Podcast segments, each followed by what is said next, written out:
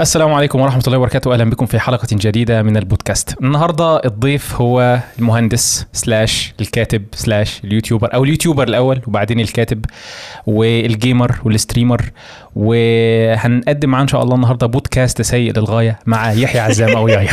غالبا ده يبقى العنوان صح؟ أكيد هتخليه هو ده العنوان.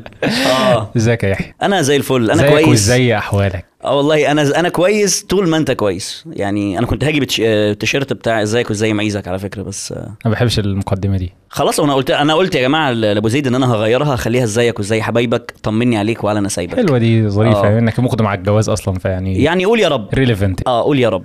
قول أخبارك إيه؟ أنا الحمد لله زي الفل. يعني آه، أنا مبسوط جدا بالحلقة ديت وفي حاجة غريبة ردود أفعال متضاربه متضاربة لما جينا نتكلم أتفق. عن أتفق. عن البودكاست اللي هو في ليك ناس بتحبك جدا وياه وأخيرا. وليك ناس بتكرهك قوي وشايفة عكس كده تماما. تخيل ده ليه؟ بص هو إيه؟ خليني أقول حاجة. هو ما بحبش كلمة بتكرهك دي. ماشي أنا ممكن نقول في ناس النقيض وده أنا متفهمه وهو ممكن يكون عرفني في وقت أنا فعلا كنت فيه كنت طالع بصورة سيئة. يعني أنا فاكر الفترة بتاعت 2019 مش بنكرها يعني مش ب... يعني مش بتنصل منها وأقول إيه ده أنا بس أنا عارف إن دي مش أفضل طريقة الواحد يقدم بيها نفسه. وإنها جت بمجرد أو جت من من قلب اليأس فقط لا غير. أنا كنت قعدت فترة عمال gaming وأطلع ألعب وبتاع 30 حلقة 13 view 15 view 16 view. وكلهم على فكرة من 3 4 إخوات صحابي. بيعيدوا الفيديو. آه. والفيديو عشان بيبقى مدته 40 دقيقة فهو ما بيتفرجش عليه مرة واحدة. على ما يقوم ويرجع تكون البتاع refresh ت أو خرج بره ال- ال- اليوتيوب ورجع تاني بيعيد فده بتحسب مشاهده تانية. فأنت قاعد قبل رمضان متضايق شفت فيديو لش- لشخص معين طالع عمال يتكلم بأسلوب يعفرت البني آدم فأنت قلت يلا بقول لك إيه يلا نطلع نتريق على الناس دي. فالتريقة على الناس دي طبعا أنا ما أدركتش غير بعد سنة كاملة لما قعدت بقى لوحدي إن الفترة دي آه أنا عرفت أنا ليه اتشهرت قوي في الفترة دي. فكان الموضوع صعب وأظن يعني اسمح لي بس أحكي حاجة بسيطة للناس. انطلق. أنا آه. عارف إنك يعني أنا رغاي. آه، أنا. بص يعني ما أقولكش أنا شلت الدقن صحيح بس ما زلت نفس الشخص. هو يحيى يا جماعة أنا يعني والله يا شباب بس شالها مقهورا يعني. هتط- هحكي لكم شلتها ليه بس بعدين يعني. الفكرة في إيه يا رجالة؟ إحنا عاملين عندنا في القناة بودكاست كلام جميل كلام معقول ما أقدرش أقول حاجة عنه. الاسم قصير شوية أوكي مش مشكلة. المهم إحنا عاملين البودكاست ده فأنا كنت بتكلم آه، بتناقش مع خالد بقول له يا خالد عايزين نستضيف حد آه، حلو وبتاع وكويس ويكون إيه متسامح يعني. فكان الأول في بقى مشروع إن هنجيب محمد عصمت وهني مش عارف وكنا عاملين لستة كده من 8 أفراد. فلقيت خالد بيقول لي إيه مش عايز تجيب أكلم لك أحمد أبو زيد. قلت له أحمد أبو زيد مين؟ قال لي أحمد أبو زيد. قلت له إيه يا عم ما ما تهزرش. إحنا إيه وإيه وإنت فين والحب فين؟ ظلمه ليه دايما معاك؟ قال لي ده أنت لو حبيت يومين آه كان هواك خلاك ملك قال لي أنا أعرف واحد صاحبي آه بكلمك جد. قال لي واحد صاحبي يعني على معرفة شخصية بيه أخليه يكلمه. قلت له ما بلاش علشان خاطر الناس الحلوة في اليوتيوب ما بتحبنيش. ليه؟ علشان الصورة القديمة اللي أنا متأكد إنها ما تتحبش من صانع محتوى آخر. أنت عارف تتحب من مين؟ تتحب إيه؟ ورا الكواليس اللي هو آه ده بيتريق على الناس اللي إحنا ما بنحبهاش يا اسطى. طب ما أنا ممكن بقى ما هو إيه اللي يخليك وأنت بتتفرج تقول طب ده معناه إن هو ممكن يحطني في دماغه ويطلع يتريق على شكلي. ما هي كده يعني أنا حتى كنت بطلع كل مرة يا جماعة إحنا بننتقد المحتوى محتوى إيه أنا مسكت واحد لا لا أنت ما كنتش المحتوى خالص محتوى مين ده أنا لا، في لا، واحد لا. مسكته والله العظيم ثلاثة كان ليه حق يرفع عليه قضية وي... تترفع عليك قضية بسبب آه الموضوع اترفع؟ والحمد لله كلها خلصت يعني الحمد لله. اترفع واتبهدلت وحاجات اتمسحت وحاجات راحت وحاجات جت ويعني يعني الليلة كلها بسبب الفيديوهات القديمة آه. اللي كان فيها انتقاد للناس و لا ما كانش انتقاد ده كان فعليا فعليا. أدب. آه لا ده أنا أتذكر كمان بعدها بفترة بسيطة. المهم يعني أنا عايز أقول لك أنا إلا إزاي آه، جيت على الكرسي الذي لم يجلس عليه إلا العظماء. عارف أنت ناقص واحد بس وتبقى قفلت اللعبة من وجهة نظري؟ دكتور محمد حسام خضر. آه والله الراجل ده إن شاء الله. نجيب عايز الكتاب بتاعه هنا على فكرة. آه, آه رائد الأعمال inside out الراجل ده في كتب كتير هنا على فكرة أنا أنا وأنت مشتركين فيها. هنتكلم في الحتة دي بعدين. المهم فقلت لخالد إيه آه ما بلاش يا عم عشان خاطر آه يعني ما, ما ينفعش وبتاع وبعدين الراجل أظن يعني إن هو مش قاعد في القاهرة ومش هيضرب لي مشوار. راح مكلم صديقه ده صديقه قال له ده فرح جدا لما قلت له يحيى عزام وقال طبعا ده ده إحنا يا باشا ده إحنا نحبه قلت إزاي يا جدعان؟ ما يعني حتى أنا كنت قاعد مع وقتها كنا في اسكندرية عند فهمي وإحنا بنصور عند فهمي. خارج من الحمام خارج من الحمام والله لسه يا دوب بقى صاحي وهصلي الظهر. فبيقول لي آه، أحمد أبو زيد وافق. قلت له أحمد أبو زيد مين؟ نفس البصة دي بس بالدقن بقى. كده بقى. أحمد أبو زيد مين؟ قال لي أحمد أبو زيد. قلت له أنت بتتكلم جد؟ والله العظيم. قال لي آه ده عايز يعمل معاك آه، بودكاست عنده لأن هو عامل بودكاست. قلت له أنا عارف إن هو عامل بودكاست. ولما قلت لفهمي فهمي قال لي والله العظيم. دي حاجة حلوة جدا وبتاع. لا ده انت ترجع بقى تكر كل البودكاستات اللي هو عملها. بعد كده بصيت لا يا عم ده جايب عتاولة يا عم ده جايب عتاولة. أنا ما عنديش مشكلة أنا ما بتكلمش هنا من فرق السن. آه أنا ممكن أكون تاني أو تالت آه، آه، أكبر واحد آه، قاعد هنا. بس هي مش بالسن خالص هي فعليا بال بالمعلمة. أنت جايب معلمين. أنت جايب معلمين. محمود إسماعيل ما ده من المعلمين من صنايعية اليوتيوب. آه ممدوح نصر الله ما ده من المعلمين معلمين الكورة. آه، آه، مين تاني؟ الراجل الباشمهندس أو الدكتور اللي راح درس في ألمانيا. دكتور رمزي. دكتور رمزي ورجع من ألمانيا علشان خاطر الدنيا هناك مش متظبطة خالص مع قيمنا ومبادئنا ده محمد أبو سريع برضه لا، في بتكلم-. آه، أنا بتكلم على- رمزي ما زال في ألمانيا. أنا بتكلم مع على باشمهندس أبو سريع. أبو سريع آه بروجرامر مبرمج. بالظبط. لا يا عم دول عتاولة يابا. ده إيه ده؟ إحنا بنتكلم إزاي؟ فإن أنا أقعد هنا فجيت بعد كده أشوف قلت يا رب بس إيه يسهل الدنيا فيجيب حد إيه يعني حد في النص كده يعني حنين مثلا آه قبل ما يكلمني لقيته بيقول آه بص هو أنا إيه أنا عامل حساب يحيى إن شاء الله إن أنا إيه هكلمك تيجي بعد حلقة صبري. فأنا قلت أكيد مش صبري بتاع ست البنات لأن أنا اتريقت على صبري بتاع صبري بتاع ست البنات ده راجل كاتب وبتاع. ما أعرفوش أنا آه، من مصلحتك يعني من صحتك الإنجابية مش لسه والنفسيه برضه بيتريق على الناس يعني. لا بس ده بجد ده بجد. يعني ده ما اشتمت الشخص ماشي. فجيت شفت الحلقة إيه ده؟ ده بيتكلم على ديلي صبري يا جماعة أحمد صبري. يا س... يا ر- تنين من تنانين السوشيال ميديا في مصر. أقل ريل بمليون. ماشي مش بالفيوز. طب تيجي تسمع الراجل وهو بيتكلم. يا جماعة يا عم الراجل اللي عارف بدل اللغة أربعة وراح هنا وجه هنا. فانا أنا على الله. أنا رحت فين؟ آه أنا على الله خالص. فاللي هو بقول إيه ولما أجي أسمع بقى كل واحد قاعد بيتكلم أنا لما عملت كذا وكنت بطلع نار من وداني في ألمانيا بعد كده رحت كفر آه، الزيات طلعت نار من بقي بعد كده سافرت ودرست كذا ودرست كذا وأنا في الأساس أصلا جامد جدا في الدراسة ومعدي الدنيا. يا عم صباح الفل أنا جاي أعمل إيه هنا؟ أنت خليني أقول لك أنت جاي ليه؟ أنت جاي عشان الإجابة على أهم سؤال في البودكاست كله. آه. وهي قصة ما حصلتش. إيه إيه الضحكة دي؟ قصة ما حصلتش ومش لازم تعرفها قصة مش مهم تسمعها. آه مش مهم تسمعها. آه. حصلت ولا ما حصلتش؟ حصلت. كل القصص. بس ما حصلتش. لا إحنا إحنا جايين نهزر. طيب خليني أقولها لك بطريقة تانية. أنا النهارده جيت. أقابل أبو زيد صح؟ ماشي. ده حصل. آه. ماشي. حلو. ها بس وأنا ماشي من عند أبو زيد اتكعبلت. مم. وأنا معدي كده ورحت إيه رامي زلطة في الترعة. ده ما حصلش. يعني شوية من هنا على شوية من هنا يعني. بس ال حاجة ال- حقيقية الأساس- عليها بخيال الكاتب حاجات خليني أقول لك. إيه برضو واصله بسيطة. صغننة كده. قول. وأنا ماشي في الشارع مثلا عمود نور وقع بس ما جاش فيك عشان ربنا ستر. ادبيا ما ينفعش تقول ربنا ستر. ادبيا عشان القصة تكون صح ما ينفعش تقول ربنا ستر. لازم تقول إن أنت سمعت صوتها رحت راجع خطوة لورا عشان اتخضيت فوقعت على الأرض. ففي كل القصص اللي مش مهم تسمعها في حاجة حصلت بستر ربنا بس مفيش أي ليا أي تدخل فيها. كان المحرك الأساسي ليها إن ربنا ستر. بس أنا لازم هنا أربطها لك بحاجة ألضمها لك بحيث إن اللي بيسمع ما يقولش يا عم هو إيه اللي ربنا ستر يعني؟ ماشي ربنا كبير ربنا فوق كل حاجة بس يعني أنا عايز أنا عايز حاجة أفهمها عايز حاجة أصدقها. ففي القصص هتلاقي إن كل حاجة زي الفل. بس عارف أنت في وصلة كده ما بين حدث وحدث دي ما حصلتش. يعني أدي لك مثال ملموس ورغم إن أنا ما أحبش كده هبقى بحرق. في قصة السوبر ماركت كل حاجة فيها بالحرف حصلت ما عدا موقف واحد في النص. علشان عايز أزود مدة الحلقة مثلا عايز أطول عايز أفرش لحاجة قدام.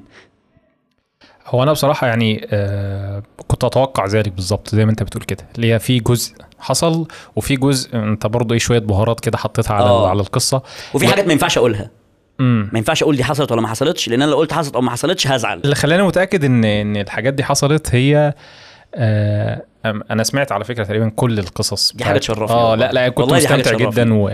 وكنت مصدق جدا وكنت متشوق عند الحتة اللي بتقف عندها وبتاع لقيت إن في تفاصيل مشتركة يعني يعني انت مثلا عملت قصة ثلاث قصص وبعدين قصة الخامسة مثلا مم. فبتلاقي فيها تفصيلة من الفاكر لما كنت راجع من الفندق اللي هو كنت كان أيوه. فيه فرح الجردل بقى كان مش عارف بيوقع جيب يفتح السمكه ملاش الخيط فلاحظت إن لأ إن مفيش حد بيفكر في بيبقى بادئ يحكي وهو متخيل إن في الحلقة الخامسة هجيب تفصيلة من الحلقة مش عارف إذا كنت انت أنت فعلا كنت مخطط؟ بالظبط. الحاجات دي ما بتحصلش ده يعني. أنا ما بخططش وأنا بكتب آه. القصص. أنا. عايز أقول لك على حاجة. ما فيش وخالد يشهد هنا. خالد آه، حضر أول تسجيل قصة كانت أنهي يا خالد؟ خالد ده خولي يا رجالة. يعني يعني لحم كتافي من خير بعد طبعا ربنا سبحانه وتعالى وأبويا وأمي وكل الناس اللي ساعدتني ووقفت جنبي والمجتمع والناس هو خوليو. هو مش عارف في مين بعد كده بس يعني خالد ده المهم شكراً يا خالد، أول شكراً. قصة كانت خالد حضر صورها لي كانت إيه؟ شيخ الجامع صح؟ لا أنت صورتها بس ما منتجتهاش لأن الألوان بتاعتها وحشة. لأن أنا اللي أنا اللي أنا اللي منتجتها. آه ده حقيقة. خالد كان ماسك أنا ليه بقى كنت عامل كده؟ ما كنتش عايز أديله فلوس كتير. آه الشهاده لله. يعني أنا كنت مزنوق في فلوس فعلا كنت محتاج فلوس. وخالد بتوفر يعني. آه فقلت له معلش يا خالد ما تمنتجهاش همنتجها أنا قال لي ليه يا اسطى؟ طب همنتجها لك ببلاش؟ والله. قلت له لا ما هتمنتجها يبقى هتاخد فلوس. فمعلش سيبني منتجها لنفسي. قال لي هتطلع وحشة. قلت له عارف. طب أنا عندي سؤال. أنت إزاي آه، بتعرف تحكي قصص؟ يعني أنا أنا أنا بالنسبة لي مثلا عمال أسمع دايما إن اللي بيعرف يحكي ده يقدر يعمل أي حاجة. حرفيا. يعني فكرة إن إحنا أساسا بنحب القصص. إحنا تقدر تبيع لنا أي حاجة بالقصة. آه، فكرة إن أنا لما بدأت أتعلم مثلا digital marketing لقيت إن الناس بتشتري القصة بتشتري ال story. تشتري فكر يعني يعني الناس عمر ما الإمكانيات ال technical مثلا لأي منتج هي اللي بتبهرهم لا تفرق. القصة ورا الموضوع. كنت كنت حتى سبحان الله course كتابة كنت بتفرج عليه على ال Lynda اللي هي دلوقتي LinkedIn Learning زمان. كان okay. بيتكلم على إن آه، في ناس آه، بتعمل جينز بس يدوي. يدوي. آه، الجينز ده سعره مثلا خمس أضعاف الجينز العادي. وتلاقيه ليه؟ بيتباع. ليه بقى؟ مم. لأن في ورقة كده بتيجي مع البنطلون أو مع ال- الجاكيت اللي أنت بتلبسه. محمد اللي عمل البنطلون ده يعمل لدى كذا قصة الست- حياته كذا الست الكبيرة اللي قاعدة في الكوخ اللي في المكان الفلاني أيوة. كانت بتلضم الإبر ديت وهي أيوة. على أضواء مش عارف إيه لأن مفيش كهرباء هناك وكانت بتستخدم مسلة جايباها منين أو إبرة أيوة. جايباها منين بس ده نوع من الابتزاز لا لا لا لا هو هو ده موديل قوي جدا طبعا. فكرة إن الإنسان بيشعر بقيمة الشيء لأن في story خلفه يعني ليه. الناس دايما بتدفع مثلا فلوس في ال brands؟ لأن في قصة ورا في شوية قيم في شوية حاجات ليه وليه الناس بتحب ماكدونالدز؟ رغم إن ماكدونالدز يعني أسوأ أكل في الدنيا. مش مش أفضل برجر آه مش أفضل مش أفضل ومش يعني هو هو هو أسوأ. أنا كده كده ما باكلش يعني ب... ب... يعني بحب ال Big Tasty يعني أنا من. من بعد دجاج بندق ما فيش حاجة تستحق الأكل في مصر. من بعد دجاج بندق كانوا. بيحطوا لك فيه مخدرات أو إيه؟ مش فاهم يعني. بس عشان في قصة. برضه؟ آه والله. طب يعني أنت إزاي بتحب بتعرف تح- تحكي قصة؟ أنا عايز عايز. عايز بس أقفشك. عشان ما إيه ما تقفش فشني مني. إحنا أصلا زفلطنا. فاكر كان في كومنت؟ حد كاتب بيقول يا رب بس تعرفوا تركزوا في موضوع لأن يحيى هيزفلط منك زي القرموط. هحاول أقفشك ما تقلقش. إحنا فلتنا أصلا من سؤال ليه في ناس آه، مت...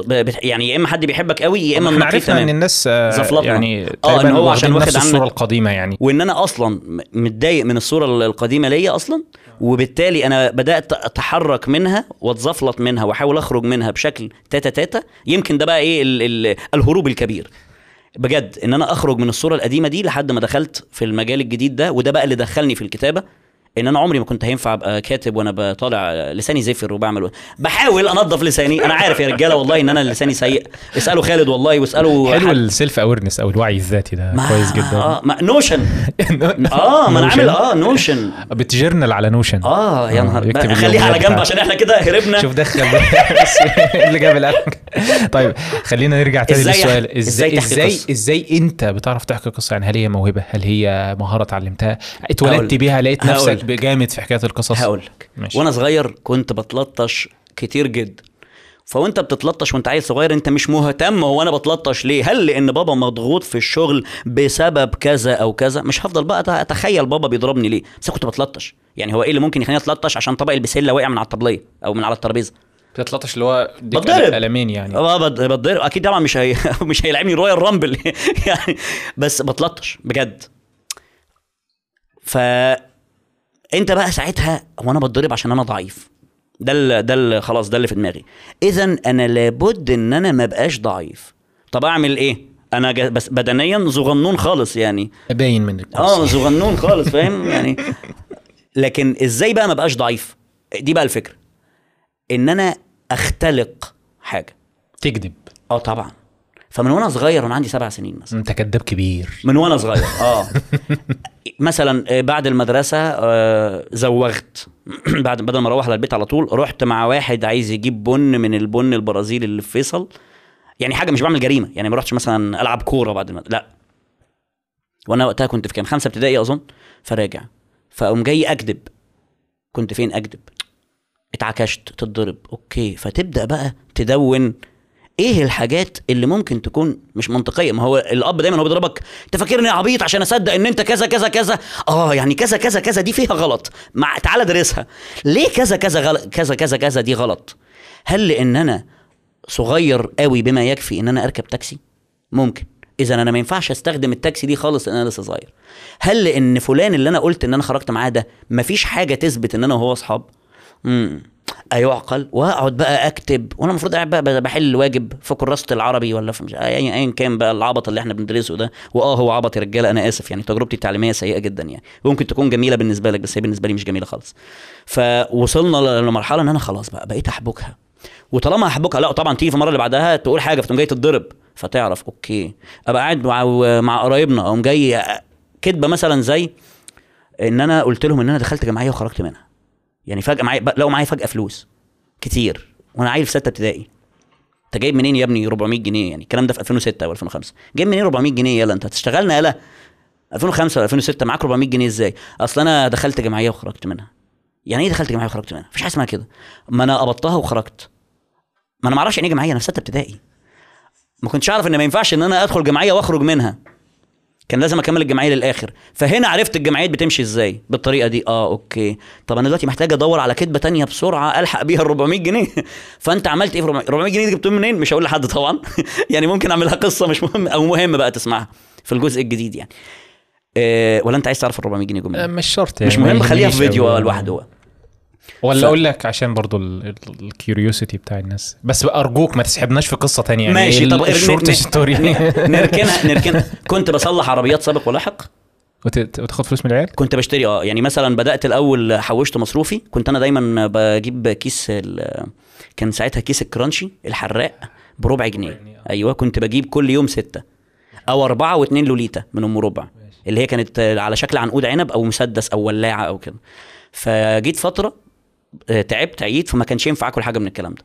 ففضلت أحوش مصروفي لحد ما جبت تراي داجا كانت ب 14 جنيه. إيه تراي داجا ده معلش. دي بتاعت الصاعق أو صادق مم. في سابق ولاحق. دي العربية. السيارة آه، آه آه، عربية اسم كانت العربية. آه اسم. العربية. كانت ب 14 جنيه. جبتها كان معاها في صندوق كان صندوق محترم كده. كان معاها قطع غيار عجلتين. ففي واحد معانا في الفصل كان قاعد بيعيط إيه يا ابني بتعيط ليه إيه القرف ده على الصبح وبتاع؟ آه عر- العربية بتاعتي. العربية طيري، العجلة. بتاعتها اتكسرت. آه. قلت له طب أنا ممكن أصلحها لك. قال لي ماشي. قلت له بجنيه. مصروفه كام؟ مصروفه جنيه. أنا وقتها كان مصروفي جنيه ونص. رحت واخد منه واديت له. اديت له عجلة وخدت جنيه. الله.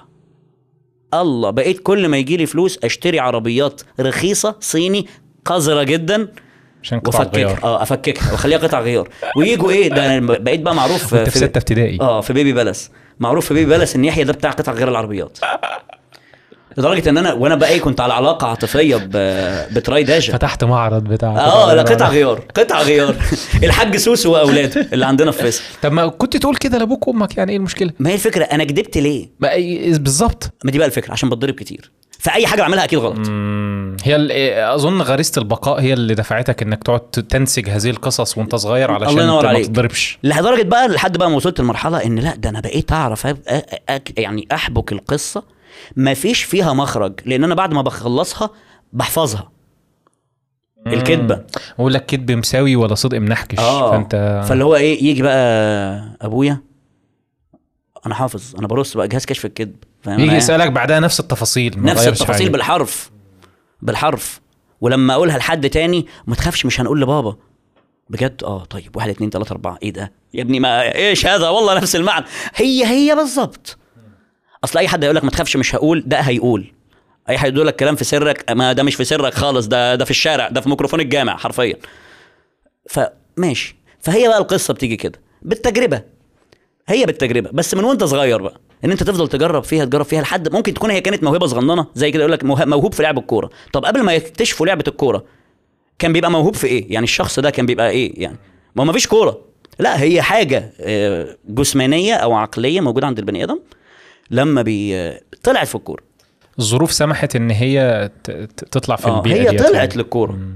والموضوع اتطور معاك مع الوقت طبعا. اتطور. كل سنة عن سنة لحد بقى كوم الزبالة. أنا آسف يا شباب بس اللي ما بي... اللي مش بيتابعني يعني ف أنت ليه أسماء البلاي ليست بتاعتك يعني قصة مش لازم تسمعها آه فيديوهات سيئة للغاية آه حاجات إيه اللي هي أصلا negative مع العلم إن أنت مثلا لما تسمع القصص اللي مش المفروض تسمعها اللي مش مهم تسمعها. أو مش مهم تسمعها أنا بنبسط جدا لأن هي لأن هي تجربة شخصية جدا محدش هيستفيد ليه منها. بتقول مش مهم تسمعها؟ قصة ولا انت ولا انت بت- بتسبق اللي هو إيه عشان لو ما عجبتش لا، مش قلت لك مش مهم تسمعها. لا. لا حاجة بتبقى عكسها. ما هقول لك هقول لك. قول. ما هو خالد قال حاجة حلوة. مش أنا في كل قصة بقول إن القصة دي ما حصلتش. آه. والقصة دي مش مهم تسمعها. مم. لأنها ما حصلتش. فلو أنت شفت انها إن مهم إنها تسمعها وان هي حصلت. يبقى القصة دي حصلت. لو أنت مش مقتنع فعلا إن القصة دي مهمة اسمعها يبقى أنت عارف إنها حصلت. مش عارف يعني مش مجمع بصراحة. بس يعني وانت لازم تعمق كل حاجة لا يعني. والله ما بعمق بس أنا ممكن أقول لك التسمية التسمية كشكل مجرد كده جت منين إن أنا لما باجي أقول أي حاجة في في live مثلا أو في فيديو من الفيديوهات القديمة خالص آه، اللي أنا مسحتها من القناة يعني. مسحت فعلا فيديوهات قديمه آه مش ليه؟ مسحتها. هدي لك مثال بسيط. في دار نشر آه، جم عايزين الكاتب يحيى عزام. فأنا دلوقتي اتسوقت لهم تم تسويقي لهم على إن أنا الكاتب يحيى عزام. Okay الكاتب يحيى عزام ده هيكتب لنا حاجة. والحاجة دي حاجة جميلة جدا وقوية جدا المفروض إنها تنزل قريبا جدا. آه، مش هتنزل في مصر يعني. آه، حاجة حاجة لطيفة. فقالوا يحيى عزام.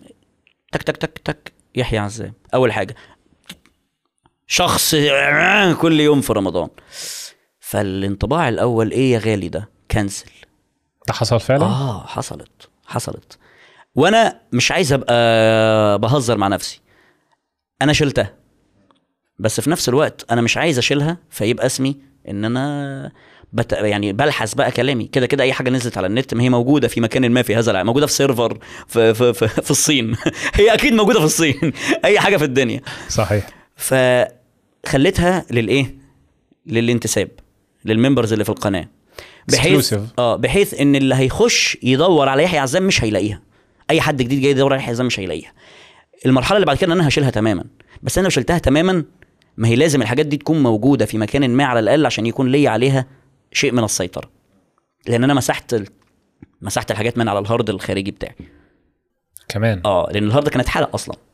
مهم جدا إنك تعمل backup للحاجات بتاعتك على ال cloud آه ده مهم حقيقي. جدا يعني. بس يعني بيبقى بفلوس وبتاع أنا بقول لك أنا على الله يعني آه، إحنا غلابة يا باشا. خليني أقول لك حاجة هتكتشفها قدام إن دلوقتي آه يبدو إن الموضوع مكلف وهياخد مبلغ وكده بس قيمة الحاجات دي بتزيد مع الوقت قيمة الحاجات حتى اللي هي ال raw آه. اللي هي الخام آه. قبل المونتاج حتى والحاجات دي بتزيد مع الوقت. فلما توصل لمرحلة إن أنت قادر تتكفل فعلا بال بالمساحة إنك تاخد مثلا drive storage على فكرة أنت تقدر تاخد unlimited storage على G Suite ب 6 دولار في الشهر. Unlimited. ما 6 دولار في الشهر دول يجيبوا كام كيس شيبسي؟ يجيبوا كام كيس Indomie؟ آه من ابو ربع جنيه ولا من ابو خمسة لا لا جنيه ربع؟ جنيه إيه من ابو خمسة جيبوا جنيه. ثلاث أكياس ما مثلا. بقاش في كيس بخمسة بقى بستة. ال Doritos الحر نار.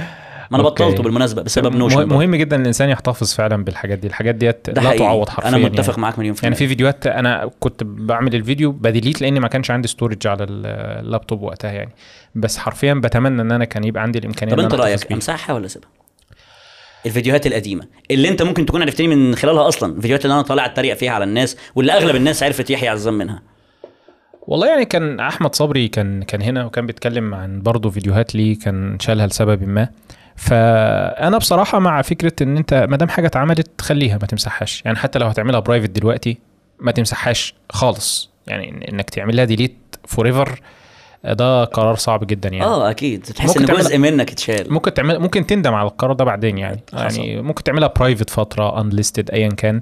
لكن ما تمسحهاش. طب أنت لو مكاني أنت لو مكاني حاجة بتفكرك بفترة فعلا فترة وحشة في حياتك. لو الموضوع بيأذيك يا صاحبي لا هو يعني- مش مؤذيني مش بيأذيني. بس بس على أنا فكرة أقول لك على حاجة. قول. أنا في فيديوهات عاملها زمان على دروس أونلاين. أيام ما كنت لسه بعمل فيديوهات عن Photoshop و After Effects وبتاع. فيديوهات مضحكة للغاية. أنت ما شفتش الفيديو التعليمي بتاعي بتاع الفوتوشوب صح؟ والله؟ ما شفتوش؟ لا. فاتك كتير. لا لا أنا عامل حاجات بال After Effects إن أنا بقلع التيشيرت بختفي. آه كان تيشيرت اخضر أوعى. اللي هو. masking جدا بس مضحكة جدا. ما شافش فيديوهات المصارعة بتاعت فهمي. شفتها شفتها. بس على فكرة الواحد بيبص للحاجات دي وينبسط. أيوه بس عشان دي مش حاجة تعر. أنت مش طالع تتريق حرفيا على خلق هو أنا. بر- موضوع التريقة ده أنا ما بحبوش بصراحة. مع إنك عرفتني من خلاله. شوف بقى. مش عارف يعني أنا أنا أنا الحاجات اللي أنا فعلا بدأت أسمعها ليك وارتبطت آه، يعني في ذهني بيحيى هي القصص اللي أنت مش مهم تسمعها دي. ده بقى لكن سبب- الحاجات اللي حواليها يعني ما شفت بقى ده سبب إن اللي بيعزني كيحيى أو اللي بيحبني كيحيى بيحبني كهنا عشان ده. اللي اللي كارهني كره العمى هو فعليا ما شافش الجزء ده. طيب آه، خليني أسألك سؤال بقى إيه آه، بدري شوية وهو أنت ليه أصلا بدأت يوتيوب؟ يعني إيه اللي اللي جه آه. في دماغك كده فجأة؟ عايز أعمل فيديوهات على يوتيوب. عايز كلام كاميرات ولا كلام بجد؟ لا يعني ب- بص. الك... كلام منمق؟ ال... ال... انت عارف ال... ال... الاسم الحركي للبودكاست بتاعنا إيه؟ إيه؟ المصطبة. المصطبة. أنا راجل أحب المصاطب. بس يعني والله فأنت العظيم. إيه أجيب لك جلابيه فلاحي بقى كم آه، كبير والله. وخد راحتك يعني وكده. آه والله نفسي لا أنا. عايز كلام المصطبة اللي هو الكلام كلام- الحلو بتاعنا ده. بص خليني أقول الكلامين. الكلام المنمق إن أنا درست السوق كويس جدا بصيت حواليا شفت أنا الكلام موهوب. في إيه آه، هكس إرمي كده. في الزبالة. ولا تبعت شغفي ولا كنت ولا أي حاجة من الكلام ده. ماشي. أنا باختصار. كنت في 2000 و... يعني أنا أنا من وأنا صغير متربي في العيلة وفي كل حاجة على إن أنا الإيه آه ها عارف أنت ها عارف لما تبقى قاعد في أي تجمع عائلي كلهم قاعدين باصين لك كده ها يا يحيى يلا يلا قول حاجة ها يلا. الستة في تسعة بكام؟ آه، ضحكنا. هو أنت المهرج بتاع العيلة آه، يعني؟ كلمة مهينة جدا بس تقدر تقول كنت حاجة شبه كده. كانت دايما بيتبص إيه أخويا الكبير ده بقى ال- رصين. آه. الصغيرين هم العبي بالقطة على الأيفون. الوسطاني ده تعالى أما صخمت وش أبوك في الأسفل. عارف أنت؟ الوسطاني دايما ده هو ال- وأنت الوسطاني؟ آه طبعا. أمال ليه بقول على نفسي كده؟ فكان إيه يحيى ده آه ده دمه خفيف وشقي وبتاع بس يحيى ده لا يؤخذ ابدا على محمل الجد. هلاس آه من الآخر. فأنا أفتكر في مرة تقريبا في 2003 2002 في الرينج ده هقول لك بالظبط إمتى لما نفتكر الفيلم. شوف فيلم المحامي خلع كان بيتعرض على ART سينما إحنا أول ما جبنا دش جبنا ال ART الأوائل وحدها تكفيك على طول. ART أفلام و ART سينما المهم وقتها كان فيلم بيتعرض في فترة الأعياد وإحنا كنا قاعدين في البلد. فيلم محامي خلع كان بيتعرض فكل قرايبنا قاعدين بيتفرج أبويا بيجيب بقى إحنا بنجيب الريسيفر من البيت ونروح بقى البلد عشان العيلة كلها تتجمع ونتفرج. آه. خالد ساعتها كان لسه مشروع صح؟ بحب جدا أتريق على السن الصغير. عارف ليه يا خالد؟ عشان بحقد عليكم. ما علينا. المهم يا سيدي بحقد قوي بس خلينا يا ابني. الراجل والله يعني القناة قايمة على اختافه يعني. أحسن واحد في الدنيا والله العظيم. بعد أبويا يعني عشان لازم أقول كده. ازيك يا حاج؟ عامل إيه؟ والله أنت أحسن واحد في الدنيا يا حاج. بعد أمي. يعني برضو. المهم يا سيدي فهتيجي إيه؟ أنا بحاول أفتكر في مين تاني هيزعل ستي مثلا. لا الله يرحمها. الله يرحمها. يا رب. ربنا يرحمها. المهم فقعدت أشوف وقت المرافعة بتاعت محامي خلع. سيدي الرئيس هذا العتي 64 حصان وهي نص حصان. في فرق في السرعات سيدي الرئيس. وهم يضحكوا. وأنا عيل صغير أنت مش 8 فاهم. حاجة أصلا أنت بتقول إيه. أصلا يعني؟ وأنا الحمد لله ربنا أنعم عليا بحاجة هأسأل عليها بعدين وهي الحفظ. أسمع الحاجة مرة خلاص. الحمد لله. ما شاء الله. سمعتها وقريتها فأنا هحفظها مدى الحياة خلاص. مش هتتشال. يمكن عشان كده أنا عندي مشكلة في الأغاني هنبقى ننتقل لها في نقطة الأغاني بعدين. أنا ما بسمعش أغاني بسبب كده. هنخش إنك أي أغنية بتسمعها بتحفظها. آه بس إيه احفظ الحتة دي يا خوليو عشان هنرجع لها. ورقه وقلم واكتب معايا. المهم فرحت قاعد ركزت في كل كلمة بتتقال وهما بيضحكوا في إيه. الفيلم كله خلص عرفت ضحكوا في إيه؟ المرافعة. وقتها كان على ART سينما الفيلم بيفضل يتعرض 15 يوم. بعض. آه نص ساعة أجازة بعد كده يلا. اتفرجت على الفيلم ليلة كاملة؟ حفظته. حفظت الفيلم بالتعبيرات بطريقة الحركة بالتعبيرات الإيد بإمتى صوتك بيعلى إمتى صوتك بيوطى وأنا 8 سنين. لا لشيء إلا لأن أنا أنا زي ما بقول لك أنا 8 سنين وفعلا كنت بتضرب. أنا هنا مش بلومك يا حاج والله يعني أنا أنا فاهم. يعني كلنا كنا بنتلطش وإحنا بقينا زي الفل أهو. مش باين ولا إيه؟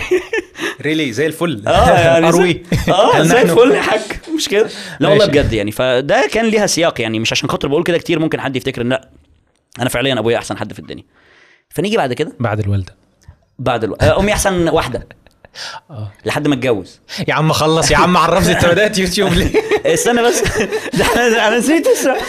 أنا هحفظ كل ده. المهم رحت جاي وقايل إيه؟ خلاص هم الناس بتضحك في ده. فأنا عشان خاطر كنت دايما بسعى لل...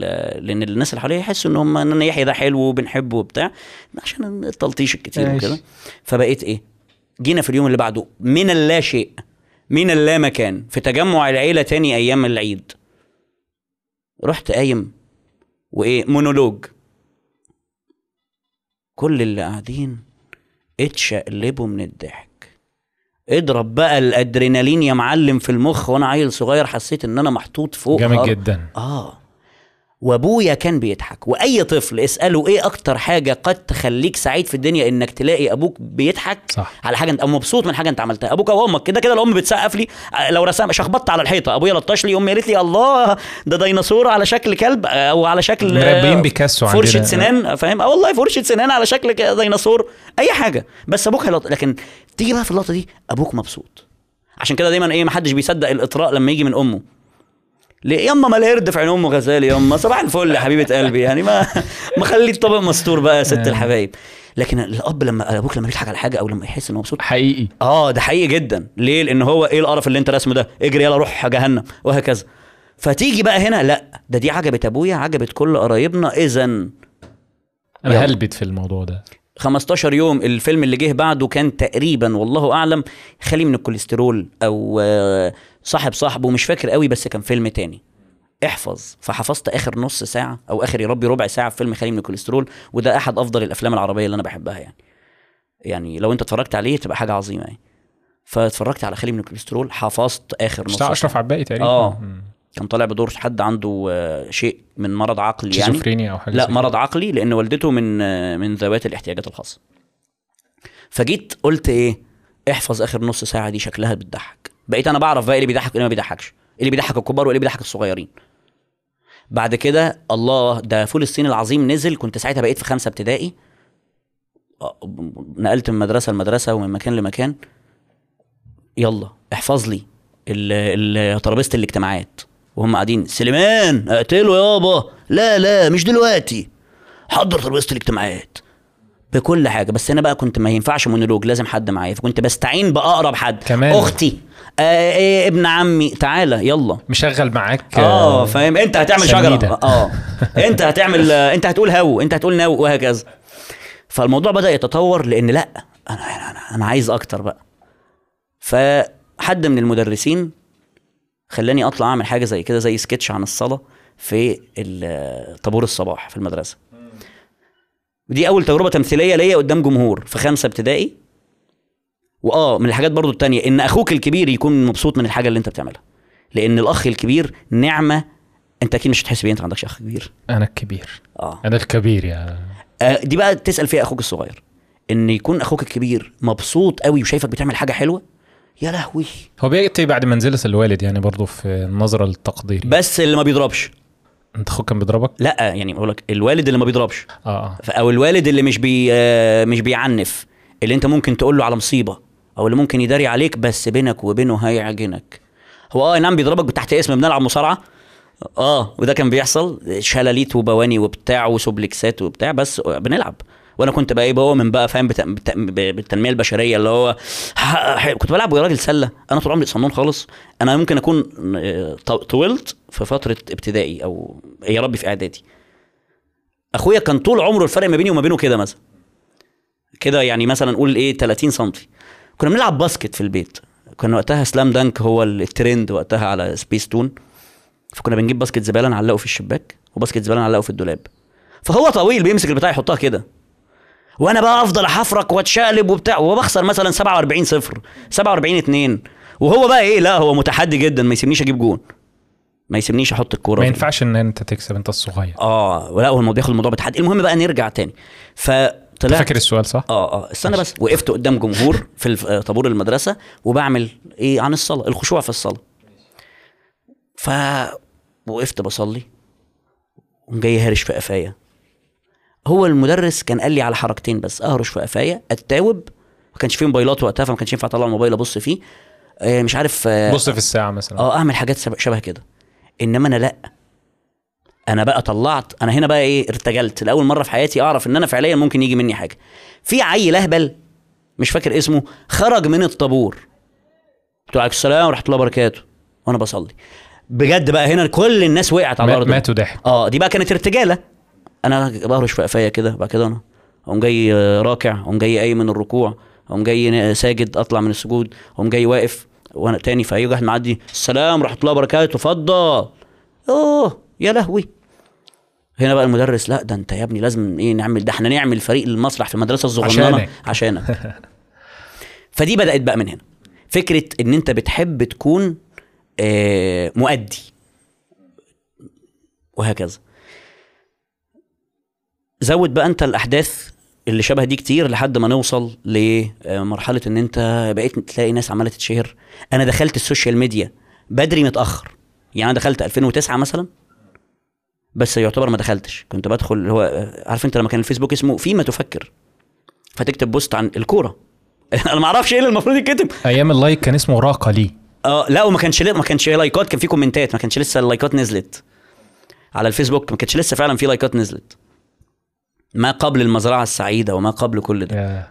آه 2009 ما يعتبرش بدري قوي بس بدري بالنسبة لبتو... للناس دلوقتي. جدا. آه. بدري بالنسبة لي أصلا. فما هو بقى بسبب أخويا. أخويا هو اللي كان عنده فيسبوك فأنا عرفت إيه ده؟ إيه وجه الكتاب ده؟ يا لهوي وبتاع. فيسبوك. آه كنت لسه داخل أولى ثانوي ترجمة كان حرفية. آه. آه والله. فالمهم إيه؟ آه بدأت أشوف بقى إيه لما بدأت طلعت هوجة أو بلاش كلمة هوجة. يا عم هو عادي لا مشكله يعني. لا لأن لا ماشي آه، فترة اليوتيوب 2011 و2012 سميها زي ما تسميها العلم والايماء بقى والمش عارف إيه وال ورسيني وأشياء من هذا القبيل. مم، تمام يونس. آه فبدأت أتفرج على الحاجات دي أتفرج على المحتوى. ما أعرفش بقى الأشخاص ما أعرفش الناس دي أساميها إيه بس بتفرج وببسط وبتاع. وأنا وقتها بقى كان دماغي دي فيها عارف ال Royal Rumble؟ عارف أنا دماغي كانت Royal Rumble. ناس كده جوه في الحلبة عمالين يرموا بعض. أنا دي دماغي. فكانوا عمالين بقى يرموا بعض جوه دماغي على إيه الفكرة اللي محتاجة تقعد دلوقتي. فقلت أنا يوما ما هبقى ده هبقى كده. بس أنا في نفس الوقت ده أنا كان وقتها في حالة في البلد كده بننزل نمسح ونكنس شوارع وبتاع و... فأنا وقتها برضو كان جوايا صراع اللي هو ما بين إن أنا أبقى مؤدي يبحث عن السقفة والتقدير والحب والإعجاب بالحاجة اللي هو بيحبها لأن أنا لا يمكن أنسى طبعا نظرات الإعجاب في عيون أهلي وتحديدا أبويا وأخويا من وأنا صغير. وده احتياج إنساني عامة طبعاً. يعني وفي نفس الوقت أنت بدأت تلاقي لا في جوانب تانية للحياة وقتها. و2012 أنا كنت ثانوية عامة تانية وتالتة. 2010 2011 دي تانية. 2011 2012 دي تالتة. ما شاء الله أنت بتاخد كل حاجة في اتنين. لا هي ثانوية عامة كانت سنتين تانية وتالتة يا عم أنت أنت انت بتتكلم 2011 سلاش 2012 أيوه. آه ماشي. هي ده العام الدراسي. إيه أنت العام الدراسي. هتتنمر عليا ب... ب... ها ولا إيه؟ جايين ل... يا ساتر يا رب. ماشي. يا جماعة هو ما يقصدش حاجة باللي قالوا. ها خدوا بالكم يعني. يعني مش هنيجي في حتة. المهم يا سيدي فيجي إيه؟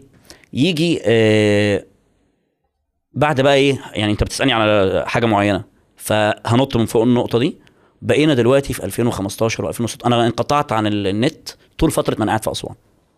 مفيش آه وسائل تواصل اجتماعي مفيش أي حاجة خالص. ما كانش معاك سمارت فون هناك صح؟ لأسباب اقتصادية أغلب الوقت آه والأسباب تانية إن أنا ما كانش فعليا عندي وقت لأي حاجة ولا حتى للدراسة. يعني أنا رايح هناك أدرس كنتش بدرس خالص. يعني آه، تجربة حياتية آه دلوقتي ببص لها وأقول بس يعني مش صح يعني في الآخر. بس ده يعني لو كان الزمن رجع بدل المرة عشرة كان ده اللي هيحصل.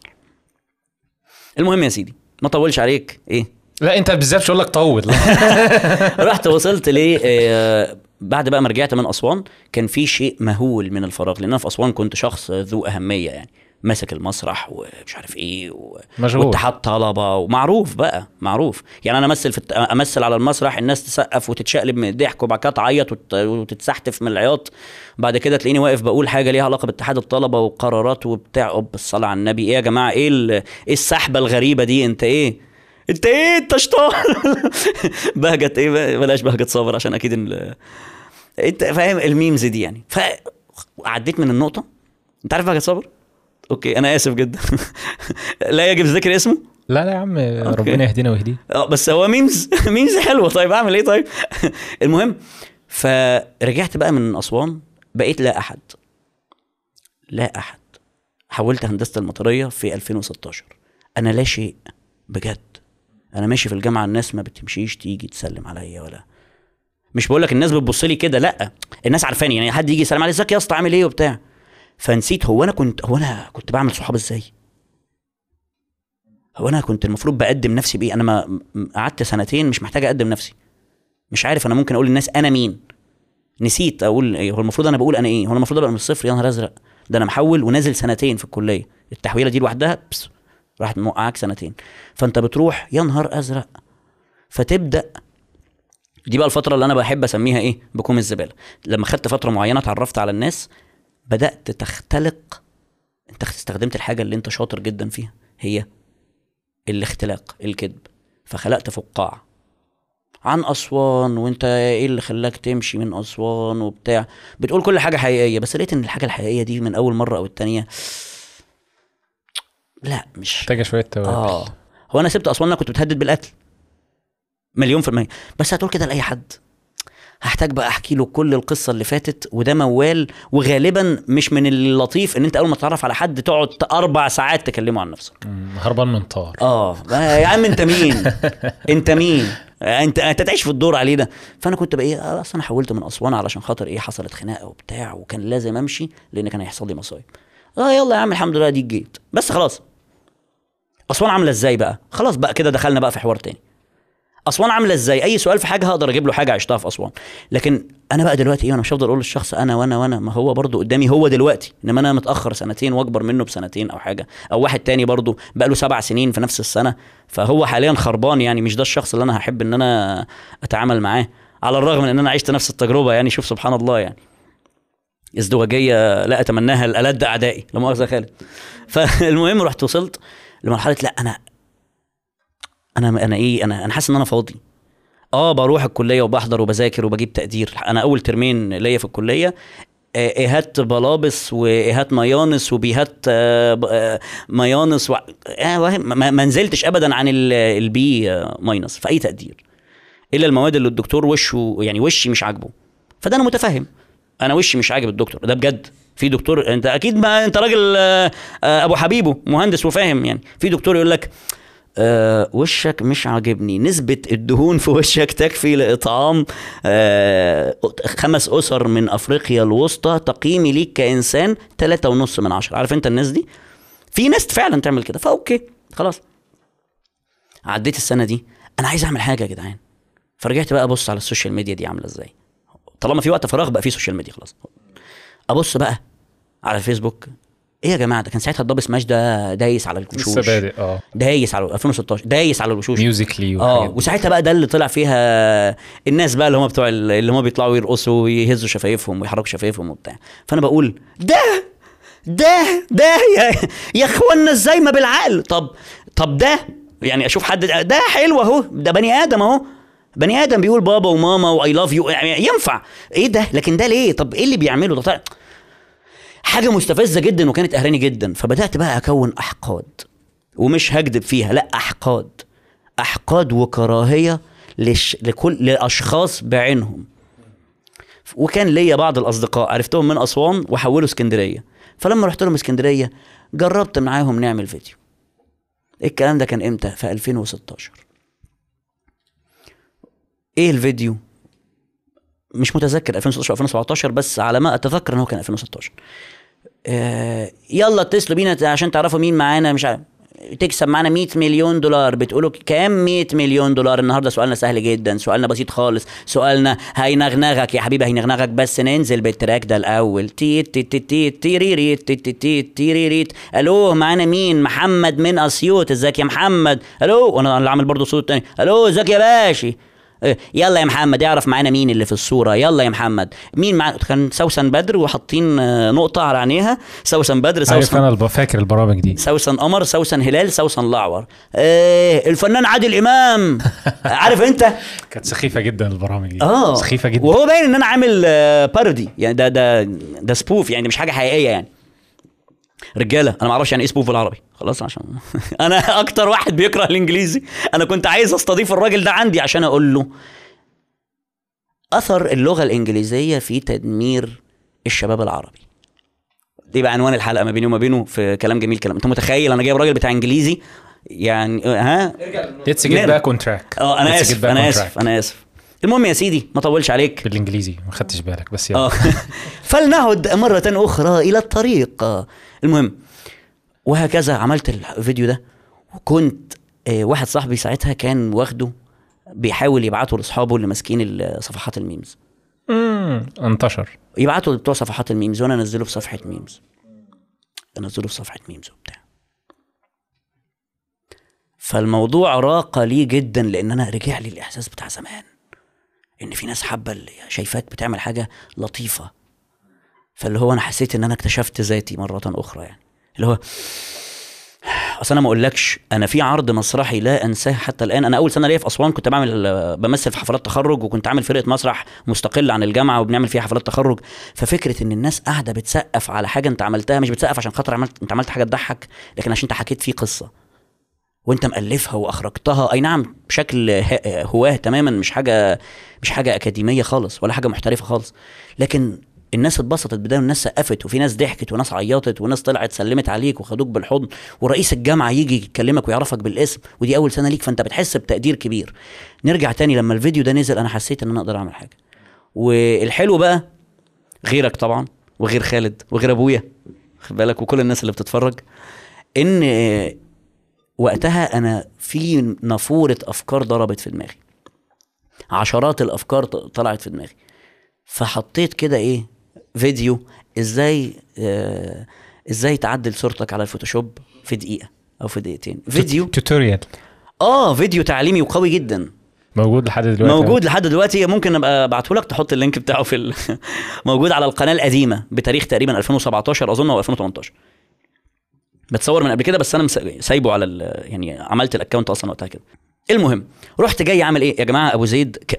كريم قوي كريم يعني هو يعني حرفيا كان قايل لخالد آه إن أنا اتخصم لي خمس صوابع محشي جيت لقيت خمسة مليون صباع محشي فيعني آه، ال... ال... ال... ال... ال... ال... الغربوية أجدع ناس في الدنيا يا عم الله يسترها. بجد والله الله العظيم. وكل واحد بيتفرج بلده أجدع بلد في الدنيا برضه عشان أنا يعني, يعني. يا راجل أنا في مرة مش عملت مش نزعل حد أنا في مرة في فيديو قلت مش عارف إيه. واحد في مرة كان جالي في الشارع لو سمحت أنا أساسا من كفر الشيخ وكنت عايز 10 جنيه. بيقولها كده. record broken آه. record فأنا قلتها كده. لقيت واحد بيشتمني عشان جبت سيرة كفر الشيخ. أنت مين يالا يا ابن الكذا عشان تقول كفر الشيخ. ليه, ليه خفت ثانية إنك ممكن تشتم بس. آه أنت متخيل؟ آه. والله بجد. إيه يعني اللي هو ما دي بقى نرجع لها تاني بس في نقطة تانية الايه الانتماءات الأولية. يعني آه، خلينا في النقطة اللي إحنا اكتبها على. جنب يا خالد نقطة أرجوك. الانتماءات الأولية أرجوك. أحد أكبر مشكلاتنا أرجوك. في العصر الحديث. خلينا نرجع آه نكمل القصة بتاعت يوتيوب. آه ف... عملت التوتوريال بتاعت إزاي تعدل آه بعد صورتك كده إزاي. تربط الجزمة؟ لو ما بتعرفش تربط الجزمة. جبت hand free وحطيتها في الجزمة وسبت خم... وخمس دقايق تشرب فيها كوباية شاي لقيت ال... ال... ال hand free اتربطت. يعني حاجات وحاجات بقى من النوعية دي إزاي تعمل فلوس؟ ده بقى أكتر فيديو يعني عبيط في التاريخ. إزاي تعمل فلوس من البيت؟ فاكره؟ ف... آه وأنا حرفيا الفيديو ده أنا واخده بالحرف من فيديو سعودي. كنت داخل على كيفية صناعة ب... ب... ب... بجرب كيفية صناعة فلوس في من المنزل. أو كيفية آه يعني حاجات تكسب بيها فلوس من البيت يعني. بس مش أكيد طبعا مش عامل search بال... بال... بالجملة العبيطة دي. بس هو لقيت إيه؟ كيف تكسب فلوس من البيت؟ و YouTuber خليجي ماسك رزم ريالات وعامل كده. قلت الله. وأنا وقتها بقى كنت متكحرت. باخد مصروف في اليوم مش عارف 25 جنيه والمواصلات أصلا وقتها قبل ما المترو يغلى تقريبا آه, آه كان المترو لسه ما غليش. كان ساعتها مواصلاتي كام؟ آه 15 جنيه. فأنا بيتبقى لي 7 جنيه. إزازة المية بتتباع بخمسة افترى وسندوتش والسندوتشين بخم... يعني حرفيا أنت إيه آخرك تاكل سندوتش وتشرب إزازة مية. يعني حتى القهوة ما أنتش قاعد عليها. ليه بقى؟ ما أنت جاي وساقط وجاي من أسوان وبتاع وكمان ليك عين تطلب فلوس. يا بجحت يا جبروتك يا أخي. دي دي كانت إيه يعني لغة ال- الحوار مقهور. آه. فأنا عايز عايز فلوس حالا يا إما هرتكب جريمة. عارف أنت ال- ها؟ رحت إيه؟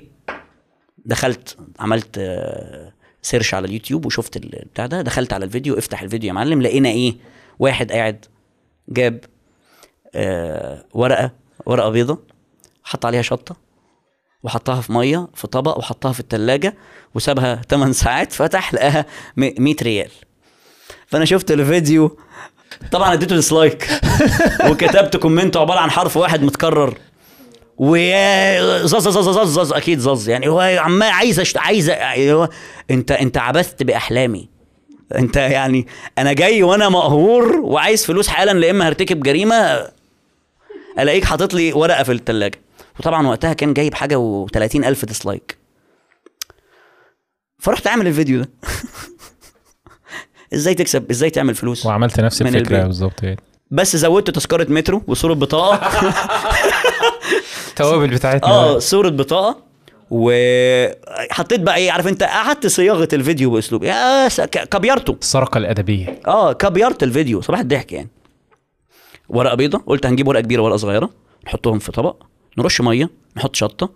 ممكن نحط فلفل أسود بس بلاش نكتر الشطة. ليه نكتر الشطة؟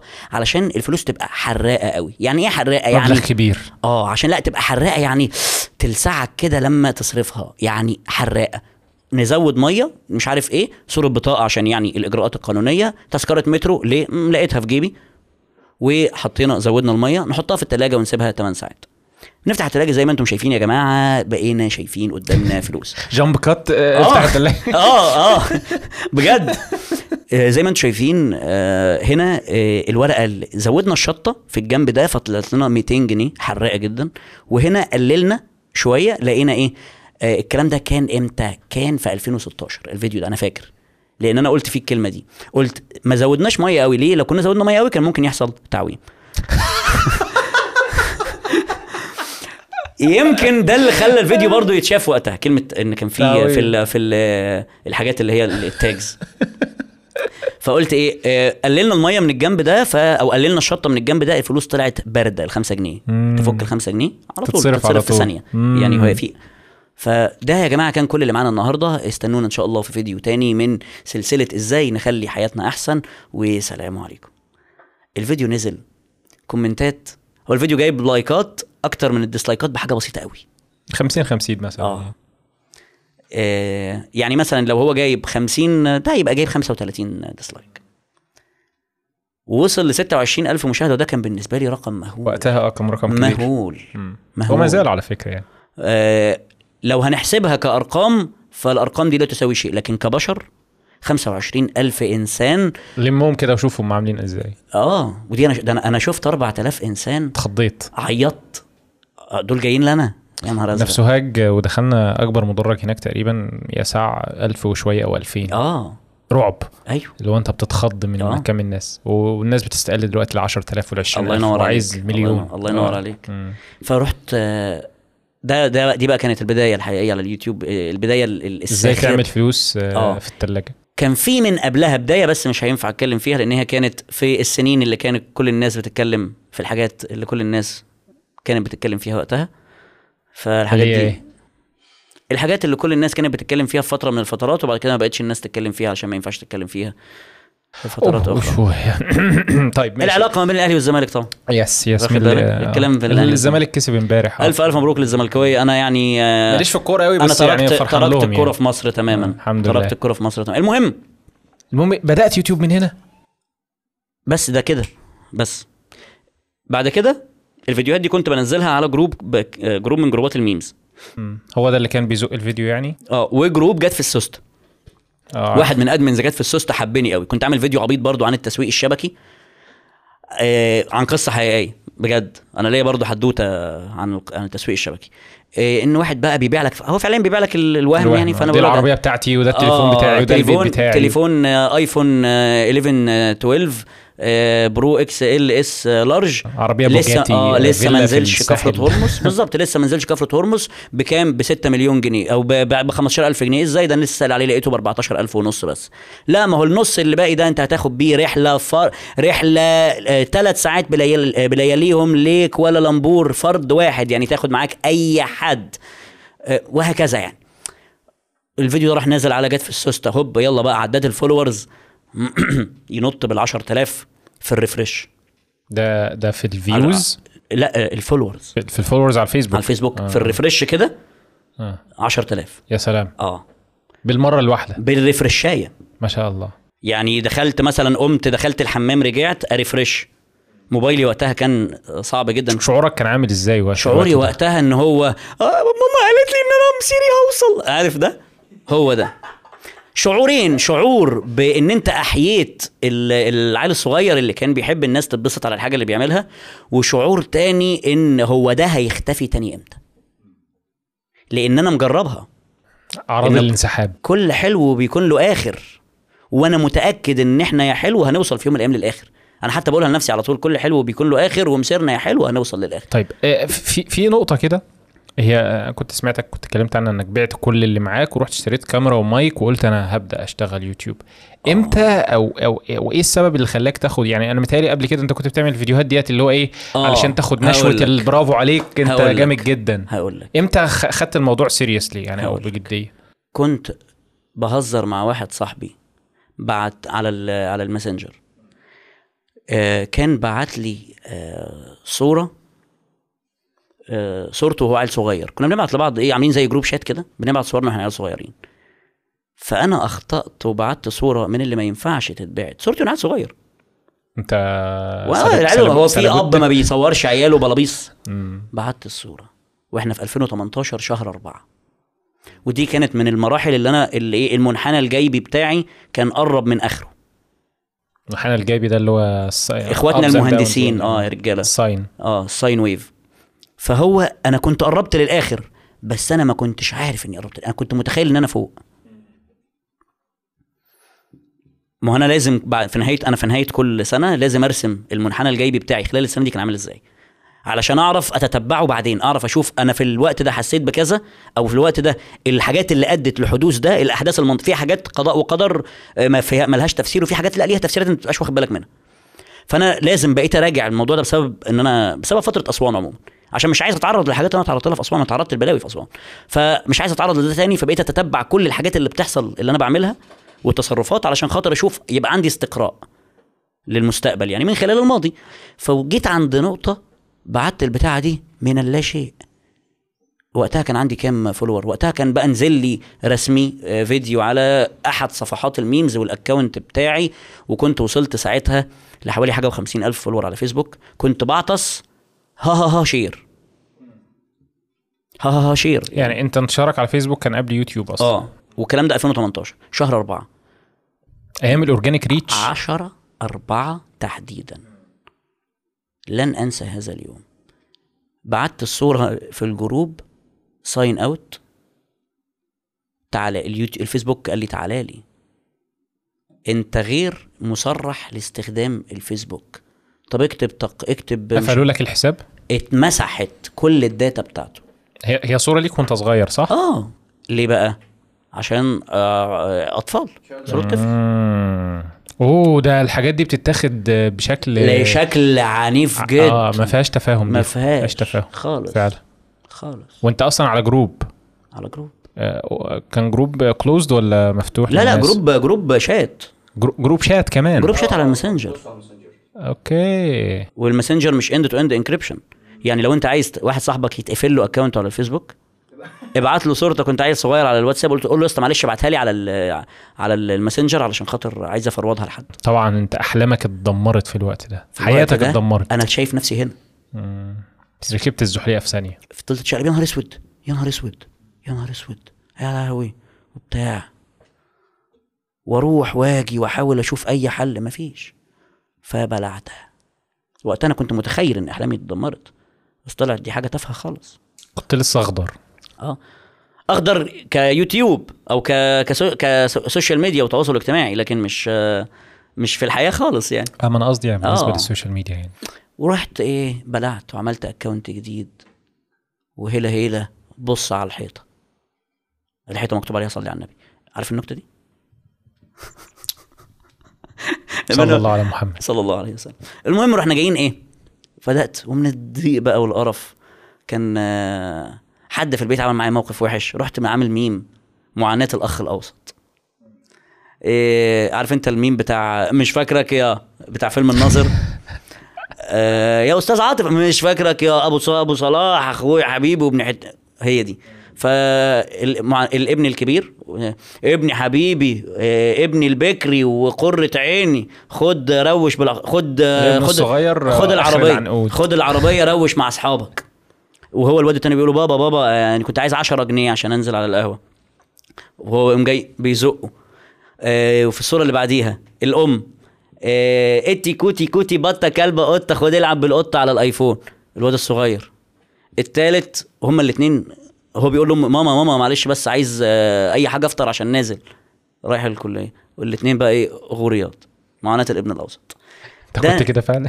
مش مش مش يعني ما هو الطريقة يعني مش بالظبط بس أبويا وأمي أحسن اتنين في الدنيا الحمد لله. والمعنى في بطن الشاعر. بالظبط يعني. فالمهم جيت الحمد لله نزلته آه، يعني من ال من ال ال hacks يعني من على ال account الجديد.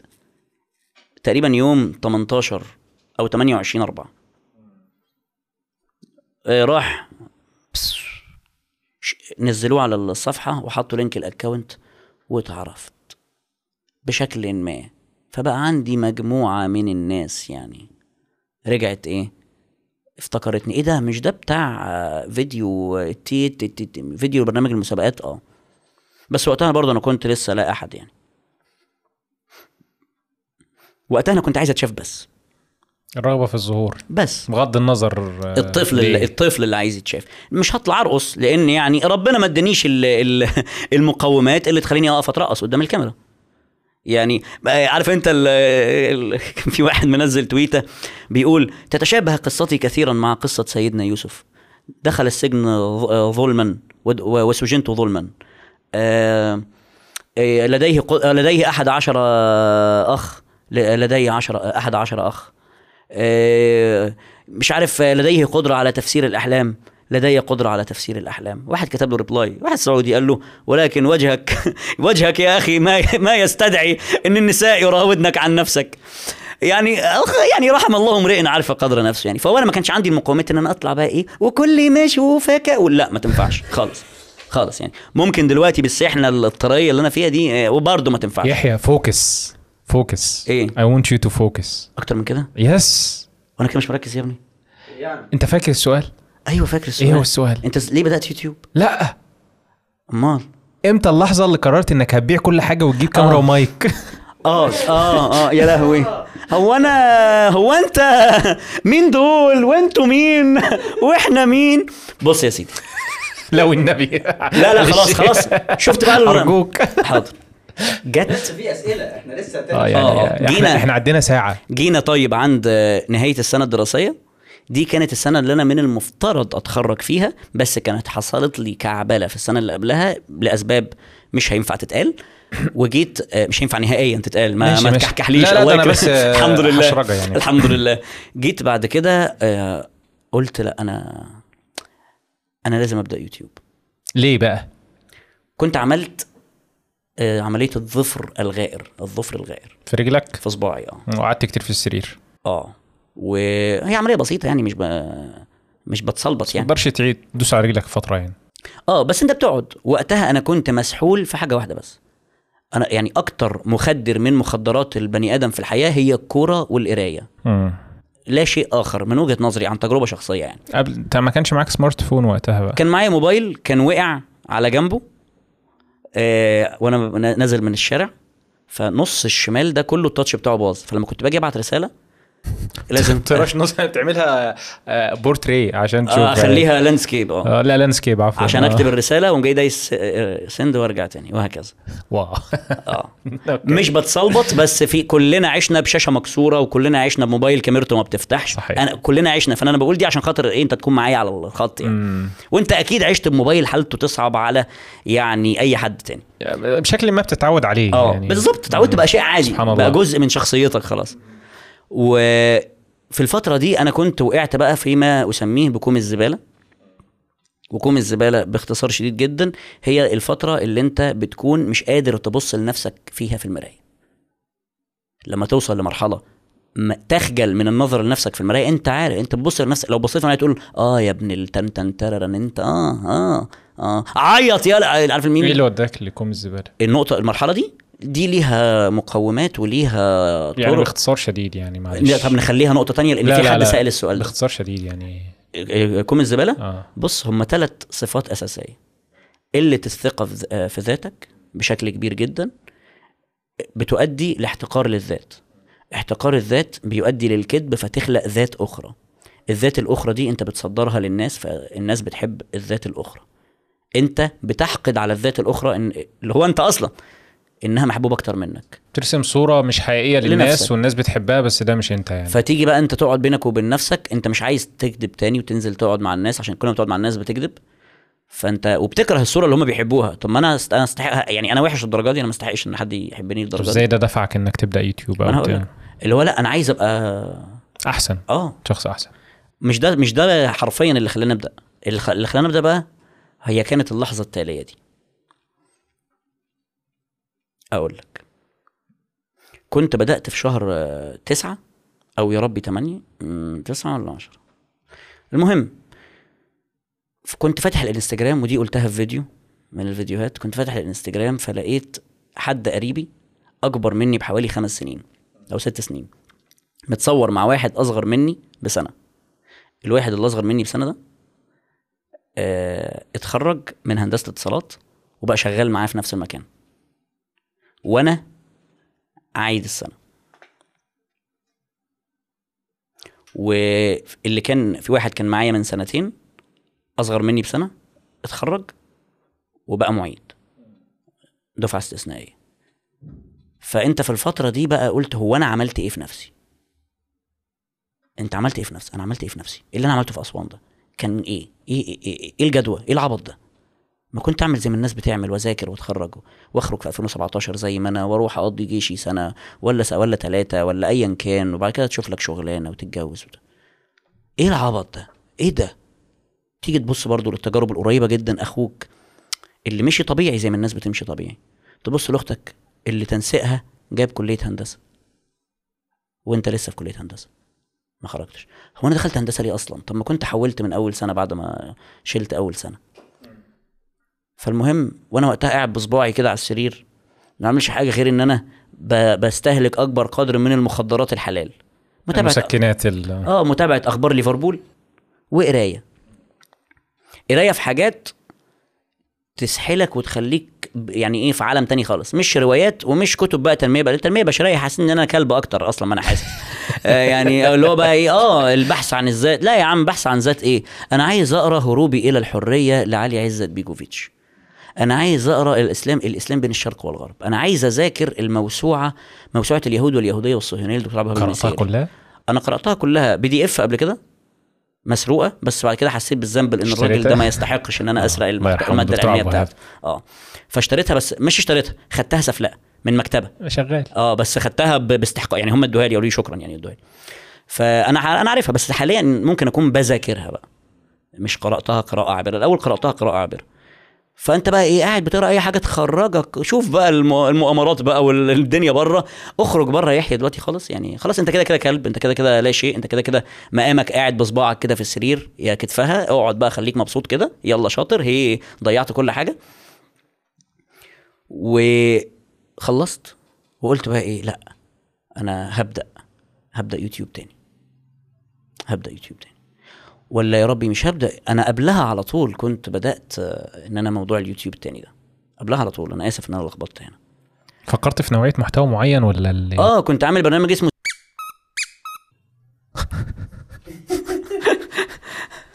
اختيارك للأسماء. كنت طالع أول مثلا حلقة كان عن المحتوى المصري. تاني حلقة كانت عن إزاي تبقى مشهور في مصر. ودي موجودة عندي مأرشفها كلها. الحاجات ديت أنت مش متاحة دلوقتي مش متاحة خالص مش؟ متاحة. كانت موجودة على صفحة ال- الفيسبوك. وجه الكتاب. كانت موجودة على صفحة الفيسبوك لفتره وبعد كده مسحتها. آه، بعد كده عملت حلقة عن المترو. عن حاجات بجد بقى. وأنت رايح المترو فعليا. أنا في مرة في يوم جمعت اكياس مناديل من المتسولين في المترو وبعتها. وكسبت. نزلت بعتها مناديل يا شباب آه، يلا. معلش اعمل إيه طيب؟ الناس خدوا مني بتاع. أنا مش عايزها. خد يما هاتي. خد يما هاتي. عملتها من باب الإفيه. ونفعت. حلقة عن كده. وآخر فيديو كان يوم آه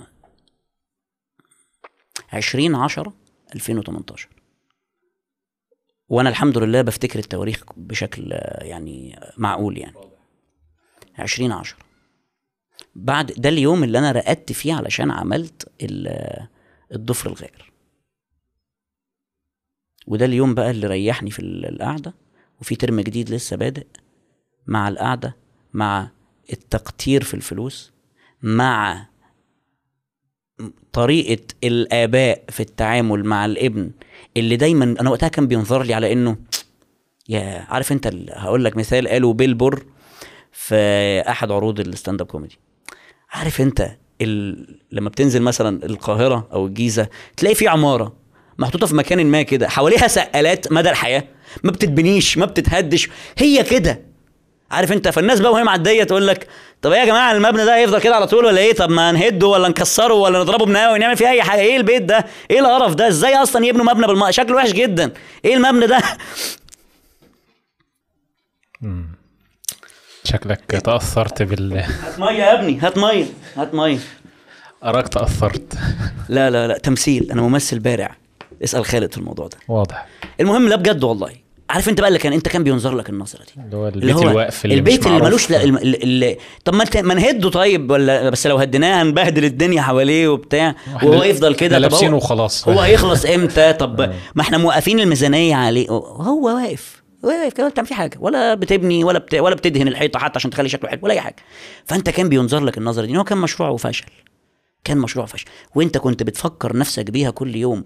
وأنا لو عندي آفة فهي إن أنا بفضل أفكر نفسي بكل حاجة.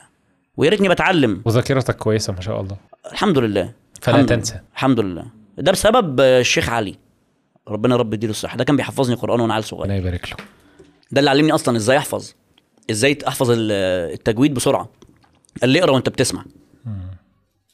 انت هتعرف ال- الاحكام التلاوة اللي مكتوبة دي من النطق بتاع الشيخ وهتحافظ على رتم القراءة من الموضوع ده. يعني من من باب الإحباط أو بسبب إن أنت يعني وصلت للقاع خالص فده اللي دفعك إنك تبدأ يوتيوب؟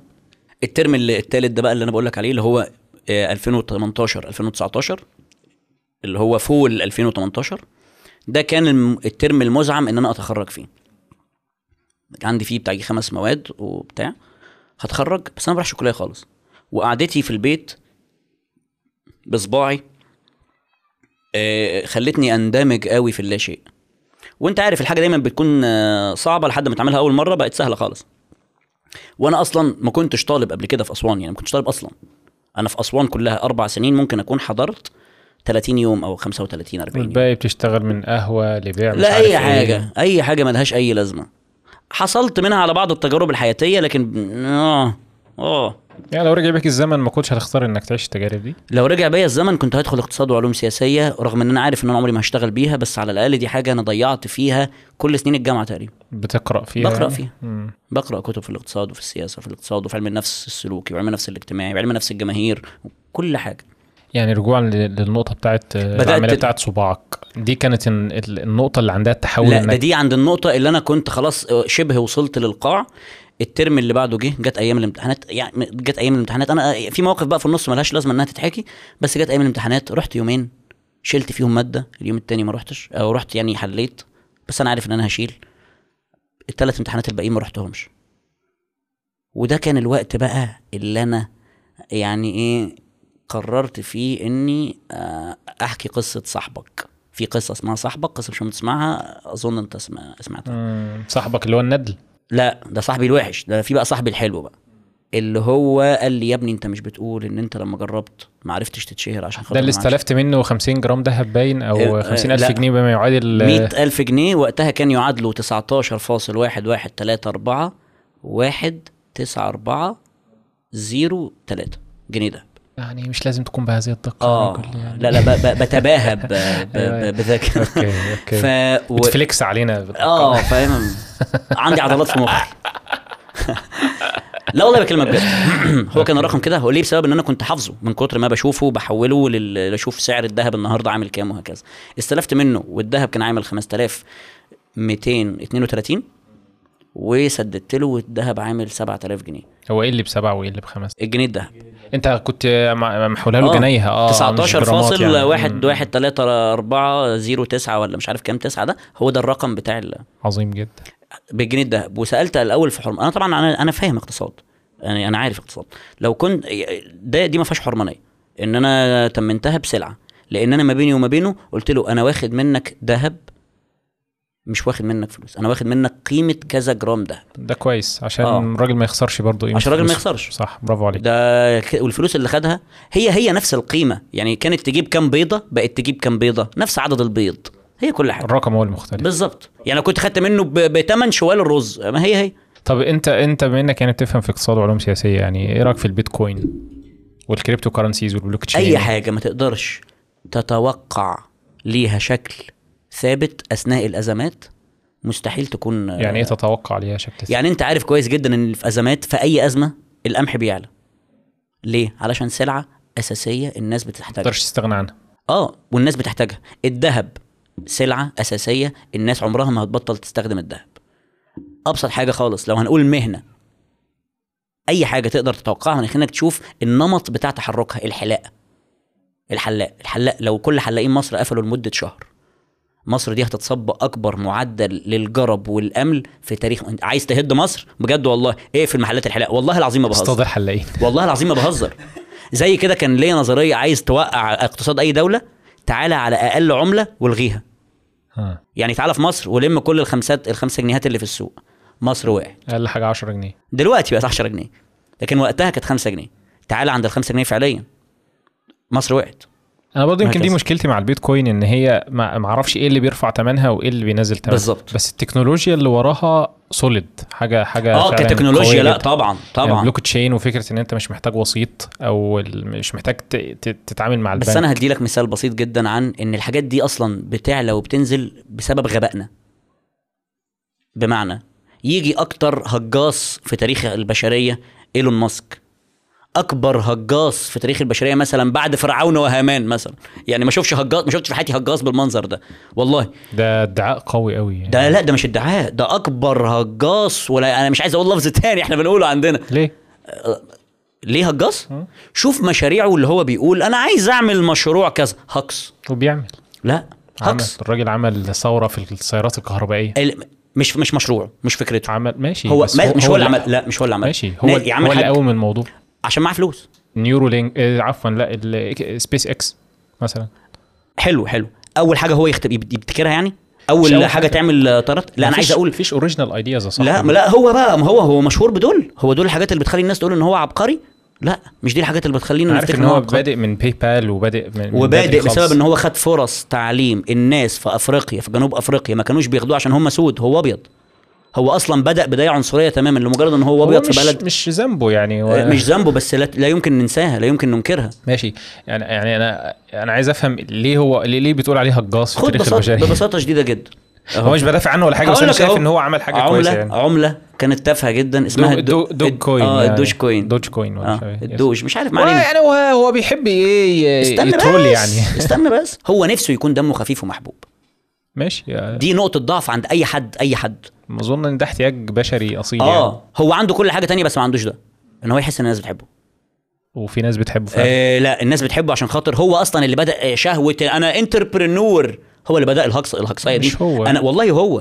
لا يعني الناس زمان كانت بتقارن آه، أي حد ببيل جيتس انت بيل جيتس وستيف لا دول. العباقرة. اللي بيقارنوا العباقرة والعيال بقى اللي لابسين نظارات واللي بيذاكروا. وكأن صديقي مش عارف ما مين هو إيلون ماسك بيذاكر وعبقري فعلا. حلو حلو. ده خلص. كتب المكتبة بتاعتهم تقريبا كلها و... ما كلنا بنقول كده. لا مش كلنا بنقول كده. أنا بقولش إن أنا قرأت كتب كتير. صلي على النبي. صلى الله عليه أنا. اشتريت ب 3 مليار Dogecoin يا شباب. ماشي. حلو؟ اشتراها بكام؟ بتراب الفلوس دي حاجة أنا بعملها في الفيفا. إنك تتلاعب بالأسواق. فالناس كلها إيه ده؟ ده اشترى الدوج دي أكيد هتغلى. فيروحوا يشتروها. يلاقوها فعلا بتغلى. آه يا حبيبي هي بتغلى عشان أنت زي العبيط رايح تشتريها. فبعد كده اشترى ب 3 مليار. عملوا له قانون يبيع- تقريبا عشان يبيعهم تاني ما خلاص. يعملش tweets خاصة بال بالحاجات ديت بالبيتكوين والدوج use كوين و... Signal لما نزل ال application لما الناس طلعت الناس كلها استخدمت Signal ما دي بقى الفكرة.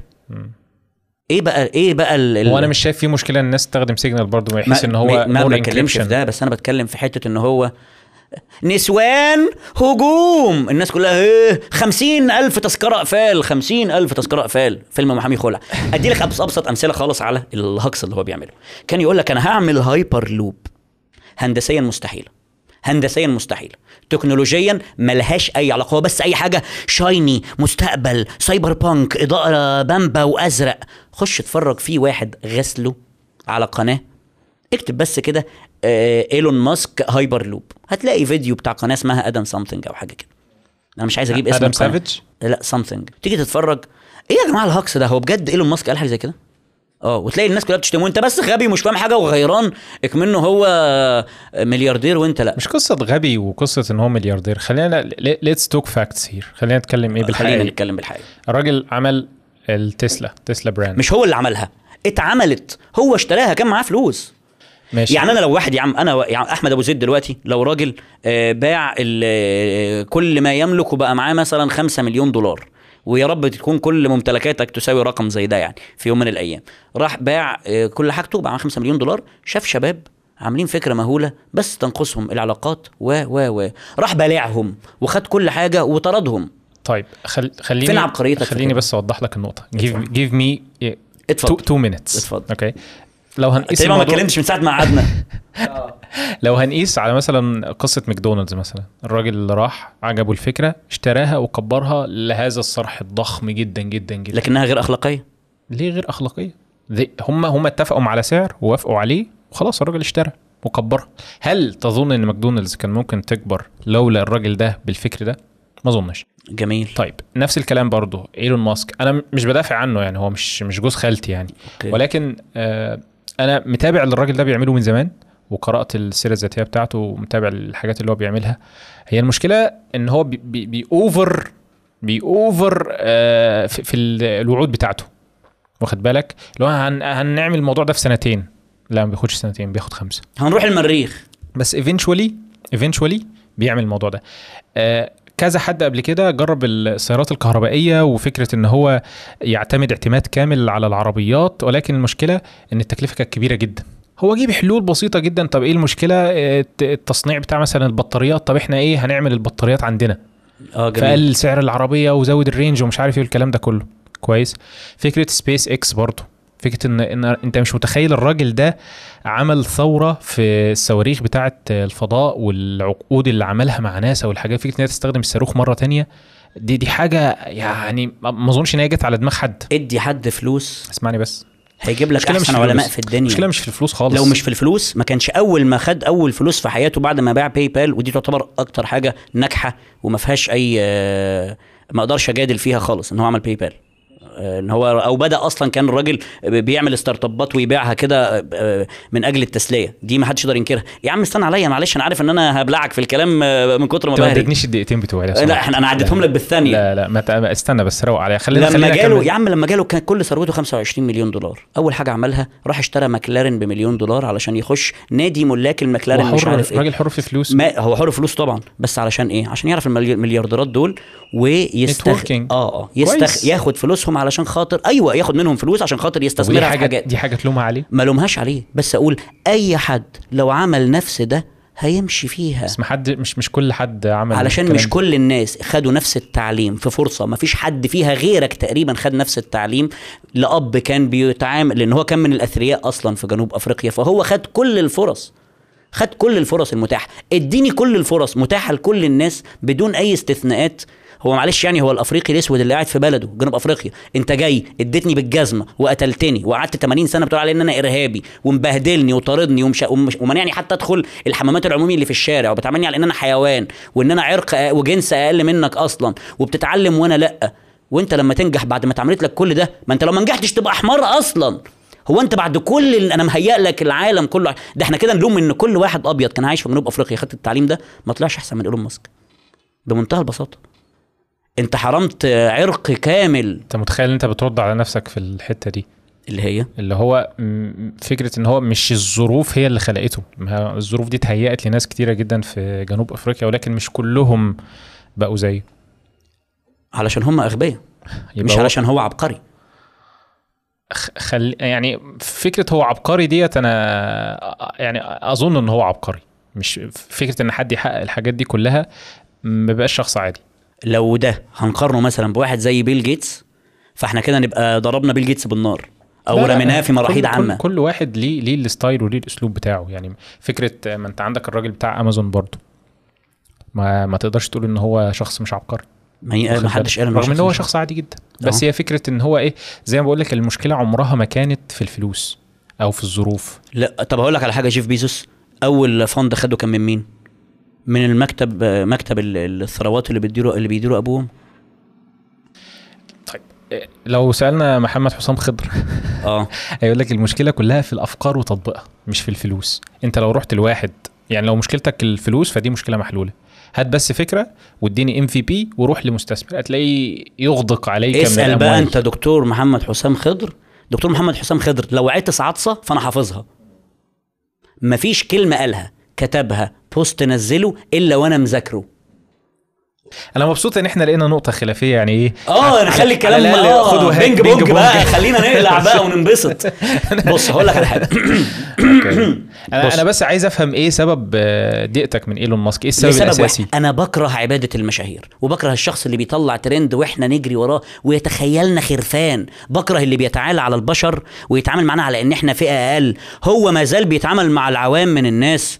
بنفس التعامل اللي كان بياخده في أفريقيا في جنوب أفريقيا إن هو حاجة والناس حاجة. أنا سمعت له قبل كده إن هو ساب أفريقيا أساسا انها بيئة مش كويسة وإن جوه أمريكا آه، آه تلاقيه ما كانش فيها فلوس بس ما كانش عارف ياخد فند هناك ولا حاجة. راح أمريكا علشان هي يعني الأوضاع هناك أحسن وأفضل والحاجات دي. ما كانش عندهم إيدز في أمريكا مثلا الإيدز تلاقيه كان منتشر أكتر في جنوب أفريقيا. أنا هدي لك مثال بسيط جدا.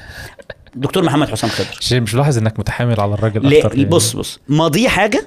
وازاي الراجل طلع؟ ماشي أوكي طلع عمل باي بال عمل startup في الثاني في الثالث في الرابع بعد كده سرق startup تاني اللي هو بتاع تسلا. قريت له الكتاب بتاعه أكيد مش هقرا حاجة. بيكتبها حشاش يا راجل صباح الفل. مش هو اللي كاتب. ده ده في واحدة تانية هي اللي كاتبه له يعني أيوة. يعني هي اللي قعدت معاه عن مدى. عظمتي وجمالي مش مدى. عظمته عن ال- الرحلة اللي هو مشي فيها it's not sunshines and rainbows يعني الموضوع مش إيه مش بامبي دايما يعني. الموضوع كان صعب جدا. حلو.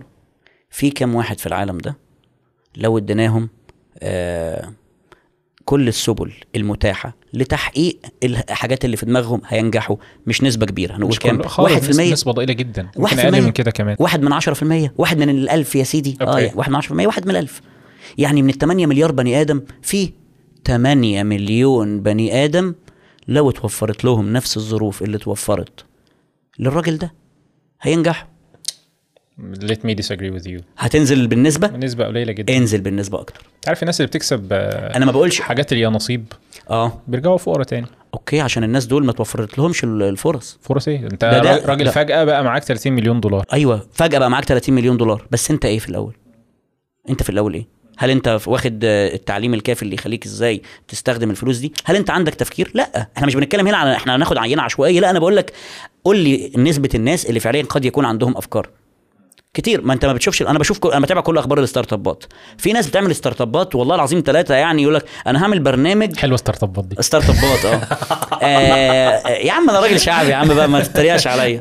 لا، أنا أمال بقى إيه؟ البي مايونس والبي بلابس والكرانر والفواول ده أنا أجيب لك لوست عبده هنا يعمل لك أحلى. شغل. هدي لك بص أبسط حاجة. ماشي. هو راجل الظروف ساعدت عبقريته إنها تظهر. حلو. في, في كتاب اسمه ذا انفير ادفانتج ففي آه. فعلا في ظروف بت جميل بتتيح للإنسان جميل. يعني. الراجل ده هو عبقري بس الظروف ساعدته. بالظبط. مش آه يعني أنا يعني خلاص بقى أفرط في الفرصة اللي جات لي عشان خاطر ما جاتش للناس كلها. ماشي هو عارف يستغلها صح ووصل لمرحلة واستغل كل الطرق الممكنة. لحد سنة كام؟ عمل سبيس إكس أوكي كل الكلام الجميل ده؟ جميل. معلش بقى تعالى ناخد خط. تعالى بقى نشوف تعامله مع الناس. أنت بتقول إيه؟ إيه الهايبر لوب ده؟ أنت شفت الهايبر لوب؟ ما شفتش في أفكاره بقى الجديدة. شايني شح افكار شايني قوي إحنا هنعب... هو بيحب ي market للحاجات بهذا الشكل يعني. والحاجات دي حتى عمرها ما هتتعمل. وعمرها ما. هتتعمل يا أبو زيد؟ والله. ما بص ببساطة شديدة جدا ببساطة شديدة جدا. يعني مثلا أقول لك بقى من ضمن ال- ال- الحاجات اللي بتعفرت البني آدم. كلنا فينا تناقضات. بلا استثناء. وأنا أكتر واحد في الدنيا دي في تناقضات وأنا أسوأ واحد في الدنيا يا عم. تعالى دلوقتي شوف. يقول لك أنا هدي مكافأة 50 مليون دولار لأكتر شركة تقلل من استخدام ال CO 2 أوكي. تسلا أكتر شركة في العالم بت- بتطلع CO 2 علشان خاطر بتعمل بطاريات.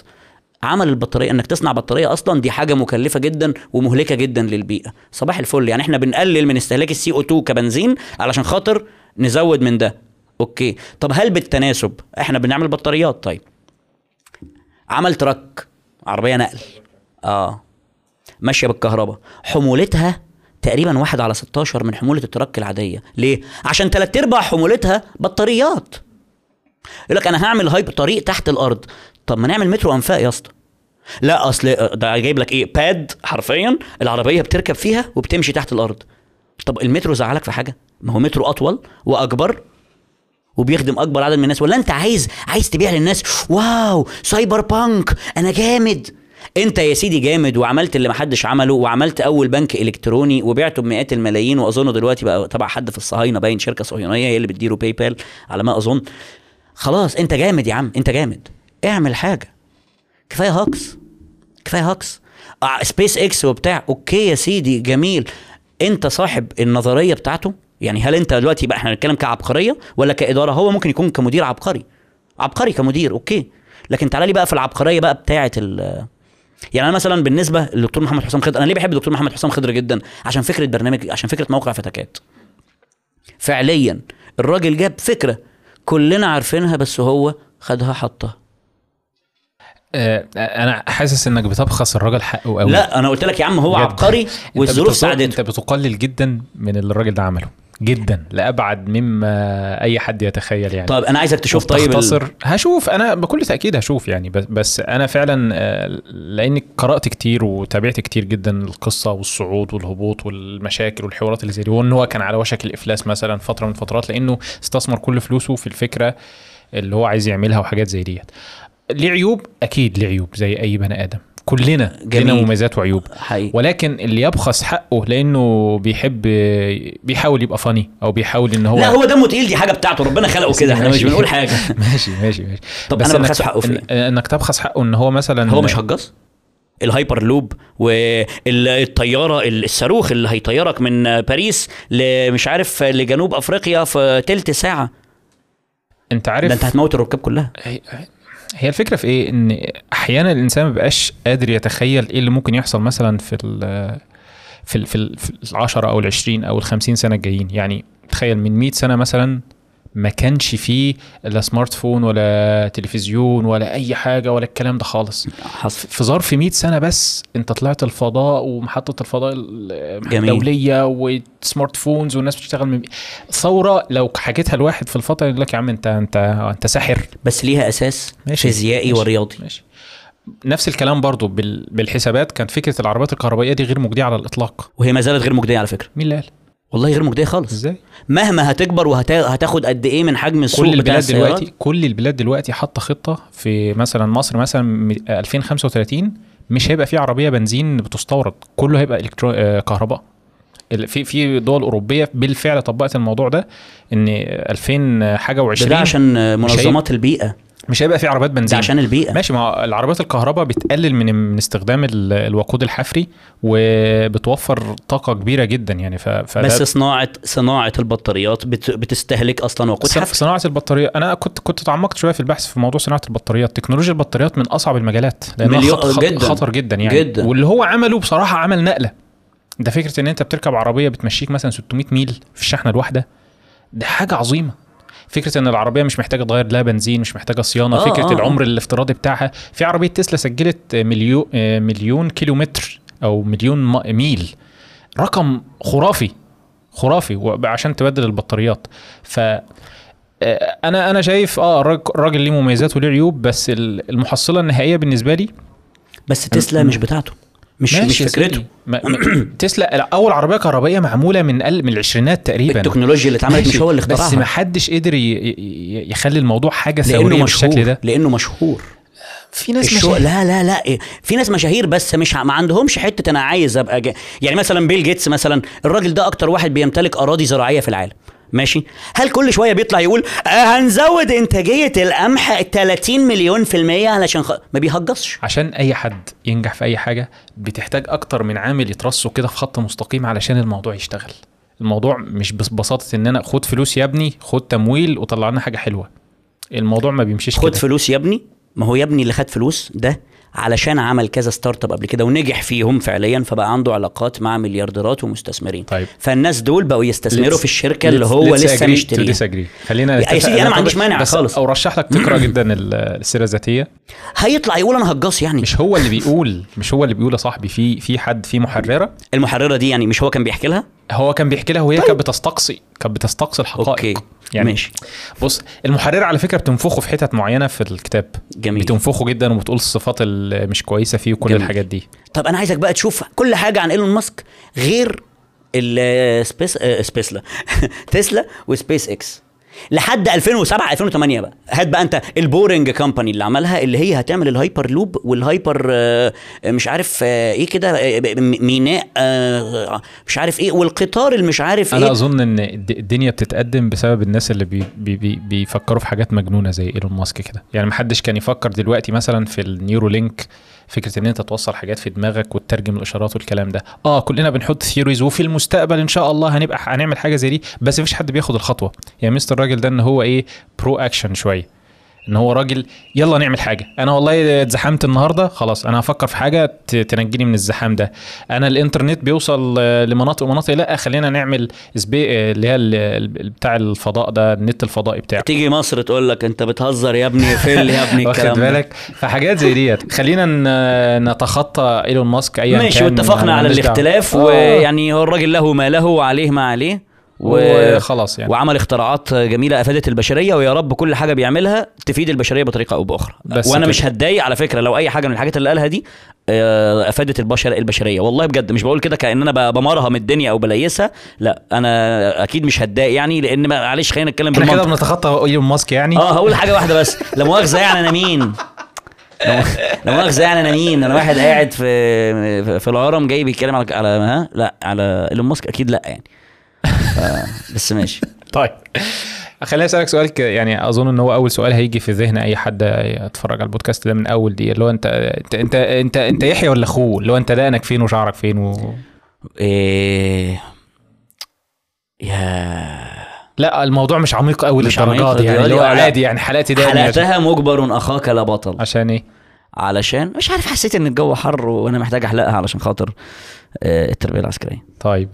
تربية عسكرية؟ آه إيه ده؟ إيه ده؟ أنت لسه في الكلية؟ ياه. أيوه وأنا. عارف آه قبل البودكاست يعني بس أكيد وأنا قلت له هديها لك يعني يعني حصريا آه. فقط على دروس ده لو واحد بودكاست. مثلا إيه نجا من أول ساعة وكمل البودكاست ال... آه. نجا من أول ساعة. طيب أنت أنت إزاي لسه في ال... تجربتي التعليمية صعبة. أنت قعدت في. الكلية كام سنة؟ إيه، بتعرف تعد لحد كام هو أنت ليه لازم يا ابني تخلي كل حاجة لها إيه؟ عادي يعني. ده سؤال. إجابته عدد. آه لا لا عارف أنت لو أنت منين؟ أنا من هناك. آه. أنت منين من هناك؟ من هناك نفسها. تعرف مين هناك؟ عارف أنت أنا بحب ال- العبط ده. يا عم الله يهديك. بص صلي على النبي. let's talk serious آه أوكي صلي على النبي. صلى الله على محمد. صلى الله عليه وسلم. 2012 خدت شهادة الثانوية العامة 94.39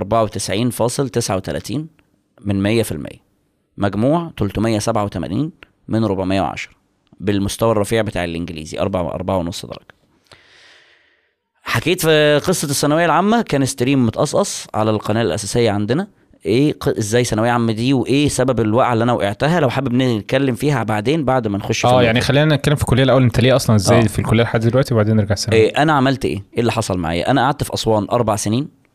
ال- الموسم الدراسي 2012 2013 ده أنا في الوقت ده ما حضرتش في الكلية غير من يوم 30 9 2012 بداية الدراسة لحد يوم 18 أكتوبر بس. 19 يوم هتشيل منهم ال- الجمعة والسبت كده كام يوم؟ قليلين جدا تقريبا أسبوعين. تقريبا أسبوعين بالظبط يعني من غير من غير حساب الأجازات. بعد كده دخلنا في أجازة العيد. نزلت أجازة العيد كانت من يوم 18 تقريبا ليوم 25 رجعت ما رحتش الكلية ولا يوم لحد نهاية السنة الدراسية تقريبا. ليه؟ علشان أنا ما سألتش نفسي أصلا وأنا رايح الكلية هو أنا بروح الكلية ليه؟ إحنا أنا ما حدش بيسأل نفسه الأسئلة دي يا باشا إحنا بنروح عشان لازم نروح. ما دي بقى الفكرة. أنا بقى وقتها كان بالنسبة لي ليه لازم؟ أنا متعود في ثانوية عامة إن أنا بحل الواجب بتاع الدرس بروح الدرس ليه؟ عشان لو ما رحتش الدرس كنت في كلية هندسة صح؟ آه. اللي هي كلية عملية يعني. كلية عملية وليا تجربة فيها لأن أخويا الكبير آه، مهندس كهرباء. هندسه القاهرة قسم كهرباء باور. فأنا عارف المفروض إيه اللي يتعمل بس كنتش بعمله. ليه؟ لأن أنت لو جربتها مرة هتبقى سهلة معاك. يعني أنت لو جربت في مرة إن أنت تشيل مادة دي مش هتكون آخر مادة تشيلها مستحيل. اللي بيشيل مادة لأول مرة أو اللي بيفوت امتحان وما بيحضروش أو اللي بيفوت حصة في الدرس عمرها ما هتكون آخر مرة.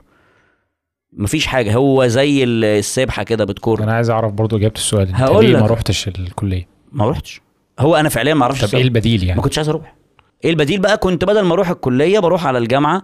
وإيه بقى؟ يلا بقى كون صداقات. شوف بقى ساعتها اتحاد الطلبة والأسر والحاجات دي وادرس الدنيا كنت متخاذل يعني.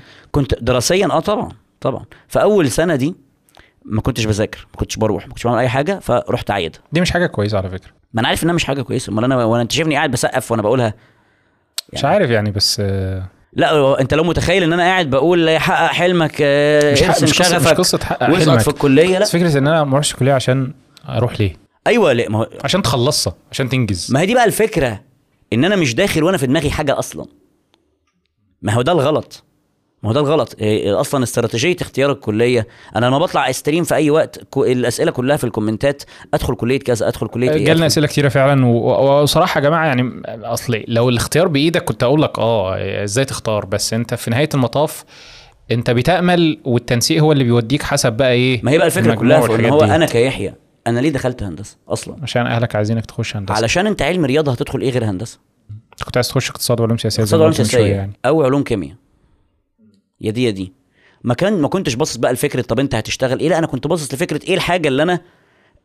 بعملها لما بكون ما بذاكرش ده كويس يعني آه. ده ده ده, لما بكون ما. بحلش واجب الدرس قاعد بعمل إيه دلوقتي يعني ما كنتش بتروح الكلية مثلا وبتقرأ في الاقتصاد والعلوم السياسية لا كنت قاعد. بشوف بقى انتخابات اتحاد الطلبة وبتابعها وبتمشي إزاي وبتاع وعايز أعرف دول بينتموا لأي فصيل ودول بينتموا لأي فصيل و... بتشغل دماغك بكلام فارغ يعني آه يعني أسميها كده اسميها كده. هو طبعا يعني آه، بدون أي إهانة لأي حد شغال في الحاجات ديت وبرضه في نفس الوقت طالب جامعة المفروض يذاكر ويتخرج يعني. من الكلية في أسرع وقت ممكن علشان يعرف يشتغل ويتجوز علشان يعرف يبدأ حياته. لأن أنت لو ما اتجوزتش فأنت مش هتعرف تبدأ حياتك. أنت قعدت ال- العشر سنين على هذا المنوال. لا خد عندك بقى الضحك. أول سنة آه، أنا ما كنتش الشخص اللي هو له حياة اجتماعية ما قبل آه، ال- مسافر أسوان. فأنت شفت الشخص اللي هو خرج من القرية الفقيرة البسيطة إلى أضواء المدينة؟ أنت كنت في قرية قبل كده؟ لا ما كنتش في القرية بس أنا بقول لك شايف النظرية دي اللي هو واحد ما كانش بيخرج من البيت خالص غير عشان رايح الدرس راجع من الدرس. المصروف اللي واخده واخده علشان يروح الدرس ويرجع من الدرس المواصلات وترجع ما أنت هتصرف في إيه؟ هتحتاج فلوس في إيه؟ فأنت فعليا ما بتخرجش من البيت. لما بتيجي تقول إيه يا جماعة إحنا يعني حتى option إيه يا شباب مش هنخرج؟ ما كانش فيه ال option ده يعني حتى ما كانش فيه غير هي ده في. الثانوية العامة الكلام ده. لا ده ده على طول. ماشي الثانوية العامة وقبلها وما قبلها. عادي يعني. دراسة بأجازة. ما كنتش بخرج من ماشي، البيت ماشي. خالص على طول قاعد في البيت. كنت بتنزل تلعب في الشارع يعني. ولا الهوا. مفيش خالص مفيش؟ نزول خالص. آه هو كده ما ما ما- يعني مرت الفترة اللي انت كنت هتنزل تلعب فيها في الشارع من غير ما تنزل تلعب فيها في الشارع. يعني انت ما لعبتش في الشارع وانت صغير؟ نهائي خالص. إزاي؟ أنا ما أنا احتكاكي آه والله بجد. أنا احتكاكي احتكاكي في ال- بالبني أدمين خارج نطاق العيلة كان يكاد يكون مع مع معدوم. يعني إيه صفر مش صفر على الشمال صفر بره الكراسة يعني صفر في الحي... على الحيطة. واخد بالك؟ وده اللي كان مخلي عندي رغبة بشكل هستيري. لو أنت فجأة قاعد متقفل عليك. كان في جرة وطلع لبره يعني آه. زي ما بيقولوا. وأنا كنت مستني اللحظة دي. وأنا لا أنسى بعد أسبوعين بالظبط من الدراسة كنت ببعت لهم واتصل يا جماعة أنا عايز أرجع أنا مش مستحمل ده في. أسوان. وأنا في أسوان أنا مش هعرف أقعد هنا. وأنا كنت مدلل قوي. أنا أنا بلوم لو في حاجة بلومها بلوم إن أنا كنت عيل متدلع دلع رخم. شو بقول لك كنت بتلطش. بس كنت هو متدلع الدلع يا أخي برضه ما بيطلعش. ما هو ما أنا أقول لك بقى متدلع إزاي؟ أنا عمري ما عملت حاجة لنفسي قبل 18 سنة. ما كنتش بشيل ملاية. ما كنتش بشيل مكان ما باكل. ما تقليش. يعني ودي حاجة بقى أنا لاحظتها وعشتها وشفت تويت بتقول كده إن الواحد أنا اللي أنا لاحظته يا شباب من آه، الغربة ومن مختلف الثقافات إن الأمهات بتعامل الشباب على إن هم معاقين تقريبا أو إن هم مشلولين. فعليا ولا بغير ملاية ولا بغسل شرابي بعد ما لو أنا بقيت كده لما قعدت في أسوان. اتعلمت ده في أسوان بقى إن أنا أغسل شرابي أعمل بس اتعلمته بطريقة صعبة جدا لما وصلت للمرحله اللي هو يا ابني اغسل شرابك أنت هتلبس الشراب ملبوس. يخرب بيتك إيه النتانه دي ما هي ماما على طول بتعمل آه. فدي حاجة يعني يعني هي- دي مش بتلخص الدلع عامة يعني ما, ما ده بقى ما ده الدلع. اللي يبوظ ما أنا أقصد بقى إيه ما هو في دلع دلع حلو اللي هو إتي كتا بتا أتا أتا ماشي أوكي إحنا عيال صغيرة بنحب نتدلع. بس أقصد ده ده البوظان وبصراحة من الحاجات اللي فرقت معايا في طفولتي يعني مش مش بشكل كبير بس كان لها تأثير يعني ان, إن إحنا مثلا بعد الأكل أنا وأخويا محمود كان واحد بيشيل الصينية وواحد بيكنس مكان الأكل. ده دي حاجة عظمة جدا. اللي هي حاجة بسيطة جدا بس كانت باب لموقف إن أنا وأنا بكنس بكنس الصينية ال- الحصيرة مرة بعد الأكل آه كنت بقى يعني إيه بحنتف قوي اللي هي لو في ذرة تراب قبل مش عارف إيه لازم أشيلها يعني. فأبويا اتعصب عليه وقال لي ما تخلص بقى يا رواية. يعني إنجز يعني. مم. فام قالت له لا لا سيبه ده أحمد بيحب أما يعمل الحاجة يعملها بضمير. يا سلام. دي الكلمة دي نزلت على قلبك زي كوباية عارف شعورك بقى. لما ضحكت أبوك؟ آه. أيوه. يعني مزكتني. أيوه. وسبحان الله فكرة إنك تعمل الحاجة بضمير دي كملت معايا وزادت جدا لحد ما وصلت للبرفكشنزم واضطريت بعد عمال كده إن أنت أنا قعدت ساعة إلا تلت بتعدل الشاشه اللي ورايا عشان الانعكاس آه عشان بس عينيا آه نضارة جديدة وبتاع. ف ماشي. اضطريت بعد كده إن أنا إيه أرجع البرفكشنزم شوية صغيرين عشان يبقى فيه عملية أكتر يعني. فهي الحاجات البسيطة ديت الأهالي فعلا والأبهات والأمهات الجداد. محتاجين محتاجين. إن يبقى في توعية إن الحاجات البسيطة اللي بتزرعها بتكبر مع العيل. حاجة تخيل كلمة بسيطة encouraging جدا. آه، كان ممكن تتقال بأسلوب تاني تضيع المعنى.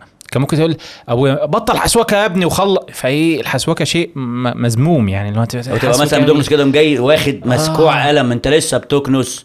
مش للدرجات يا أخي. لا ده أنا أعرف أبهات. يمكن عشان خاطر أنا بتكلم في الموضوع ده كتير مع الناس فبيجي لي رسائل في في الخاص في ال inbox. اللي هو كمية عنف أسري بت- بتيجي على بتيجي في سكتي أكمل لك. قعدت سنه سنتين مثلا خد متدلع. عندك. الثمانيه الباقيين مش- راحوا أنت بتتكلم في الكلية. لا لا استنى ما بقى دي الفكرة. أنا مش في دماغي أصلا الدراسة. طب ما فيش حد بيتابع معاك ال- ولا البيت الهوا. البيت ولا الهوا. أنا لما. جيت بعد أسبوعين أنا بقول لك إيه أنا قعدت فعليا والله فترة قد إيه؟ أول أسبوعين ليا في أسوان ما دخلتش حمام. والله ما ببالغ. مش عارف تخش الحمام. مش عارف يا راجل حتى أنا حكيتها في فيديو من الفيديوهات كان في واحد فاكك زنقته بطريقة صعبة جدا فيديو بتاع الجردل تقريبا. وإن أنا بغسل هدومي لنفسي على إيدي وكان سكن على الحوض آه و- المشترك. أيوه وكان سكن طلبة وبتاع. فكان وفعلا ال ال ال الفكرة بقى في إيه؟ يا ابني هو أنت لوحدك اللي كده؟ ما الناس كلها كده ما, ما إيه؟ على فكرة ال ال الشباب اللي كانوا متغربين معانا ما إحنا كنا في جامعة طنطا كان في شباب من بلاد. بعيدة يعني وكانوا ساكنين في المدينة كانوا أشطر شباب في الكلية أشطر. شباب في الجامعة. اللي هو المغترب ده اللي هو يعني أنا مش هبقى مغترب وبعيد عن البيت ومفيش آه، أي حاجة وكمان مش هذاكر بل أيوة. بالعكس إن هو عنده وقت كبير جدا للمذاكرة لأنه ما بيضطرش يسافر زينا الجامعة جنب أيوة. مدينة المدينة الجامعية فكانوا ما شاء الله بيرتبوا وده اللي كان. الحال عندي برضو والمفروض كلهم. ان ده يبقى الطبيعي يعني يعني المدينة الجامعية أصلا من قوانينها عشان خاطر هي إنك تقديرك. يبقى تقدير كويس عالي. ما عشان ينفعش تستمر فيه آه ما ينفعش. أقل من تقدير كام؟ على أيامي كانت امتياز. طلعت من منها. طبعا. بعد أول سنة لا أنا كنت بشرب الناس شاي وحاضر أفراح الأمن. فقعدوني السنة اللي بعدها بعد ما دبلرت. وأنا أول سنة فعليا رايح الامتحانات أنا ما أعرفش الناس دي بتقول إيه. أنا رايح على ال final. ال final كان من 60 وأعمال السنة من 40 رايح بأعمال سنة كام؟ تقريبا صفر. مفيش ضمير يا صاحبي مثلا بيح ما هو بقى دي الفكرة. البوصلة بتاعتي ما كانتش في اتجاه الكلية نهائي وعلى الرغم من إن أنا يعني حتى كنت مستغرب أهلي ما أنا بقول لك هو على طول كان دايما متشاف ده يحيى ده يا لهوي ده ده ده ده أكتر واحد شاطر في العيلة. جابوا الكلام ده منين؟ أنا مش عارف. كابتن يحيى ده أشطر واحد فيه آه والله. كانوا كلهم دايما شايفين يحيى ده هيبقى أشطر واحد في البيت. أشطر واحد في العيلة. طب ماشي بناء على الشوفان ده ما حدش كان بيتصل عليك مثلا عملت إيه؟ بيتصلوا وأنا آه تمام زي الفل. بتنصب زي الفل آه طبعا. طبعا بقول لك أنا مذاكر الكذب بقى بقالي سنين. معلم. آه. المهم وصلنا لنقطة وهي التالي. أنا قلت لهم يا جماعة أنا مش هينفع أكمل ده. اخويا قال لي يحيى هات امتياز وحول أبويا هات امتياز وحول ماشي. أمي هات امتياز و... يا جماعة أنتوا جايبين الامتياز دي منين؟ ماشي. خلصت أجازة العيد بقيت أروح بقى على الجامعة اتعرفت على ناس عملت اصحاب دفعتي أصلا كانت 36 طالب عشان كله حول كله حول وكله حول حتى لو دب... لو سقط ترم أو شال ترم بس هو كله حول. دفعتي 36 طالب ما أعرفش فيها حد ما بقتش أروح الجامعة أصلا ما بقتش أروح الكلية. بروح الجامعة بس وأقعد بقى في الكافيتيريا. وبقيت فعليا إيه, إيه عارف أنت يحيى ده بتاع الكافيتيريا. أنا على طول قاعد الناس تقوم وتقعد ويجوا. الناس تقوم تقعد اتغيروا وأنا عليك. آه الله ينور عليك. أنا ما كنتش شايفها كده كنت شايف إن أنا مبسوط. أنا مبسوط أنا بيجي لي فلوس كل أول شهر بتتبعت لي بس أنا بقى مش باصص بقى لنقطة إن آه أهلك ولازم مش عارف إيه. أنا كنت ناوي أحكي الحدوتة دي لما أتخرج وأنا الحمد لله خلاص. أنت كنت جاحد. آه، ما- يعني آه، ماشي ماشي حضرتك. حاسس ان أنا بجلدك بص يعني. بقى هقول لك على أنا مش. قادر أستوعب يا صاحبي بصراحة يعني اللي هو إيه يا عم زر يا عم ماشي العب براحتك بس عدي. بص بقى ما أنا هقول لك على حاجة. هحكي لك قصة. في تسعة في شلة من عشر أصدقاء. بالله تسعة ما- منهم. ما تسحبنيش معاك تسعة منهم. تسعة منهم جابوا أعلى مجاميع. العاشر جاب مجموع دخلوا كلية التجارة. التسعة دخلوا كلية الطب. نجحوا في كلية الطب. صاحبنا دخل في كلية التجارة. اتخرج من كلية التجارة. اشتغل في التجارة. حب يستثمر فلوسه. استثمرها في المجال الطبي. فتح مستشفى. واحد من التسعة بيقول إحنا كلنا دلوقتي شغالين في المستشفى بتاعة صاحبنا بتاع كلية التجارة. بس كده. دي زي بتاعت. بيل جيتس ما نجحش بس آه، مشغل آه، يا. صباح اللي صديقي. مش عارف إيه. كانت كانت بتجيب صريخ دي أياميها أياميها أياميها. شفت بقى؟ المهم أكمل لك يا سيدي. فعدت أول سنة شايل كام مادة؟ أنا الموضوع ده بقى مش بقوله أنا مش بحب أقول الكلام ده عشان خاطر ما بقاش بحبب الكلام ده لحد. فيقول لك إيه ده؟ ده يحيى اللي إحنا وأنا بحاول. اعادل التأثير من خلال التعليقات دي. ففعليا أنا فعدت أول سنة. دلوقتي داخل على تاني سنة فريش ها؟ يلا يا عم يحيى هنعيد إعدادي؟ عادي كل الناس بتقول لك إن عدد سنين هندسة إيه، خمسة زائد إن حيث إن عدد لا يساوي صفر عدد طبيعي فاهم؟ أنا عارف الشخص عارف أنت. الافيه ده. يعني ده, ده افيه بيتقال على طول لا ده بيتقال على طول في كل في, في إعدادي كل ما بتخش أصلا. ماشي. أنا عندي عقدة مهولة من مادة اسمها الرسم. أنا أنا ما بقدرش أتخيل الحاجة 3 دي. 3 دي. خالص مست... ما بقدر أو خصوصا الحاجات الحاجات. استنتج المسقط الثالث على الرغم إن الف... الجبر والفرغية هو فرع الرياضة الوحيد اللي قفلته في ثانوية عامة. ما مش مالوش علاقة بالكلية. المهم يا سيدي ف بعد أول سنة بعد ما ش- عدت أول سنة قلت أنا هحول خلاص يا رجالة يا أنا هحول حتى قلت لزمايلي اللي معايا في المدينة الجامعية إن أنا محول أنا رايح علوم. بس شوف بقى أنا وقفت عند ف... عند فق... عند نقطة ممكن أكون بخادع فيها نفسي. وقعدت فترة طويلة بخادع فيها نفسي علشان خاطر أطبطب على نفسي كده وأليسها. لكن لأ أنت ما تتليسش أنت تتلطش. كنت محطوط قدام موقف إن أنا معلش استنى عربية حمار معدية بمكنه مية وراها فبتدبدب يعني ف ده الصوت في ودني كأن normal. عربية المية ماشية على حجري. لا لا it's normal it's. normal امبيانت آه. فإيه اللي يحصل؟ تنسيق ثانوية عامة السنة اللي بعدي على طول ظهر. كلية اقتصاد وعلوم سياسية بتاخد من 387 لسه الحلم بينخشش آه. آه. أنا هنا بقى تذكرت بقى الرزمة اللي فيها 500 ورقة اي 4 أنت حاطط فيها خطة للاقتصاد. تلخيص تلخيص كل الكتب اللي قريتها في ثانوية عامة. من أول العقد الاجتماعي جان جاك روسو لحد كل كتب دكتور عبد الوهاب المسيري اللي كان نزلها خلال الفترة دي لكل كتب الفلاسفة السياسيين والاقتصاديين. استنى بس عليا. انت عارف يا صاحبي يعني انت في تشبيه جه في دماغي حالا اللي هو آه، عارف لما يبقى في الناس بتوع المونتاج ممكن يفهموا الموضوع ده قوي. عارف لما في تراك صوت وتراك صورة بس مش ظابطين مع بعض؟ وشي وصوتي؟ آه، آه، آه، لا اللي هو آه، مش وشك وصوتك لا لا. اللي هو انت بتعمل حاجات حلوة قوي بس متشفتة. آه. يعني انت مثلا 1500 صفحة دول لو كنت عملتهم في فترة الجامعة 500 بس. ال- يا 100 من عندي يا سيدي. 1500 صفحة لو كنت عملتهم فترة الجامعة كانوا هيبقى جامدين جدا. وكنت ركزت في ال- في الثانوية مثلا. فترة آه، ال- ال- الانفتاح والانطلاق والحاجات دي لو كنت شفتها شوية كانت ظبطت معاك. ف... حقيقة. فده التصور اللي اللي فيه بس تشفيت الاثنين محتاجين محتاجين يتعمل لهم synchronization. مزامنة حصل. بس. حصل. انت بتعمل حاجات حلوة قوي بس في غير آه، ميعادها. مليون في المية. مم. مليون في المية. فأنا دلوقتي قدام مفترق طرق. هدخل اقتصاد وعلوم سياسية. لا مؤاخذة. ماشي ارجع لمفترق الطرق. كنت في مفترق طرق. ان هي يا عم يحيى. هتدخل اقتصاد وعلوم سياسية جامعة القاهرة؟ ولا هتحول علوم؟ أنا حتى ما كنتش دخلت السمر عشان اخفف المواد اللي أنا شايلها. بس أنا كده كده مدبلر لأن المواد اللي شلتها كانت كتير. مواد ترم أول مواد ترم تاني. فها هتعمل إيه؟ أبويا كلمني وقال لي أنا واثق فيك وإن أنت قدها وهتكمل في أسوان. أنا كان في دماغي إن أنا عايز أحول أصلا علوم أسوان. أنت متخيل؟ الهدف بالنسبة لي كان إن أنا ما بقاش قاعد في البيت. إن أنا أبقى أبعد مسافة ممكنة عن أهلي. وهدي لك مثال بسيط تقدر تستشف منه حاجة. الترم التاني في أول سنة بدأ تقريبا يوم 10 فبراير 10 فبراير 2013 انتهى 27 لا انتهى آه التواريخ مش مش الحاجة المهمة قوي بالنسبة لنا يعني. لا بس هي بالنسبة لي مهمة. انتهى 17 6 2013 okay. ف أنا قعدت كده كام يوم؟ الفترة دي الترم التاني ده كله ما نزلتش يوم واحد أجازة بيتنا. وكنت بقعد بالأسبوع والاتنين قافل موبايلي أو ما بردش على حد من البيت. فشوف أنا كنت عامل إزاي. شوف ما أنت. اللي غرست نفسك الغرزة آه، دي. أنا كنت عامل إز... أنا كنت عامل كده ليه؟ أنا مش عايز أي حاجة تربطني بالبيت. أنا بعيد. انت مش عايز تجاوب على سؤال انت ليه ما نجحتش أو ليه ما مفيش بتذاكرش سبب لأن مفيش سبب أقدر أقوله فعلا. فعلا أنا ما أعرفش. يعني أنا دلوقتي هاتني مع نفسي وأنا قاعد أنت بت... مع... مع نفسي من عشر سنين. أنت عايز إيه؟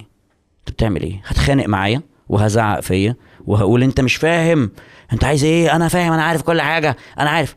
عشان كده أنا فعليا لما باجي أتكلم مع حد في المرحلة العمرية دي أنا يا ابني والله أنا لبست نفس الجزمة. أنا لبست نفس الجزمة دي وطلعت لي كمية قلالي في في صوابعي. فبالله عليك اسمع بالله عليك. والله مش لازم تمر بنفس التجربة. والله العظيم هتتعب. والله. أنا عجبني ال- الفيديو اللي أنت عملته عن الثانوية العامة والنصايح اللي بتديها آه. للناس والتشبيهات بتاعتها. آه والله. حاسسها حقيقية قوي ونابعة عن تجربة يعني فعلا آه انت وخد عندك بقى وجع القلب. كان عندي فرصة أخش علوم وأرتب وأطلع لأن أنا فعلا كنت شاطر في المواد ما اللي دخلتش علوم. العلوم. ما دخلتش. وكان عندي است... وكان عندي فرصة أكون سفيه وأدخل سفيه بالره مش بالهه يعني. سفير وأدخل اقتصاد وعلوم سياسية وفعليا كنت هبقى هبقى حاجة. فعليا كنت هبقى حاجة. إيه اللي منعك؟ إيه اللي منعني؟ إن أنا ما كنتش هبقى في أسوان. إن أنا كنت هبقى في قريب من البيت. إن كان هيبقى كان خايف. من البيت ليه؟ كانت هتبقى بتمارس عليا نفس السلطة اللي أنا كنت كارهها كره العمى. سلطة إن أنت مش صاحب كلمتك. يا عم ماشي يا عم ما هو دي بقى ما انت إحنا بنتكلم على مراهق. يا ريس معلش برضه في الكلام يا يعني. أيوه أيوه. انت تملك كم- كلمتك في الوقت ده بمناسبة إيه؟ ما هي دي بقى الفكرة. انت عارف تأكل نفسك؟ ما دي بقى عارف. تعرف؟ تسكن ما هي دي نفسك؟ بقى الفكرة. أنا بسأل نفسي وأنا ليه ما ينفعش؟ عشان كده أنا أول حاجة عملتها كنت بروح أدور على شغل. لأن أنا مش عايز حد يديني فلوس ويقول لي اعمل وما تعملش. ما هي دي بقى الأزمة. انت عارف أنت شايف ليه واخد البيت كند. هو البيت أساسا إذا كان بيقسو عليك أو بيكلمك أنت هو انهي هو جاي جاي أنت بتتكلم انهي يحيى. بتاع يعني- دلوقتي ولا بتاع من 10 سنين؟ أجيب لك بتاع من 10 سنين هيقوم يكسر المكان هنا ويفضل يصرخ ويزربن ويقول إن أنتوا خاطفيني لا أصل بصراحة مش لاقي مبرر يعني واضح مفيش مبرر الكلام ده يعني. مفيش مبرر واضح فعلا. أنا فعليا بقول لك أنا لو مسكتني طب طب أصحابك في الوقت ده كانوا فين يا صاحبي؟ صحاب مين؟ ما كانش فيه صحاب؟ مفيش صحاب. مفيش أي حاجة. أنت عايش مع دماغك يعني. مع دماغك. هو فاهم عارف أنت صاحبي جيبي و عم دراعي وعم إيه. دراعي آه عارف إيه.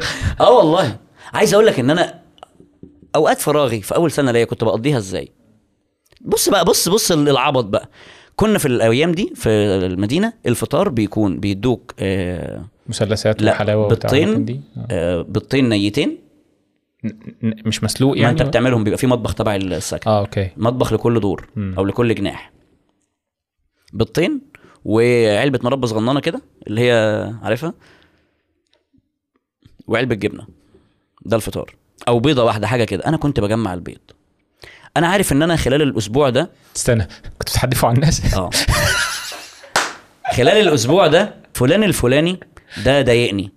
علان العلاني ترتان البتنجاني مش عارف مين الحمصاني دول ضايقوني. أنت كنت. اذى فكل واحد فيهم بكتب اسمه على بيضة وبسيبها. وبعمل إيه؟ في الشتاء. بتبقى الناس خارجة مستحمية. أنت لازم ساعتها كان بيبقى سخان واحد بس في الحمام وحمام واحد لكل جناح. ففي الشتاء إن لازم تصحى الفجر علشان مش أنت راجل بقى مؤمن لا أنت عايز تستحمى. عايز تلاقي مية سخنة. غير كده مش هتعرف تستحمى. فأنا كنت بطلع إحنا كنا في الدور الثاني أنا كانت أوضتي 208 اللي جنب الحمام على طول. فأنا كنت بطلع في الدور الخامس عشان أبقى كاشف الحمام بتاع الدور الثاني بطلع في الشرفة الجانبية دي. فيبقى معايا كده إيه؟ بيض الأسبوع. يوم الجمعة إجازة يعني هو يوم الجمعة ده ما بقى يعني إيه ده اللي بحدف فيه؟ يعني بجمع طول الأسبوع يوم الجمعة بحدف. فأطلع يوم الجمعة بعد صلاة الفجر كده أقعد فوق وبيضة كل واحد. أنا عارفهم بيستحموا. أنا خلاص بقى درست ال- النقد طب يا جماعة هو إحنا كنا يعني بنسجل وبعدين كان لسه الراجل هيرمي البيض على الناس في الحمام؟ في قطع والديتا الأوديو ما كانش راضي يشتغل وكان يعني معاناة بصراحة الحمد يعني. لله الحمد لله. آه عشان انت كنت بتعمل حاجة شريرة. ودي حاجة على فكرة يا شباب أنا والله العظيم مش بقول إن أنا كنت بعمل كده فإيه ده؟ الله أنا روش كنت بعمل إيه؟ دي حاجة أنا قرفان منها يعني. أنا بس بحكيها عشان تعرف إن يعني يعني ايا كان العبط اللي أنت بتعيشه في فترة من حياتك الراجل كان في مستنقع من البيض. آه مس- حرفيا حرفيا مزرعة بيض. فزي ما كنت بقول لك عشان خاطر نعدي الحتة دي بسرعة فكنت باجي يوم الجمعة بعد الفجر كده والناس خارجة من الحمام. آه أنا عارف كل واحد بيستحمى الساعة كام عرفت الروتين بتاعهم فبمسك كل بيضة اللي عليها اسمه. والله اللي ربنا كرمه وما استحماش النهارده مش هتتحدف عليه البيضة. واللي ما اتحدفتش عليه البيضة أنا بر- برميها خلاص. يعني هو خلاص يعني مش هرميها على حد إيه، تاني الراجل ده مثلا ما بيطلعش يشوف مين اللي حدف ولا لا هي رشقت البيضة في وشه وهو لسه مستحمي فيضطر يدخل يستحمى تاني ويفضل يسب ويلعن. أنا اخد حسنات أضيع بيها السيئات اللي لسه واخدها على حدفه البيض. بس الفكرة في إن ده كان بيكون مثلا ضايقني. بس أنا مش قادر أرد عليه لأن هو فعليا ضخم الجثة بشكل كبير جدا. نفس الشخص ده لما كان عمل معايا واد كان ضخم قوي طوله مترين تقريبا. وفعلا لو بس سقف كده سقف قدامي. عارف أنت ال- الثاندر كلاب بتاعت بتاعت هالك؟ أنا هو بس يسقف قدامي كده أنا هطير. طب يعني ليه, كنت بتعمل الحاجات دي؟ يعني مش فاهم برضه. في ال- لو لو اتقفشت انت انت كنت انتحاري يعني لو قفشك. لا بس بص يعني إيه في في الصعيد أو وتحديدا في أسوان أي واحد جاي من بحري فده آه، خواجة. طري. خو... آه طري. خواجة أشول الأبيض عرسي. آه، أنا أنا أنا متفاهم قوي فكرة إن إحنا يعني بيبقى عندنا نوع من الايه ال- العنصرية الجميلة اللطيفة اللي ما بيننا كده. كل إيه كل حاجة عليها حاجة. يعني آه. في- مصر عامة آه، كل حاجة آه، عليها حاجة يعني. آه. فأنا متفاهم ده جدا. ال... الانتماءات الأولية اللي كنت بقول لك اللي هو عليها. إيه المحافظة بتاعتي أحسن محافظة والبلد بتاعتي أحسن بلد. أيوه لأن إحنا مش مصريين. لأن إحنا ما بننتميش لمصر إحنا بننتمي للانتماءات الأولية. آه. الانتماءات الأولية. إيه الانتماءات الأول أنا نوبي أنا عرباوي أنا هواري أنا من الأشراف أنا مش عارف إيه. أنا من منطقة كذا لكن محدش يقول أنا مصري زي المصريين. وإحنا منتمين لمين يا غريب؟ يعني أنا مش مش أنا ع... بتاع إيه؟ عقباوي ودم حامي فاهم؟ دي دي أزمة كبيرة حتى في ناس كتير اتكلموا عليها الانتماءات الأولية. يعني خلينا إيه إحنا عايشين في مجتمع من القرن ال العشر 18 سنين بتوع الجامعة 17. دول. آه أقول لك بقى كنت بتحدي. فيهم بيض على الناس لا، وخلاص يعني. اعدادي إعدادي آه، عدت فيها السنة دخلت السنة اللي بعديها مش هينفع تدخل اتحاد طلبة بقى لأن أنت عايد السنة. مش هينفع تقعد في المدينة الجامعية بس أنا الحمد لله عرفت أقعد عشان خاطر كنت مواجب مع الناس. آه، قعدت السنة دي وقلت لازم أبقى بني آدم يعني. الحمد لله عديتها وبالسمر خلاص عديت بكل حاجة زي الفل لكن كالعادة شلت رسم لأن الرسم لازم بيتشال. أنا ما أعرفش إيه لا عادي يعني كنا بننقل المسألة وبنعدي يعني. لا أنا حتى ما ك- أنا أنا كنت بطيء كمان جدا في الرسم. أنا عمري في حياتي ما عرفت أعمل حاجة في الرسم. كنت نجحت في رسم ترم واحد والترم التاني لا. يعني اللي هو ما عرفتش أعدي فيه. دخلت السنة اللي بعديها اولى أنا كده عايد سنة. السنة اللي بعديها دي دي اللي عملت فيها المعرض اللي اتسرقت فيه واللي فعليا مضيت على نفسي فيه وصل أمانة. لو تفتكر لما حكيت فيه إن أنا كنت عايز أبقى غني بشكل كبير جدا وكنت بحكي دي وأنا متضرر قوي في فيديو إن أنا قعدت في الموسم الموسم 2014 2015 الترم الأول جبت في مادة B plus والباقي شلته. الباقي كله شلته. فلما جيت بقى الترم الثاني لا.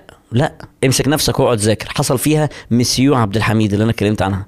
الغريب إن أنت استنى يعني- بس مسيو عبد الحميد ده اللي هي بتاعت كورس الإنجليزي اللي جاي من جامعة كامبريدج ب 200 جنيه. آه، صاحبي السيء صاحبي السيء ده اللي كنت قاعد معاه قاعد معايا آه، في نفس الشقة في نفس الأوضة في نفس الشقة لمدة أول سنة. وتاني سنة لما كنت عايد إعدادي. ولما دخلت أولى كان قاعد معايا في الشقة. آه، والترم التاني بقى من أولى اولى اللي هي بعد إعدادي رجالة. نفس الشخص ده طلع هو أكتر شخص فعليا بيأذيني بلا أي مبرر. في وشك حبيبك وفي ظهرك كان فعليا حاجة صعبة جدا. الصحاب وغدر الصحاب يا سعادة آه البيه والصحاب يا زميلي وبتاع. بهدلني خالص. فأنا لما عرفت حتى ما كانش عندي من ال ال- القسوة إن أنا أعمل له حاجة. فعليا لأن أنا أنا كنت بحب الواد ده خالص. وكنت بعزه جدا. لأن هو فعليا كان شخص يعني تحسبه إن هو بيتعامل كان حلو كان لطيف كان ظريف يعني. كان النقيض بتاعي تماما هادي وراسي ورايق وأنا بقى النطاط اللي عمال يروح ومسرح جامعة وبتاع مش عارف إيه. فلما عرفت كده خلاص يعني قلت له بص يا اسطى يعني بالله عليك خلاص. وخفيت منه واحدة واحدة ومن غير ما أقول له سبب حتى لأن هو إيه يعني مسيره يعرف لوحده. وإيه الترم التاني بقى أنا قاعد مع نفسي يلا يا عم يحيى نستجدع نبقى رجالة يلا بينا الحمد لله عديت. هو إحنا هنقضيها ترم ترم لحد ما آه ما هو 10 أنا فعلا؟ الترم الأول سيء الترم الترم التاني ده بقى كنت بحضر وبذاكر. فأنا كده ذاكرت قد إيه؟ عديت الترم الثاني آه أنا كده ذاكرت قد إيه أو قعدت قد إيه؟ يمكن وأنا عايد آه، إعدادي ماشي إعدادي أنت عايد فكده كده يعني ما, تعتبرش انها سنة لأن أنا فعليا كنت بروح ال- أنت كنت ما كانش حتى بيبقى لي عمل سنة كان بيبقى على الامتحان أصلا وخلاص وأعمال السنة بتبقى حاجات بسيطة وآخرك في كل مادة شلتها إنك تجيب جيد باين أو حاجة كده. فيعتبر الترم الثاني ده الترم الثاني من أولى اللي هو اللي هي كانت ثالث سنة ليا في أسوان. ده أنا ذاكرته فعلا وكنت ملتزم وبتاع على الرغم من إن ده كان أخطر ترم أنا قضيته في أسوان وده اللي حصلت فيه بتاعت آه، الناس اللي كانت بتطاردني واللي بعتوا بلطجية يدوروا عليا وكنت مستخبي جوه ميكروباص وقاعد ساقط كده في الكنبة الورانية أقول له الراجل أنا معاك بس فسحني يا عمو ف... هو لو أنت عديت مثلا إنسان عادي كده قضيت حياتك ما آه عادي، ليه ليه ما عملتش كده؟ يعني؟ مش عارف. ليه؟ آه والله آه والله العظيم آه والله. سبحان الله. عادي ما كانش هيبقى في ما كانش هيبقى إيه؟ البودكاست بقى كان ممكن أبقى في مكان تاني أفضل محدش عارف أو ممكن كنت آه بالظبط ما كانش هيبقى محتاج أصلا يجي البودكاست آه، بالظبط يعني. كان زماني دلوقتي مثلا مهندس شغال في آه. في أوراسكوم أنا بفكر آه في الحاجات اللي هي الإنسان أحيانا بي بتقابله عقبات أو حاجات زي كده ولو رجع بيه الزمن هيقول لك آه لا أنا هعديها زي ما هي لأن لا أنا مش هعديها زي ما هي هي كانت سبب في لكن الفكرة هنا إن أنت اخترت الحاجات ديت عن عن إرادة عن إرادة. مش هي اللي اتكعبلت قدامك لا، وأنت لا، لا. لبستها لا، لا, لا، أنت. اللي رايح آه. لل للبتاع برجليك حصل. فاهمني حصل. حصل. فلا. حصل. وخد عندك بقى. آه. آه، جيت آه، جيت بعدها الترم اللي بعده بدأت بقى موضوع البلاطي اللي هو كان بدأنا بقى في الموسم الدراسي 15 16 عايز تبقى غني. لا.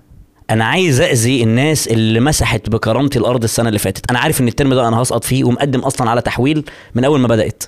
أنا عارف خلاص هي يا عم يحيى أنا هحول وأعيد أبقى أعيد سنتين. أنا موافق. بس أنا مش هعدي الموقف ده ابدا. مستحيل. أنا لازم أعمل موضوع البلاطي ده.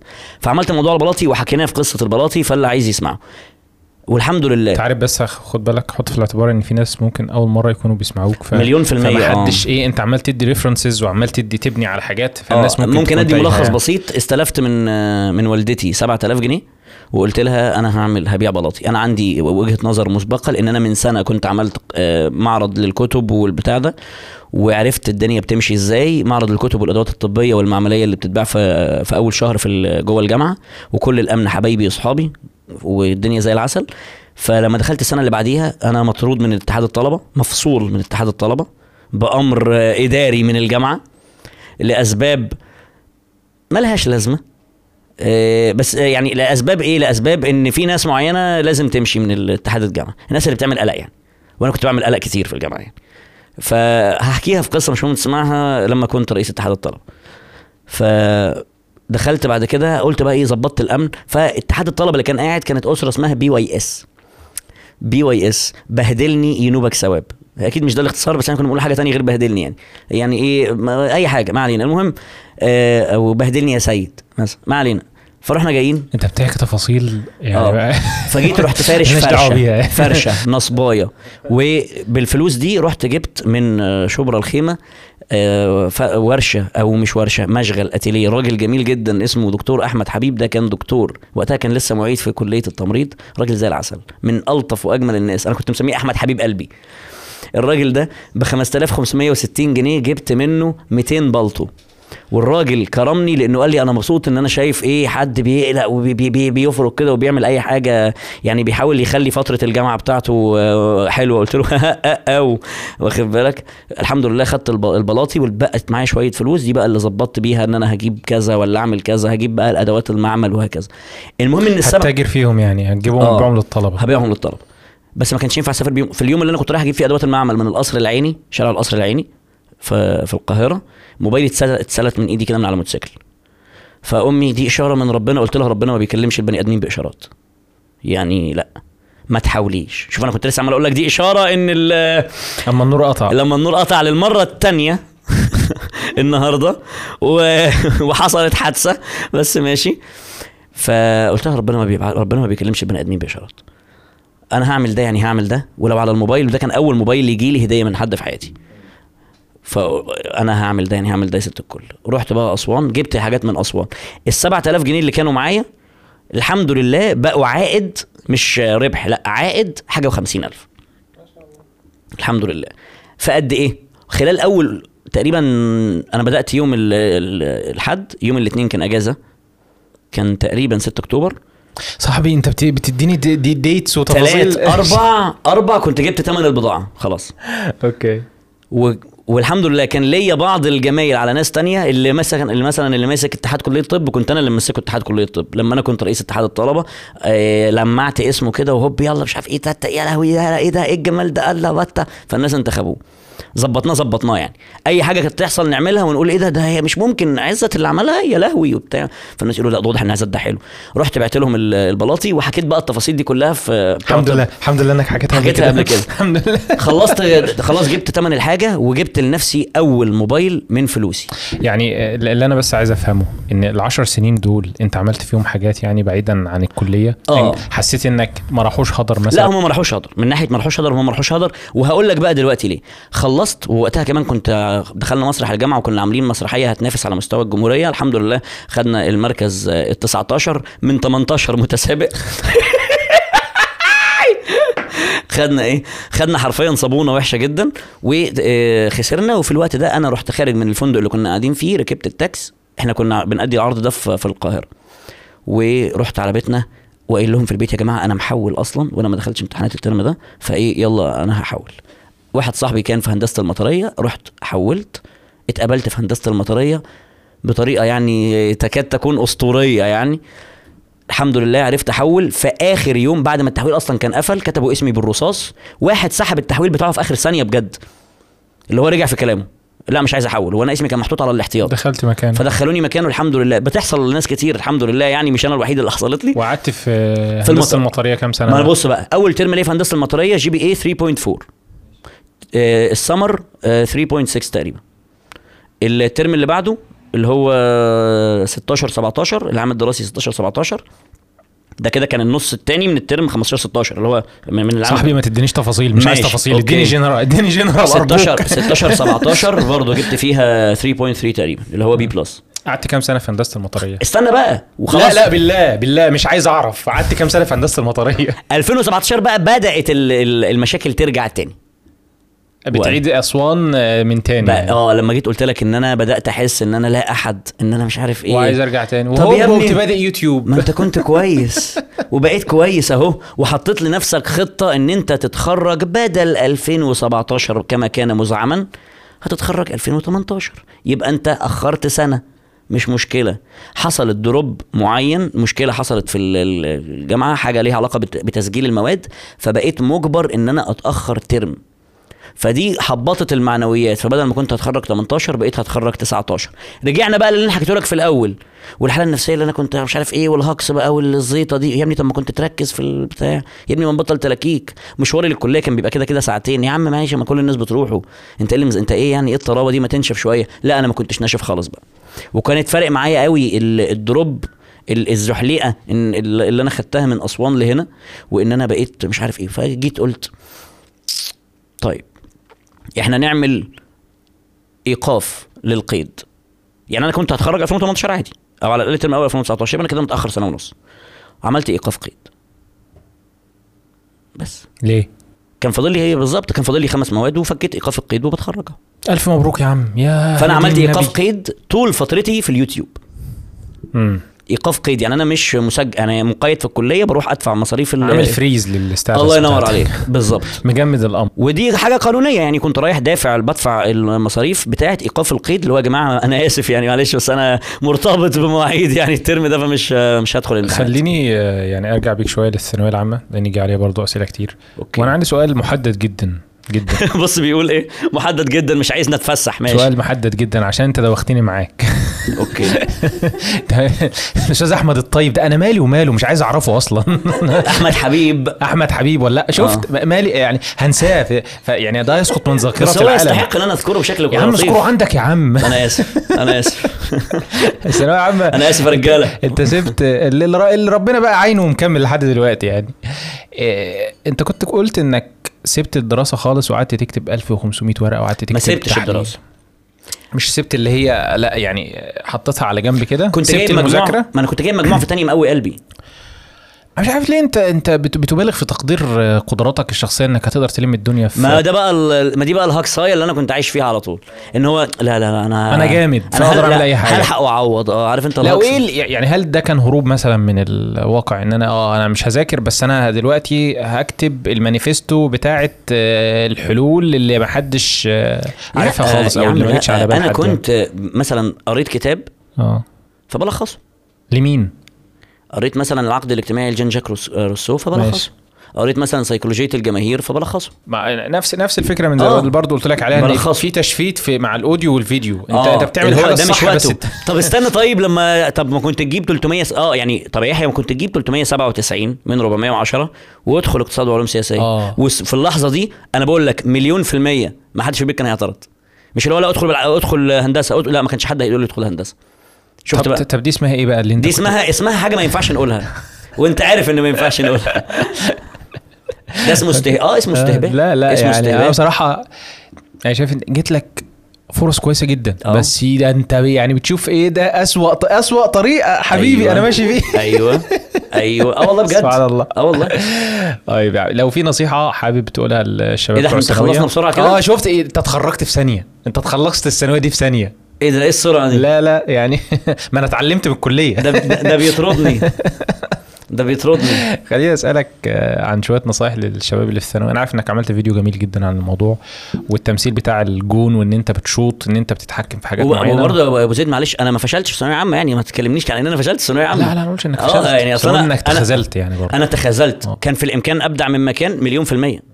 لا هي الفكرة إيه أحيانا بيبقى في شخص آه، أنا ما بحبش أذاكر وما بحبش أوجع دماغي وقدراتي برضو إيه أنا عارفها أنا كنت بذاكر. حاجات تانية ما الفكرة إن أنت بتضيع وقت في حاجات حلوة بس مش غير في غير وقتها آه يعني أحيانا شباب بيسألني مثلا بتوع الثانوية أنا عايز أتعلم مونتاج وعايز أتعلم برمجة وعايز أتعلم آه، مش. وقته يا ابني. أقول له حلو الكلام خلص بس آه، ثانويتك يا باشا وفي الكلية اتعلم زربيح تعليم اتعلم اللي أنت عايزه كله يعني في أولويات هنا فهي المشكلة كلها إن إيه آه، ترتيب الأولويات عندك بالمشقلب يعني. ده حقيقة ده فلو حقيقة. عندك بقى نصيحة واحدة.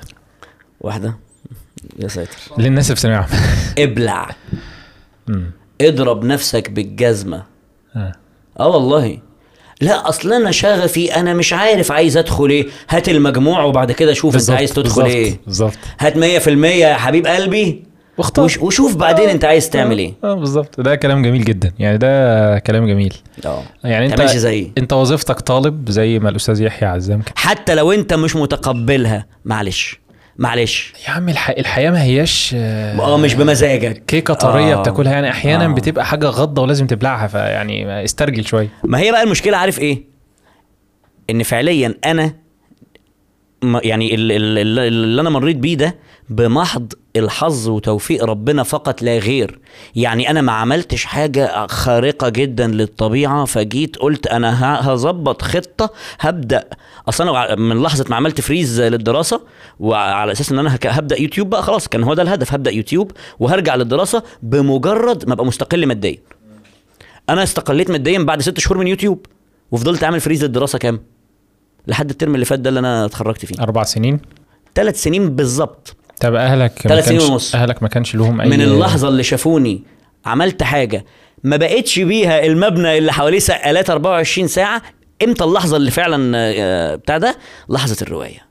وهعيط لو فتحت في الكلام ده دلوقتي. هنيجي أنا أنا هخليك تصح حالا بس آه. يعني لحظة الرواية. تقلقش. لحظة الرواية دي آه. أنا كان نفسي أموت لحظتها والله لا يا عم لا اله إلا ربنا. يديك طول العمر طيب آه، آه، امبارح آه، وأنا بأكد عليك آه، الميعاد قعدت أبعت لك على الواتساب رن عليك ما بتردش آه. أبعت لك على تويتر حتى كلمت خوليو آه، هو اللي رد عليا يعني كان راجل محترم ورد أجمل عليا. واحد في الدنيا بعد أبويا وأمي وأنت وغريب وكل الناس اللي بتتفرج. لا أنت كذاب هو قبل أنا وغريب بس إيه؟ ما لازم أقول كده عشان أنا عندكم أنتوا موكليني آه، محشي يا يعني. عم يعني مش ده أنت صباعين محشي تتخلى عن الراجل. آه، قلت لي أنا يومي بيصحى الفجر. أنا ببدأ يومي بالفجر. فيومي بيبدأ الفجر ده كده ببقى آه. صاحي متأخر. أنا بصحى بدري يعني الساعة 2 بالليل. بتعملها إزاي بقى؟ عارف أنت أنا شفت شفت بوست جميل قوي. كن كالعصافير.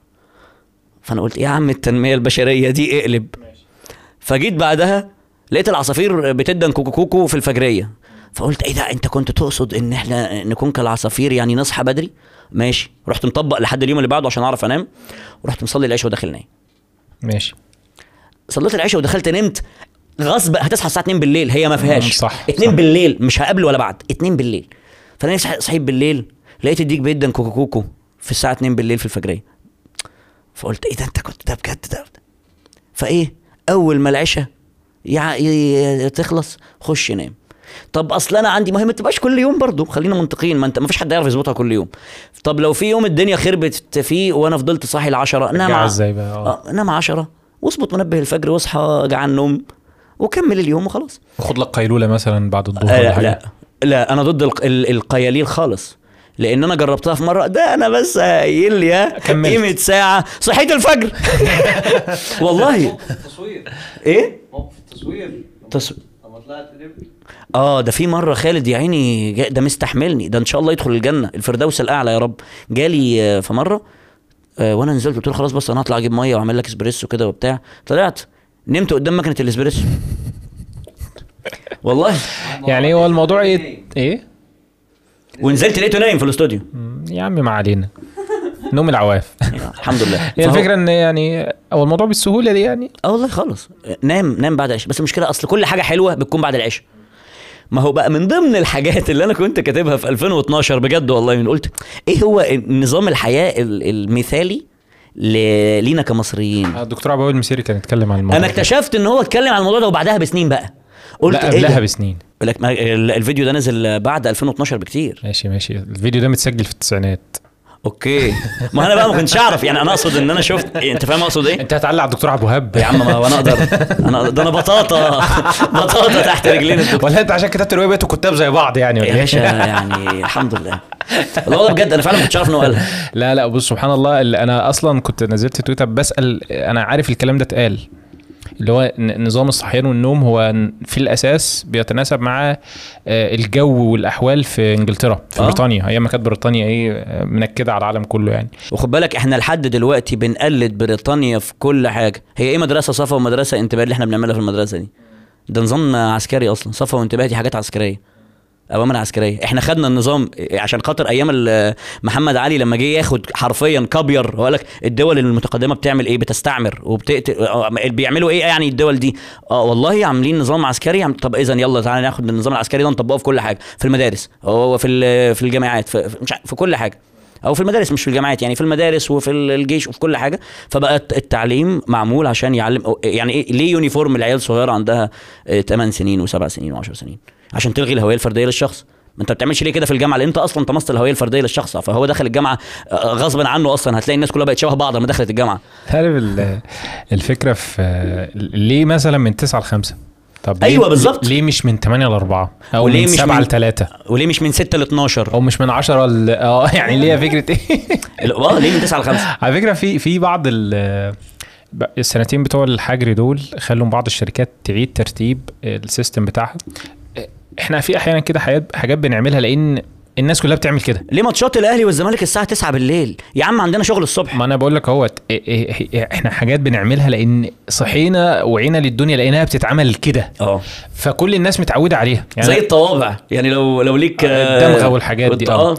هي فكرة إن أنا مثلا كل الشركات بتبقى شغالة من 9 ل 5 فأنا مش هشتغل من 7 ل 4 ولا من 7 ل 3 لأن إيه هبدأ قبل ما هم يبدأوا وأخلص قبل رغم ف- لو القطاع الخاص اشتغل بدري أزمة ال- الزحمة في مصر ممكن تقل بشكل كتير كبير كتير جدا من الشركات دلوقتي بدأوا يعني يعتمدوا على ال flexible ال flexible hours أو الساعات. المرنة اللي هو أنت تعالى يا عم وقضي ساعاتك في أي وقت معاك إيه ال 24 ساعة تعالى في أي وقت بس قضي أنت ناقص بتاعك. تيجي. آه. بس يعني ف فده كان كان شيء مهم جدا بس أنا بقى كنت كاتب ده في 2012 بقى أنت يا باشا أنت سباق دايما يا عم لا والله أنا بس. بقول لك أنا وقتها يعني بص بقى بيتريق عليا إزاي يا عم ماشي. لا يا ماشي.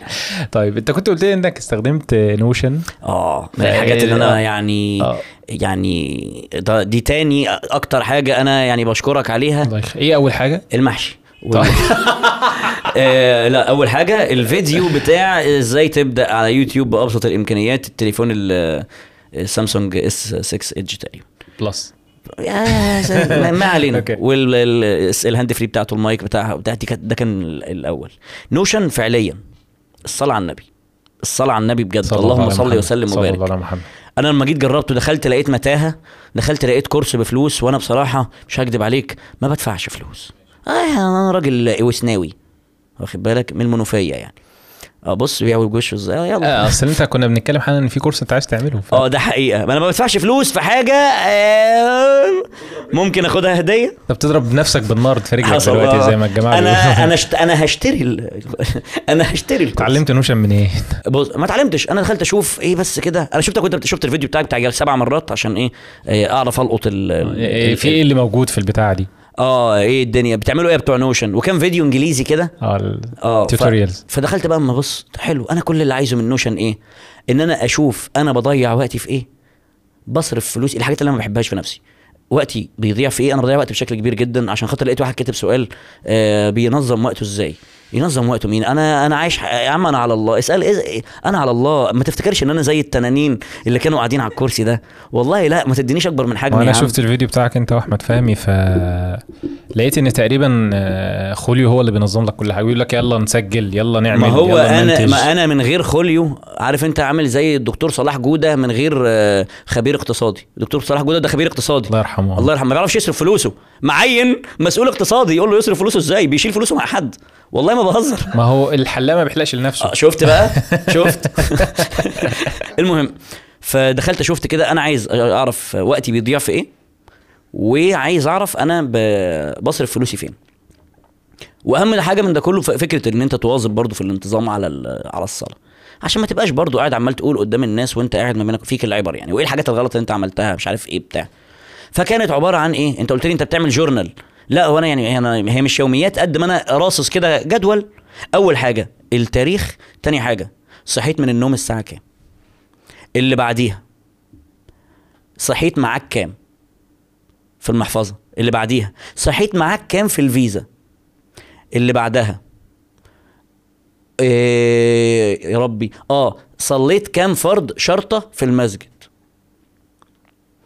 اللي بعديها. عدد ساعات النوم اللي بعديها. مسكت الموبايل الساعة كام؟ فده بقى يخليني أول ما أمسك الموبايل أشوف الساعة كام. أول حاجة بعملها فشوف أنا مسكت الموبايل ده أنا صاحي الساعة أربعة. مسكت الموبايل أربعة وثلاث دقايق يا نهار أزرق. ده self awareness اللي هو عايز ده قبل ما أغسل وشي يا نهار أسود. قبل ما أقول الحمد لله الذي أحيانا بعد ما ما اماتنا أه، قبل أي حاجة فاهم؟ قبل ما أنزل رجليا لا. فدي بقى الحاجات خش بعديها. كلت زبالة. أنا مسمي ال junk food أكل زبالة. يعني أنا مسميها زبالة. خالد كل ما بيجي بيلاقي الاستوديو فيه شوال كده كيس كبير جدا فيه بحوالي 70 جنيه شيبسي. مش شيبسي يا ربي دوريتوس وبرافو. دوريتوس اللي هو الحر نار وكرانشي حر نار ودوريتوس حر نار اللي بشطه والليمون والتاني اللي من غير شطة والليمون اللي هو الأحمر قوي ده. وشيتوس نفس الكلام اللي هو بالشطة والليمون. ب 70 جنيه 50 70 جنيه حاجة كده. آه أكل زبالة. آه بكام يعني؟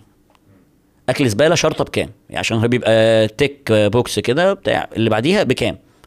اللي بعديها آه ال screen time قبل ما تنام كان كام؟ ال sc... أكتر برنامج في ال screen time كان إيه؟ اللي بعديها كانت آه, آه صبحت على أبويا وأمي. مسيت على أبويا وأمي. صبحت على امي كانت في الأول. مسيت على أبويا وأمي. آه إيه إيه؟ آه أنا عندي مشكلة برضو في مسك اللسان. واضح. آه.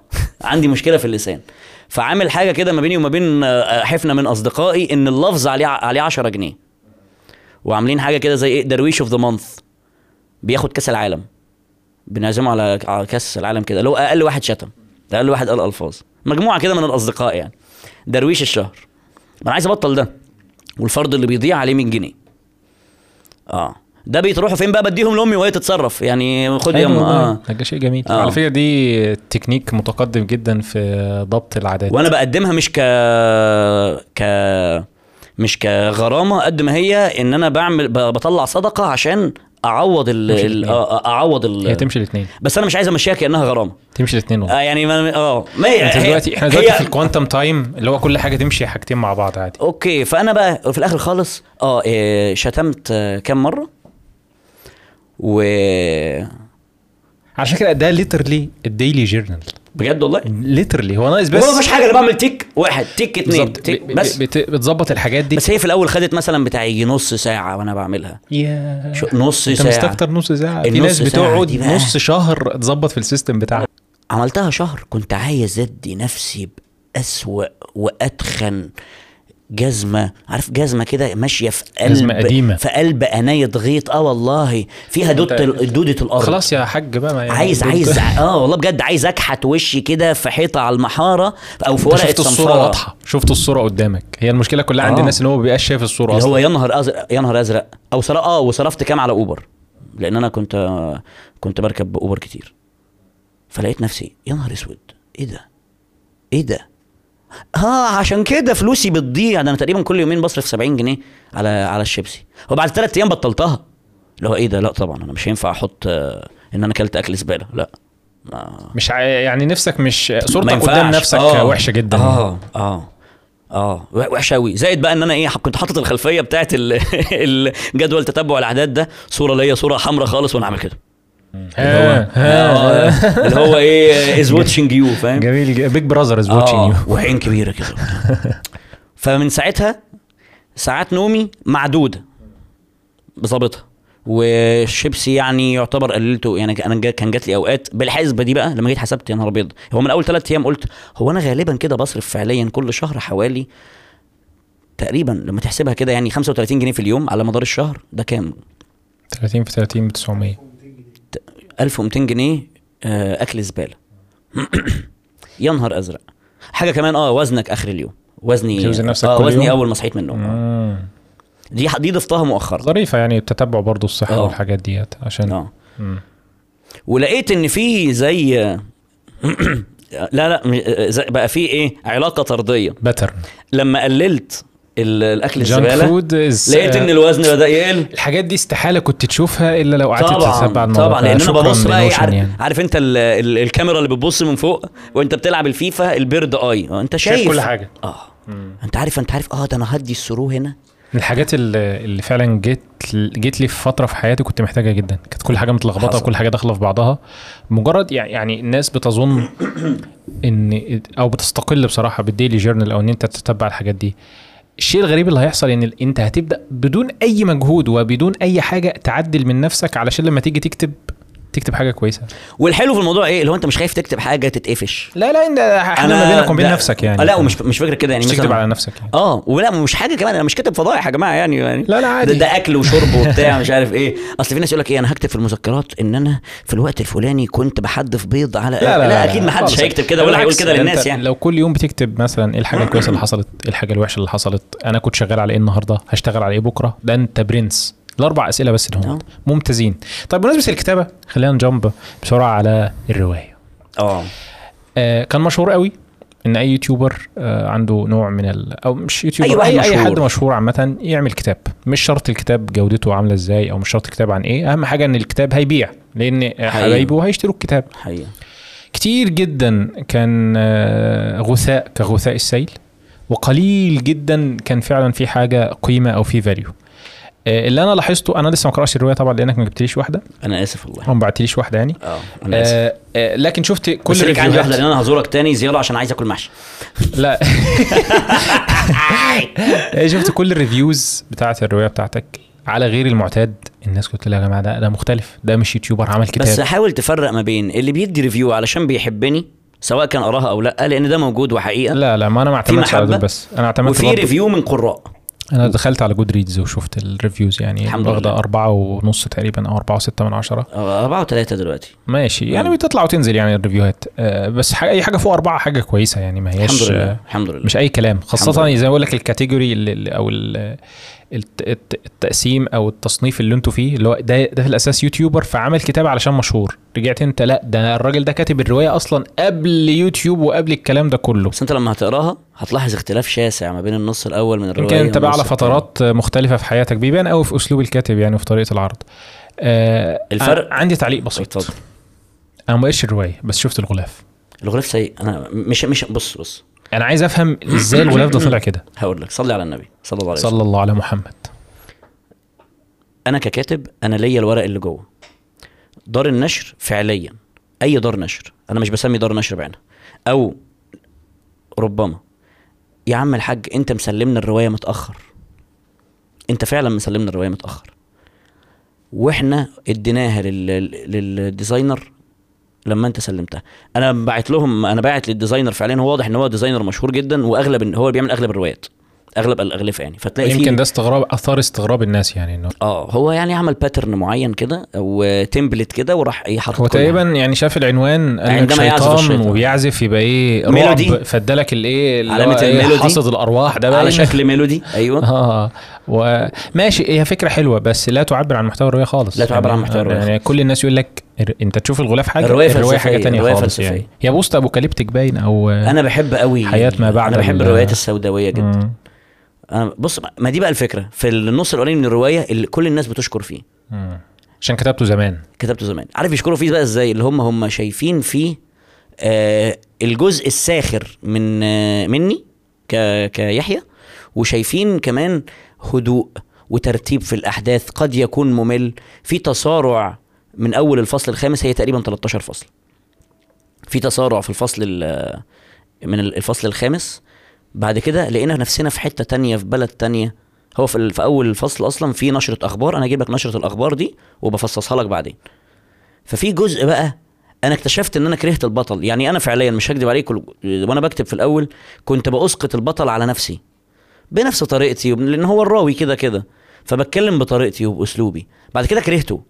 لما جيت قريت ده بقى في 2000 لما جيت كملتها في 2019 يا يا ربي في 2000 آه، في 2021 أنا كملتها كلها في 2021 لما مضيت بقى العقد رسمي في شهر سبعة تقريبا يوم 6 7 في 6 7 تقريبا مش مش متأكد يا قوي سيدي والله أنا بقول لك أنا ما بهتمش بالتواريخ. أوكي في شهر 7 2021 لما مضيت قوي لما مضيت العقد بتاعها خلاص وهتوكل على الله بدأت بقى أكتب فيها.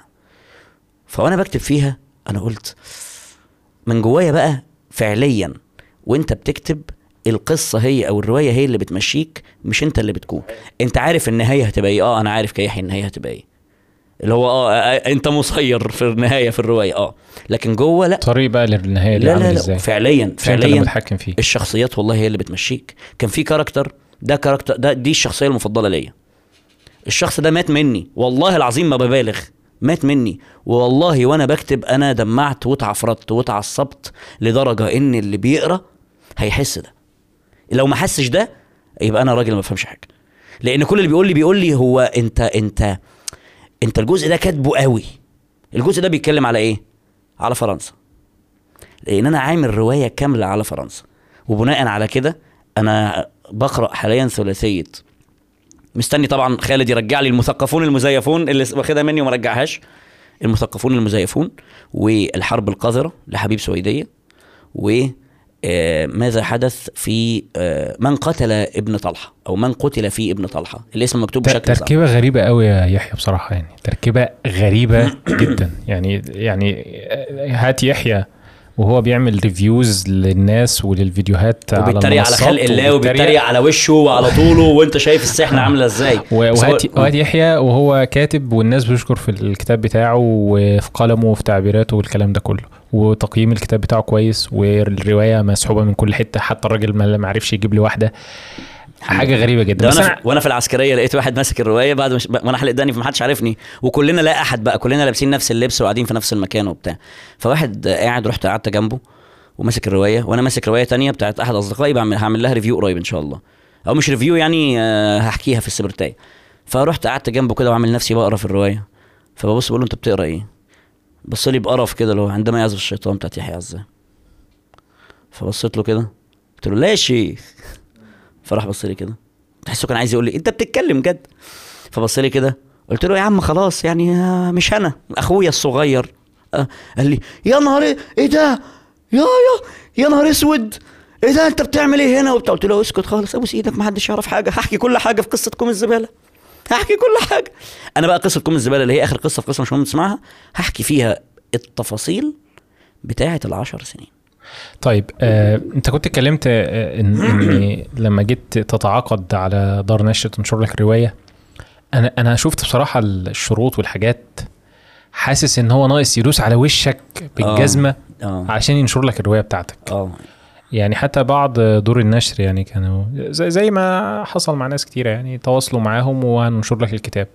طب إيه ال- الشروط والحاجات ديت والاتفاقات؟ فبتلاقي في النهاية إن أنت تقريبا تاخد 5% ولا حاجة. اللي هي 5% أنت لو خدت 10% يبقى أنت جامد. اللي هي حاجة بسيطة خالص يعني طبعا. من الموضوع. ف أنا ما أظنش إن الموضوع كان مربح ماديا خالص بل ممكن يكون لا هو مش مربح ماديا نهائيا حتى ليا أصدقاء اللي هم يعني كانوا وصلوا best seller أو من أفضل المبيعات. برضه قال لي قال, قال لي كلمة قال لي الناس بتكتب الروايات والكتب علشان يبقى كاتب. يعني بيرمي بسهم في هذا المجال. لكن من حيث إن استثمار وقت ومجهود وطاقة ومش عارف إيه مقابل عائد مادي يعني بالنظرة. المادية خسران. مش هيحصل. ولكن حوالين حوالين ال- أيوة. الكتابة تجيب لكن الكتب ما تجيبش صح صح جدا مم. صح جدا حوالين الكتاب المنشور له ده وإن هو الكاتب بيبقى فيه حاجات كتيرة قوي فدي دي كانت من الحاجات فعلا اللي اللي بهرتني في مجال وقادر أتفهم ليه مجال النشر عندنا أو الكتابة عامة في مصر ضعيف وليه عدد الكتب اللي بتنشر سنويا من من الأقل على مستوى العالم. و رغم إن إحنا بنقرأ كتير جدا. وجزء كبير منها برضه بسبب عدم الحفظ حقوق الملكية لأن الروايه كلها بتنضرب وبتتباع على الرصيف من يعني. قبل ما تنزل رسمي. آه ف... فمجال الكتابة عندنا في مصر فعلا بيحتاج آه، إعادة آه، نظر يعني بصراحة. حصل. مم. حصل. فهي دي بمناسبة بقى الرواية دي اللي أنا قلت لك إن ال- اللحظة أنا آخر مرة حسيت بيها بشيء من الفخر في حياتي أنا آخر آخر 10 سنين دول كان في ثلاث محطات فخر في حياتي. آه لا محطتين والله. حتى ثانوية عامة وقتها ما كنتش فخور بحاجة يعني. ده أنا قلبتها مناحة وهم قالوا يا نهار أسود يا لهوي ده هيروح أسوان وبتاع. محطتين. المحطة الأولانية كانت لما مسكت في إيدي الفلوس بتاعه البلاطي واشتريت أول موبايل من فلوسي وأنا قادر أشتري الآيفون اللي كان موجود. مم. وأنا معايا أشتري الاثنين من الآيفون كان ساعتها أظن في 2015 16 تقريبا كان الـ 8 أظن كان الـ 8 كنت قادر أشتري منه اثنين بس قلت لا أنا هشتري الـ P70 ليه؟ لأن الفلوس التانية دي ممكن أحتاجها في حاجة تانية. كان ساعتها ب 2000 جنيه الـ P70 2000 جنيه و50 حاجة كده أو 1900 كمان. شفت التفاصيل؟ فاكرها فاكرها بكل التفاصيل. طب أنت بص أنت أنت بتؤلمني بتفاصيلك. ما أنا آسف أنا آسف. المهم اشتريت ال... دي كانت أول مرحلة. تاني مرحلة في ولحظه نشر الرواية. ممكن نقول إن المرحلة اللي قبلها كانت بعد تانية ثانوي. طب إيه إيه هدفك من الرواية يعني؟ أو أو أنت رايح لفين بالكتابة عامة يعني؟ يعني هل في يوم من الأيام ممكن تكتفي بالكتابة بس وتبطل بقى فيديوهات يوتيوب وتقول إحنا خلاص عقلنا بقى وما عادش ينفع نعمل الكلام ده؟ زي بالظبط ما يعني نقلت عملت شيفت كده من الفيديوهات اللي كنت بتعملها قبل كده وبدأت آه. تعمل فيديوهات تانية. السحبة دي. مم. لا أنت قايل السؤال بطريقة شيك. لا لا محاور. أنا محتاج أتعلم. بدل ما ببهدل الدنيا خالص في ال- بتاع. كنت أنا وعمر أبو المجد قاعدين بننط على بعض على الترابيزة وبنمسك في خناق بعض وبتاع. بص يا سيدي أنا ناوي إيه من الكتابة؟ أنا ناوي إن شاء الله بإذن الله إني أبقى الكاتب يحيى عزام أنا أتمنى ده. إن الجانب ده ما يموتش خالص لأن أنا ما صدقت إن الجانب ده طلع. الجانب ده طلع الجانب ده اللي أنت بتطلع فيه آه، شيء من آه، أنت بتطلع فيه في بتطلع فيه جانب بتطلع فيه أفكار بتطلع فيه حاجات كتير. وفي حاجات أصلا قاعدين في الدرج حوالي سبع روايات. قاعدين في الدرج. سبع روايات. سبع روايات. مكتوبين. الر- الرواية أصلا متكروتة الرواية مت... آه، عندما يعزف الشيطان فيها فصلين متكروتين لأن كل فصل منهم كان رواية كاملة بس أنا ضغطته علشان خاطر المساحة الحجم الحجم مهول جدا ومش هلحق أكتب البتاع كله. ففي روايتين تانيين شبه مكتوبين. محتاجين بس يعني آه صقل محتاجين يعني. إن أنا أقعد عليها أسبوع كل يوم آه، من بعد صلاة الفجر مثلا لحد الظهر. تحرر الموضوع وتزود وتشيل. بالظبط. دي كده روايتين. في آه، عن في آه، مذكرات لوسط عبده يناير اللي جاي بعنوان نص العمى. دي هتكون أقوى مليون مرة من عندما يعزف الشيطان. مليون مرة. يعني أنت هتجيبها مذكرات لوسط عبده بقى إيه الضحك بقى والهزار وبتاع. آه. فدي دي حاجة هتبقى أوف أنت بتهزر إيه ده؟ إن شاء الله يعني إن شاء الله. وفي حاجة تالتة بس ما أعرفش هتبقى إمتى. دي الحاجات اللي هي في القريب العاجل طيب آه، في حاجات تانية بقى لسه أفكار مكتوبة كمسوده لكنها مت طيب ال ال ال الإنتاج الجميل ده والإنتاج الكبير ده هل السبب فيه إن أنت اوريدي استهلكت كتير؟ يعني قريت كتير وقريت روايات كتير وحصل لك مواقف كتير فبتدمج ما بين الحاجات دي وبعضها؟ ولا هي حكر بس بسبب المواقف اللي حصلت لك في حياتك فأنت قادر تشبك تزود تفاصيل وتشيل تفاصيل زي حكاية مش مهم تسمعها؟ يعني إيه, إيه, إيه ال- الإنسان إمتى بيبقى عنده هذا الكم من الإنتاج أو من الحاجات اللي عايز يطلعها على هيئة روايات عندك صنعة وعندك موهبة. إيه الصنعة؟ الصنعة. أنا كيحيى بعرف أحكي حدوتة صح؟ هل أقدر أكتب رواية باللغة الإنجليزية؟ لا. ليه؟ ما أنا بعرف الف حدوتة. لا تجيد الإنجليزية. صح؟ ولا أجيد الأدب الإنجليزي ولا أجيد أسس كتابة ال- الرواية باللغة الإنجليزية فأنا أفتقد الصنعة. بس لو أنا اتعلمت لغة إنجليزية كويسة وخدت دورة مكثفة لمدة ست شهور سنة سنتين ايا كان اكاديميا هيقولوها لي هبقى أديب أكتب باللغة الإنجليزية بشكل كويس جدا لأن أنا في الأساس عندي حدوتة. بس محتاج ت... ت... يعني تتغذى الأول ما هو يعني. أنت هتقرأ هتقرأ الإنج... ما هو من درا... من خلال الدراسة دي أنت هتقرأ هتدرس بقى أدب إزاي بقى تعمل مين أحسن كاتب بتحب تقرأ له؟ أنا ما بقراش روايات خالص. سبحان الله. خالص مم. ممكن أكون قريت روايات وأنا صغنن كده. لقيت أختي مثلا بتقرأ صانع الظلام صانع الظلام لتامر إبراهيم والليلة الثالثة والعشرون. برضه لتامر لتامر إبراهيم دول جزئين يعني. فقريتهم وأنا صغنن كده. لقيت أختي بتقراهم رحت قريتهم. كنت صغنن قوي يعني بس أقصد يعني الكلام ده مثلا نقول من قيمة 8 سنين يعني. قريته ف مش شايف إن إن قراءة الروايات من الحاجات اللي ممكن تضيف لك يعني كنوع من التطوير في الأسلوب ال- الوصف ال- المعاني الحاجات اللي زي دي. إيه دي ولا شايف إن هي ممكن تفسد عليك أسلوبك الفريد يعني؟ دي أظن أنه الاكبر أنا ما بقراش حاجة لأن تلقائيا زي كده لما تتفرج على اليوتيوب كتير لو أنت واحد بتتفرج على محتوى كورة كتير كتير كتير للأسف بتأثر. الشديد لما تيجي تعمل فيديو كورة هتلاقي نفسك عبارة عن مسخ مكون من كل دول أنا أنا متفاهم وجهة النظر دي لأن كذا حد كان قالها لي بس ما أنا اقصدش كورة عشان بتوع كورة بس لو أنت يعني بتاع كورة أنا شايف بتاع أي حاجة بتاع أي حاجة عامة آه. يعني بس أنا شايف إن آه يعني فكرة إن الإنسان هيكون متأثر ببعض الناس في فترة من الفترات بس فكرة تغذية بصرية مثلا للفنان. الفنان عشان يطلع حاجة عن بخصوص subject معين أو موضوع معين بيروح مثلا على البنترست بيروح على المواقع بتاع الصور يعمل تغذية بصرية. آه هيكون متأثر ببعض الحاجات دي ولكن التأثير ال ال ال الخليطي ده بالإضافة لنظ... لمسته هو هيطلع حاجة جديدة. اعتماده بس على الحاجات اللي في دماغه أظن إن هو بيحد من الاوبشنز هو أفضل أسلوب أدبي في قص في قصص القصص هو القرآن الكريم. مم. على إطلاقه. نحن نقص عليك أحسن القصص. هديك مثال بسيط خالص. في سورة آه، هود ال- الجزء اللي كان فيه آه، آه، ونادى نوح ربه فقال رب إن ابني من أهلي وإن وعدك الحق وأنت أحكم الحاكمين. دي وانت بتسمعها أو بتقرأها انت بتتخيل سيدنا نوح بعد ما ابنه غرق والمية خلاص نشفت والسفينة رست وهو قاعد جنب السفينة باصص في الأرض وهي جملة واحدة هي جملة واحدة بس. رب إن ابني من أهلي وإن وعدك الحق وأنت أحكم الحاكمين. هو قاعد أنت متخيل إن هو مش هو مكسوف يبص في السماء وكأنه بيقول آه يا رب يعني ده ابني وأنا مش عارف يقول. مكسوف يقول يا رب ده ابني وأنت خدت مني ابني. حاجة حاجة بالمعنى ده. أنت من جواك هترسم كل السيناريوهات الممكنة وهو ربنا قال لك جملة واحدة بس. إن سيدنا نوح وناجى نوح ربه فقال ربي إن ابني من أهلي وإن وعدك الحق وأنت أحكم الحاكمين. هنا أي شيخ وهو بيصلي بيها بيعيط. عشان هو فاهم هو بيقول إيه. هو عارفها هو عارف يقولها إزاي. فهو هنا دي الجملة دي قوية جدا. وخد عندك في نفس الصورة. وكانوا ومن قبل كانوا يعملون السيئات. آه، في قصة سيدنا لوط. وجاءه قومه يهرعون إليه ومن قبل كانوا يعملون السيئات. أنت عرفت هم كانوا بيعملوا إيه. ما ربنا ما قالكش أنت عرفت هم كانوا بيعملوا إيه. وأنت فهمت وتخيلت سيدنا لوط وهو بيقول يا قوم هؤلاء بناتي هن خير لكم. فاتقوا الله آه، ولا تخزوني في ضيفي.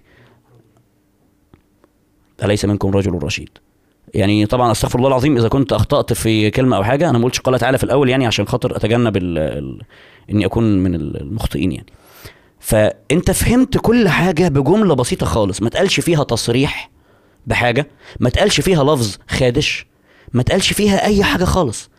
أنت فهمت بالحرف وتخيلت سيدنا لوط وهو بيقول لهم يا إخوانا طب ما تتجوزوا. يعني هم يعني بس يا جدعان دول ضيوف جايين لي ما تصغروناش. يا جدعان ويقول أليس منكم الراجل فعليا قاعد. يا جدعان بقى إيه؟ أنتوا أنتوا في إيه يا جدعان؟ أنتوا مجانين. ما خلاص بقى يعني وأنت متخيل فعليا دول جايين له ملائكه في هيئة طبعا جم- توضيح يعني إيه ولا يقصد التصوير ال- بالضبط يعني ولكن هو بيتخيل الموضوع أنا بتخيل آه أنا بتخيل يعني. كواحد بيتصور. كبت... أنا بتصور اللي هو إيه خيالي أنا ك... كبني آدم من حاجة جملة واحدة خالص. ده إيه علاقته بفكرة إن أنت ما بتقرأش الناس تانيين علشان ما تتاثرش ب... أنا بتتكلم على الأسلوب الأدبي. أنت بتطور أسلوبك الأدبي منين أنت مش هتلاقي أسلوب قصصي أحسن من ده. يعني انت بت... ب... ب... بتستشف الأسلوب في السرد الأسلوب. من القرآن الكريم؟ الأسلوب آه. لو قريت الرواية ممكن تلحظ ده في المقدمة. المقدمة تقريبا هي الرواية رغم إنها ملهاش أي علاقة بالرواية. ملهاش أي علاقة بالرواية. لكن يعني اقراها 35 40 مرة كده عشان أنا بحب حتة الغموض بقى والافوره وإن أنا جامد وشابو يوسف الشريف والحاجات دي. آه بصراحة. يعني ده ده لابد إن أنا يعني إيه أتفاداه في المرة اللي جاية وإن شاء الله بإذن الله الرواية اللي جاية هي أول حاجة يعني في الغالب آه يعني وهي الت- فيها عيوب و إن شاء الله تبقى كنت أتمنى إن بكتير. أنا لو ينفع يعني أصلح فيها أو أضيف 10 عادي يعني صفحات أو حاجة. بتصرف. آه. طيب. تبقى طبعا طبعا يعني منقحة. آه أنت عندك آه ثلاث قنوات صح؟ آه. يحيى عزام ولوست عبده البلف وقناة لا ال gaming. عبد الوهاب ده أنا ما أعرفوش ده مش تبعي حد ما. ماشي. طيب. آه أنا أساسا ما بتابعش الاثنين دول يعني بتابع بس اللي هي القصص اللي أنت بتحكيها وخلاص. آه عشان بتعرف تحكي قصص وهي الحمد قصص لله. طيب آه يعني أنا شايف يعني فترة من الفترات كده كل الناس بقى لازم يبقى عندها قناة vlogs وقناة gaming وقناة آه، للكورة يعلق فيها على الماتشات والحاجات دي. بس كل تأكيد تركيز الشخص مش بيبقى متوزع بالتساوي ما بين الحاجات دي. ده حقيقة. فلو في فترة من الفترات آه، لسبب ما اضطريت إنك تتنازل عن اتنين وتركز في واحدة بس. أوكي. ده السؤال بتاع آه، هتكون- صديقي. هتكون هتكون أنهي لازم واحدة يعني؟ أنا لازم أديله بس تحية صديقي محمد عبد المحسن كاتب زميل. ماشي. آه لازم أديله التحية بصراحة. راجل راجل زي العسل آه أكبر مني بحوالي 10 سنين يعني فبرضه ليه احترام يعني. ف آه آه يعني يعني دي تفصيلة لو شلناها مش مش هيحصل خلل في القصة خالص. ما ينفعش ما لا اللي هو. أكبر منك ب 10 سنين يعني. آه. آه، لا عشان هو بيحب يقول إن أنا أصغر منه. أحيانا الكتاب بيحبوا يحشي ال- ده حقيقة. عشان آه، يكمل ال 300 آه. صفحة لا بتوعه. علشان خاطر تزود لأن كل ما الحجم يكون أكتر سعر الرواية السعر هيكون أكتر. بيتبرر آه. ماشي. المهم يا سيدي. المهم. آه، لا إله إلا الله. آه لو أنا وصلت لمرحلة هضطر إن أنا أستغنى فيها عن شيء أنا ما أحبش خالص أستغنى عن لوست عبده لأن اللوست عبده هو العلاج النفسي. ال alter ego بتاعك. اللوست عبده أنا من غير لوست عبده هيبقى فيا كل العيوب اللي أنا بكرهها في كل شيء. هيبقى فيا كبر والكبر ده من صفات ربنا سبحانه وتعالى ما ينفعش يكون موجود في بني آدم.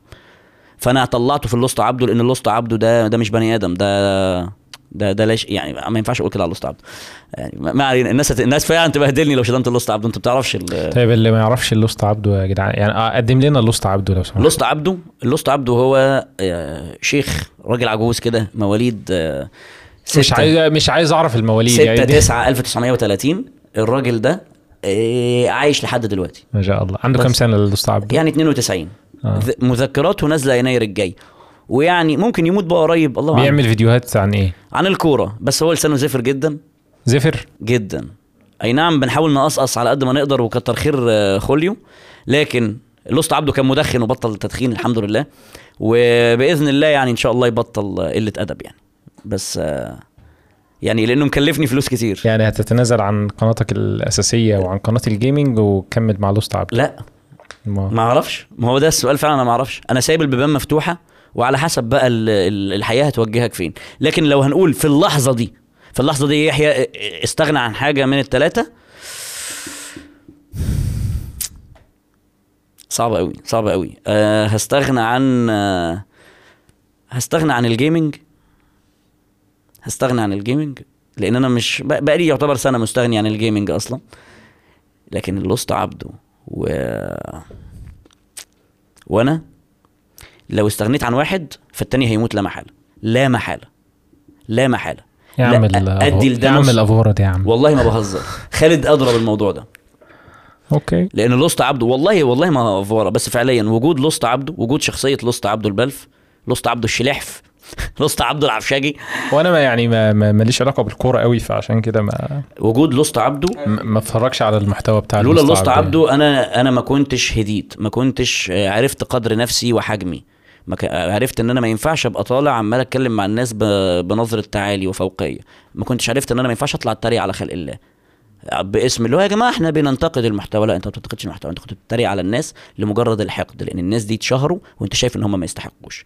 ولما حسيت إن في حد اتعامل معاك بنفس الطريقة إن في ناس بتكرهك لأنها شايفين إن أنت ما تستحقش المكان اللي أنت فيه زعلت قوي يا حبيبي يا حبيبي. يعني نقدر نقول إن أنت حبست الإيجو بتاعك في, في اللوست عبده. فلو ده ما عادش موجود آه، هترجع آه، هرجع اسوء على الناس تاني. هرجع اسوء من الأول. وأنا فعليا يعني بكره. عيوبي. آه. بكره عيوبي. بحاول بشتى الطرق إن أنا أتخلص ده self therapy اللي هو إيه آه. علاج آه، ذاتي من آه. الحاجات دي. ينقصني بس إن لوست عبده يبطل شتايم لأنه مكلفني فلوس. على كل شتيمة بيقولها بي- بيدفعني. يعني جميل. بس. طيب أنت كنت عملت فيديو عن الجواز بدري؟ وأنا اظن آه. إن انت كنت قلت لي حتى إن في تعليقات آه، سيئة جدا أو في تعليقات اللي هو يا اسطى معترضة إيه يعني. العبط اللي بتقوله ده؟ ماشي. لو حابب تكلمني أكتر عن وجهة نظرك بخصوص الموضوع لأن أنا معاك. أنا شايف إن الجواز بدري ده حل آه، ضروري جدا جدا جدا بس مع جهوزية في المقام الأول. بالظبط. يعني لو حد جه دلوقتي قال لي يا اسطى أنت عايز الناس دلوقتي يتجوزوا عندهم 18 سنة لا أنا عايز الناس دلوقتي ما يتجوزوش أصلا لأن إحنا فعليا غير مؤهلين غير مؤهلين نفسيا غير مؤهلين اخلاقيا. أنا نفسي كنت ينفع أتجوز عندي 18 سنة؟ بالله عليك. اللي أول أصلا ما تساب لي الحبل. رحت أسوان ضيعت ضيعت أربع سنين ثلاث سنين ونص من حياتي بلا شيء. اتعلمت soft skills يا حلاوة ال soft skills يا حبيب قلبي وال skills الأساسية. عمال أحط صفار وشايل الواحد. يعني أيوه يا حبيبي في واحد. أنا شايل أنا أصلا ناسي إن في واحد. ما ببنيش الواحد ده وعمال أحط في صفار. لا قيمة لكل ذلك. طب خلاص تعالى لي بقى للإيه؟ للكلام الحلو. طب أنا كان المفروض إن أنا أتعلم من وأنا صغير إزاي أكون بني آدم. أنا ما اتعلمتش من وأنا صغير إزاي أكون بني آدم. أنا اتعلمت إن أنت مهم تجيب شهادة. أنا ما اتعلمتش إزاي تكون بني آدم كويس من وأنت ما كلنا نفس الرجل. آه يعني. آه.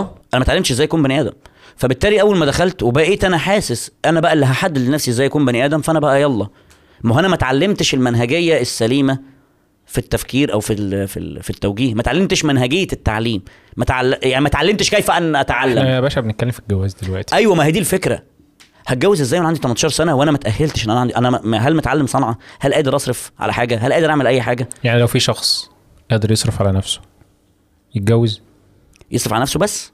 لو قادر يصرف على نفسه لو قادر يصرف لو اللي بيجي له 20% منه يقدر يصرفه على نفسه وال80% يقدر يشيلهم الشخص ده لازم يتجوز. مم. لو معاه 80% زيادة عن احتياجاته احتياجاته دي اللي هي أكله شربه لو قاعد في شقة لوحده كإيجار لو مواصلاته طيب و- إيه هي الحاجات اللي المفروض تكون عند الشخص عشان نقول والله آه ده ده دلوقتي يتجوز؟ يعرف يعني إيه بني آدم؟ يا عم طب إيه- معلش إيه سهلها لي شوية. يعرف يعني إيه بني آدم؟ أقول لك يعني. يعني إيه بني آدم؟ هل المعضلة الأساسية اللي بيسألها أي شاب لنفسه أو أي بنت لنفسها أو أي إنسان لنفسه لما بيفضى لما بيكون فاضي اللي هو إيه؟ اللي هو بيقول هو أنا هو أنا موجود ليه؟ يعني ما هو الإنسان؟ الأسئلة الوجودية دي. وكل النظ... والنظريات اللي موجودة في العالم كله عن ماهية الإنسان هي زي ما عمنا علي عزت بيجوفيتش فصصها خلال رحلة حياته كلها هي جاية من ثلاث مبادئ أو من ثلاث نظريات. نظرية مادية إن الإنسان ده جزء من الطبيعة لا يتجزأ منها أو لا يتجزأ عنها ولا ي... يعني ما يخرجش عنها ابدا. جزء تاني إن النظرية الدينية اللي هي بقى إيه اللي هو نظرية الدروشة وما أقصدش حاجة يا رجالة يعني بس أقصد اللي هو إن يا عم خلينا إحنا بتوع ربنا وبتاع ويعني وإنك تكره جدا احتياجاتك البشرية تكره جدا شهواتك تحتقر جدا الحاجة إن أنت عايز الحاجة دي. النظرة دي مسيطرة جدا للأسف الشديد. للأسف. النظرة الثالثه هي النظرية الإسلامية. دي بقى ده الكلام ده من وجهة نظر آه، عمنا علي عزت بيجوفيتش. اللي هو باختصار شديد اللي هو إيه؟ اللي هو الاثنين دول مع بعض. النظرية الإسلامية إن الإسلام جاي بيقول لك أنت بني آدم وروح. زي ما كانوا بيقولوا في في المصرية القديمة الكا والبا الروح والجسد. فأنت كا وبا لازم تغذي الكا ولازم تغذي البا. أو جايبها لك عشان خاطر الناس اللي ممكن تكون ما بتحبش يعني ال- ال- الدروشه يقول لك أنت هتستشيخ الكا والبا غذي الكا وغذي البا هتغذي الكا إزاي؟ هتاكل ولازم تلبي احتياجات الكا احتياجات أو البا. معرفش أنا فيهم الجسد انهي الروح يعني. بس لازم تغذي احتياجات الجسد. ال- الروح بقى بتقول لك معلش وانت عشان تغذي احتياجات الجسد لازم بس تاخد بالك من ثلاث أربع حاجات كده. بس ما بيمنعكش من ان انت تغذي احتياجات جسدك. هي دي لازم انك تغذي الاثنين هو بقى النظرية الإسلامية أو ال- الدين المفروض إن هو يكون كده. اللي هو أنت إزاي تغذي جسدك وتغذي روحك. فتلاقي أنا آسف إن كل ممارسة من ممارسات الشعائر في الإسلام تحديدا روحية وجسدية. فتلاقي مفيش حاجة اسمها صلاة من غير ما ت- تحرك من غير ما تتحرك. مفيش حركات. وعشان كده أنت بتصلي إنك تروح الأفضل إنك تروح الجامع عشان بتمشي بتروح مشوار وإنك تتوضى. وليه بتروح الجامع؟ عشان بتقابل ناس وبتتكلم. أنا عايز أقول لك إن إحنا من زمان والكلام ده كان مفهوم جدا ومستوعب جدا من كل الناس. مؤخرا فقط اللي حصل فيه دربكة كده اللي هو بقينا نستنكر إن الإنسان يكون عنده هذا الاحتياج ونأخره له. و علشان اتأخر له. المشكلة المشكلة الكبيرة إن هو ما عندوش مانع إن هو يلبي هذا الاحتياج خارج إطار الزواج ولكن لو تزوج في هذا الوقت اللي هو already بيلبي فيه الاحتياج خارج إطار الزواج يقول لك لا هو مش جاهز للجواز. ما دي بقى الفكرة. أنت أخرت لي الجواز أنا ال function دي أنا ال ال ال هذا الاحتياج. آه أنا أنا عندي الاحتياج ده من وأنا عندي 15 سنة. إنك تأخره لي سنتين ثلاثة الأولى إنك تأخره لحد ما يبقى عندي 30 سنة ولا إنك تبقى عارف آه أنا محتاج أهل البني آدم ده خلال ال 15 سنة اللي هيتولد فيهم دول إنه يكون بني آدم. بالظبط. ماليزيا أو إندونيسيا مش متذكر قوي كانوا لاحظوا إن في نسبة ارتفاع كبير في نسبة الطلاق في المتزوجين حديثا يعني. فلما راجعوا الموضوع لقوا بسبب حاجة بسيطة خالص وهي إن لا الشباب عندهم الأساسيات بتاعه التعامل بتاع ما بين الزوج وزوجته ولا البنات برضو قبل ما يتزوجهم عندهم معرفة بطبيعة الرجل وشخصيته يعني الاثنين هو بيعملها كأنها الرواية جاية عن الموضوع ده واحد صاحبه وهي بتعامله كأنه واحدة صاحبتها. آه. فده غلط تماما ده غلط تماما. فعملوا لهم يا عم شوية دورات يعني قبل ما تتجوز لازم تعدي اختبار لدورة تأهيلية. أنا بقى مع ده دلوقتي قوي حتى لو عندك 40 سنة وهتبدأ تتجوز دلوقتي يا سيدي ماشي. مهمة جدا. بس بالله عليك أصل تخيل معايا كده لو واحد اتجوز وهو عنده أنا ليا واحد صاحبي اتجوز وهو عنده 17 سنة وهو في ثالثه ثانوي وحاليا عايش بره مصر. ماشي. اتجوز يعني وابنه ابنه اتولد والواد عنده 18 سنة فهو دلوقتي الفرق ما بينه وما بين ابنه 18 سنة. يعني لما ابنه يكون بيمر بفترة حرفيا اللي هو الواحد بيمر بفترة. أنا أنا معاك هبقى في نفس فاهمك. الفترة. أنا هبقى فاهمك يالا. أنا ابن عمي متجوز وعنده 14 سنة. لو كان مؤهل ماشي عشان بس إحنا هنا هنخش في ابن عمي. ابن عمي من البحيرة متجوز وعنده 14 سنة. آه كنت آخر مرة هناك كانت من زمان يعني. كان بيلعب كورة مع عياله عادي عاملين فريقين وهو بيلعب هو وعياله. وبرضه عشان بس يبقى في فئة من ال- الناس اللي بتسمع ما تاخدش الكلام على محمل تاني. رجاله أنا مش بقول الناس اللي عندها 14 سنة تقوم تتجوز. لا أنا لا مش بقول يعني كده والله. الك- أكيد أكيد مش مفهوم مش من الكلام ده دلوقتي خالص, ولكن إحنا مش بنقول- بتكلم على العصر بتاعنا. إحنا أنا بت- بنوضح. أنا بتكلم أنت دلوقتي عندك 18 سنة. عندك 16 سنة. أنا يا عم أنا داخل أولى ثانوي. أعمل إيه؟ أعمل اللي يخليك قادر تتجوز وأنت عندك 20 سنة. دي صعبة؟ إحنا بنتكلم على ال 20 اهو قال لي قلل المدة بحيث إن أنت لما ابنك يبقى عنده 20 سنة يبقى أنت عندك 41 في حاجة يعني أنا عايز أقولها وهي إن لو الأهالي لو الأهالي فعلا عارفين آه، اللي ولادهم سواء شباب أو بنات بيضطروا إن هم يعملوا لإشباع هذا الاحتياج هيكونوا أحوج الناس على التسهيل في الزواج. ده حقيقي. ولكن هم للأسف الشديد عايشين في مية البطيخ يعني. ده في قصص ين- يندى لها الجبين آه. والله يندى لها الجبين والموضوع ما يعني ما- مش بعيد على حد. يعني ال- الموضوع سبحان الله. يعني هو كأنهم بيساعدوا الشيطان على الناس. اللي هو مش الشيطان لوحده مش كفاية لأ ده إحنا كمان معاه وعليك. وده بسبب إن الجيل اللي صعب الجواز هو الجيل اللي اتولد في أكتر فترة صعبة. كلها ده- كلها لا، حروب. هو جيل هو جيل اتجوز متأخر أصلا. يعني هو جيل آه. الجيل بص، ال- آه. آه. جدي آه، يعني جيل جدي متجوز بدري. جيل أبهاتنا متجوز متأخر. فبالتالي هو مش مستنكر إن الواحد يتجوز متأخر.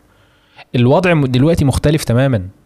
الوضع دلوقتي مختلف جذريا عن عن عن فترات أو أو وقتهم يعني. دلوقتي إحنا في الأحوج للستر في أحوج ما يكون للستر.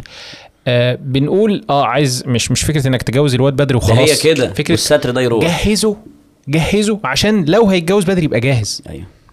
يعني أصل معلش هي هي الفكرة إيه وجهزه دي يعني جهزه نفسيا مش إنك تبقى باني له بيت في ال- لا لا لا أيوه شقة لا في لا لا, لا البيت مش جهزه البيت خالص لا لا أيوة، لا جهزه أنا قصدي كإنسان. جهزه يشيل المسؤولية يبقى راجل يتعامل مع. اللي حواليه آه يعرف يصرف على نفسه كل الحاجات دي على فكرة تقدر تعلمها لابنك في في, في سن ما بين 15 ل 20 سنة وبالمناسبة كلمة صنعة دي مش معناها إن أنت تبقى صنايع رخام ولا تبقى يا عم صنايع. فوتوشوب. دول أحسن آه بالظبط دي يعني أسيادنا صنايعي كلهم صنايعي أي حاجة وحتى لو دول ده اسمه يعني. صنايعي يا باشا في ألمانيا دلوقتي البلد كلها قائمة على ال- الصنايعية؟ آه هم اللي مشغلين الدنيا و... و... والمهنة هناك المهنة دي محل احترام وتقدير كمان والصنايعية على عكس ال- يعني مثلا لو لو الص- الصنايعية هم أكتر ناس ما ينفعش تفرض عليهم رأي بره. يعني ما ينفعش لو واحد صنايعي عنده فكر معادي جدا للقيم ال- الغربية ما تقدرش تستغنى عنه. آه محتاجه. أنت محتاج ها؟ لكن لو هو مثلا مدير شركة لا لا معلش. ال corporate هتتشال بالظبط.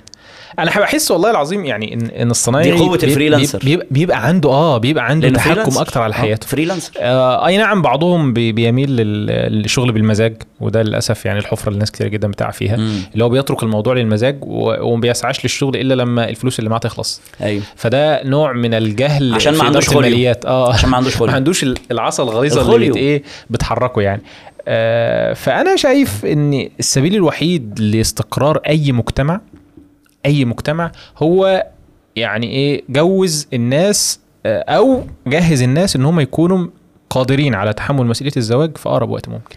لأن الل- اللحظة اللي الجواز هيتحول فيها للهدف أنت حياتك ات- اتش- اتشحورت. وهو للأسف الشديد ده اللي حاصل عصام حجي قال لك إيه مش آه، قال لك آه،. أنت بتقضي فترة العشرينات دي فأق... أنت المفروض نجوزك قبلها علشان تبقى داخل في جزء كامل من حياتك ومن حياتها مرتاح نفسيا خالص. انت عندك شخص بتركن إليه وهي عندها شخص بتركن إليه. اللي هو إيه؟ بص يا معلم إحنا لو دغدغنا في بعض إيه يعني فاهم؟ إيه العروسة للعريس والجري للمتعيس. إحنا بتوع بعض يابا. أنا شايف إن ال ال لينا بيت يلمنا. الجواز الجواز مش المشكلة الجواز هو الحل. آه والله. بجد. بس هم مخلينه مشكلة. والله؟ يعني أنا قسما بالله العلي العظيم. لو كنت اتعلمت اكون بني آدم ودي ما بلومش عليها حد من أهلي بالمناسبة خالص بلوم عليها نفسي. fair enough آه ما أقدرش ما أقدرش يعني لا مش مش هرمي كل حاجة على حد لا لا لا. لو كنت اتعلمت أكون بني آدم بدري سيكا بدري سيكا. يعني أنا ما كانش لازم يعني كان ممكن عادي وأنا بتفرج على سبيس تون وأشوف فريمي والناس بتقوم تنظف السرير بعد ما بتاع ما أنا كنت بتفرج ما كنت أقوم أعمل كده مش لازم حد يجي يقول لي قوم اعمل. طب ما أنا كيحيى أكيد اتقال لي قوم اعمل وأنا ما عملتش. لأن واضح إن من شخصيتي إن أنا شخص ما بيحبش إن يكون في سلطة عليا تأمره وتنهيه. منطقي. فأنا بالتأكيد ممكن يكون بتناسى أو ذاكرة كاذبة. فاللي هو أنا كنت طرف فاعل أساسي في عدم كوني بني آدم لحد ما تميت 18 سنة. فأنا لما باجي أقول لحد بالله عليك بالله عليك ما تلبسش نفس الجزمة اللي أنا لبستها ده علشان خاطر صوابعي بقت مليانة كلالي. صوابعي تعبت. علشان أسوأ حاجة هتحصل لغتك جميلة. أسوأ حاجة هعيشها في حياتي بجد واللي عمري ما هسامح نفسي عليها. يعني أنا لو حصلت أي حاجة ورحت في 60 داهيه وجرالي أي حاجة يا عم عادي واحد وراح. لكن هزعل قوي لو لقيت إن بعد كل اللي أنا عمال أقوله لك ده أنت ترمي كل ده في الزبالة؟ وإيه أنا بحب يحيى عشان يحيى. أنا بحب ما بحبش يحيى عشان يحيى. لا خد الكلام بالله عليك عشان ما تجيش في يوم من الأيام وتاخد نفس المنحنى الجيبي بتاعي بالتفصيل. يعني است... اقرأ الماضي عشان تستقرأ المستقبل يا عم. ما تعملش زي يا عم أنا مش تنين. طيب آه، عندي سؤال. هل هل في مشكلة إن حد يتزوج ولسه بيدرس في الجامعة؟ على حسب. لو كلية شمس وهواء ومية مع احترامنا للرجالة والبنات اللي في كليات الشمس والهواء والمية اللي بتديك وقت كافي جدا إن أنت تكون تشتغل آه، يعني جنبها. تشتغل جنبها حاجة. حتى لو تشتغل آه، يعني دوام جزئي يومين ثلاثة في الأسبوع دوس. دوس. طب في هندسة في هندسة أنت عندك فرصة لا في هندسة تقدر تشتغل. خد عندك بقى.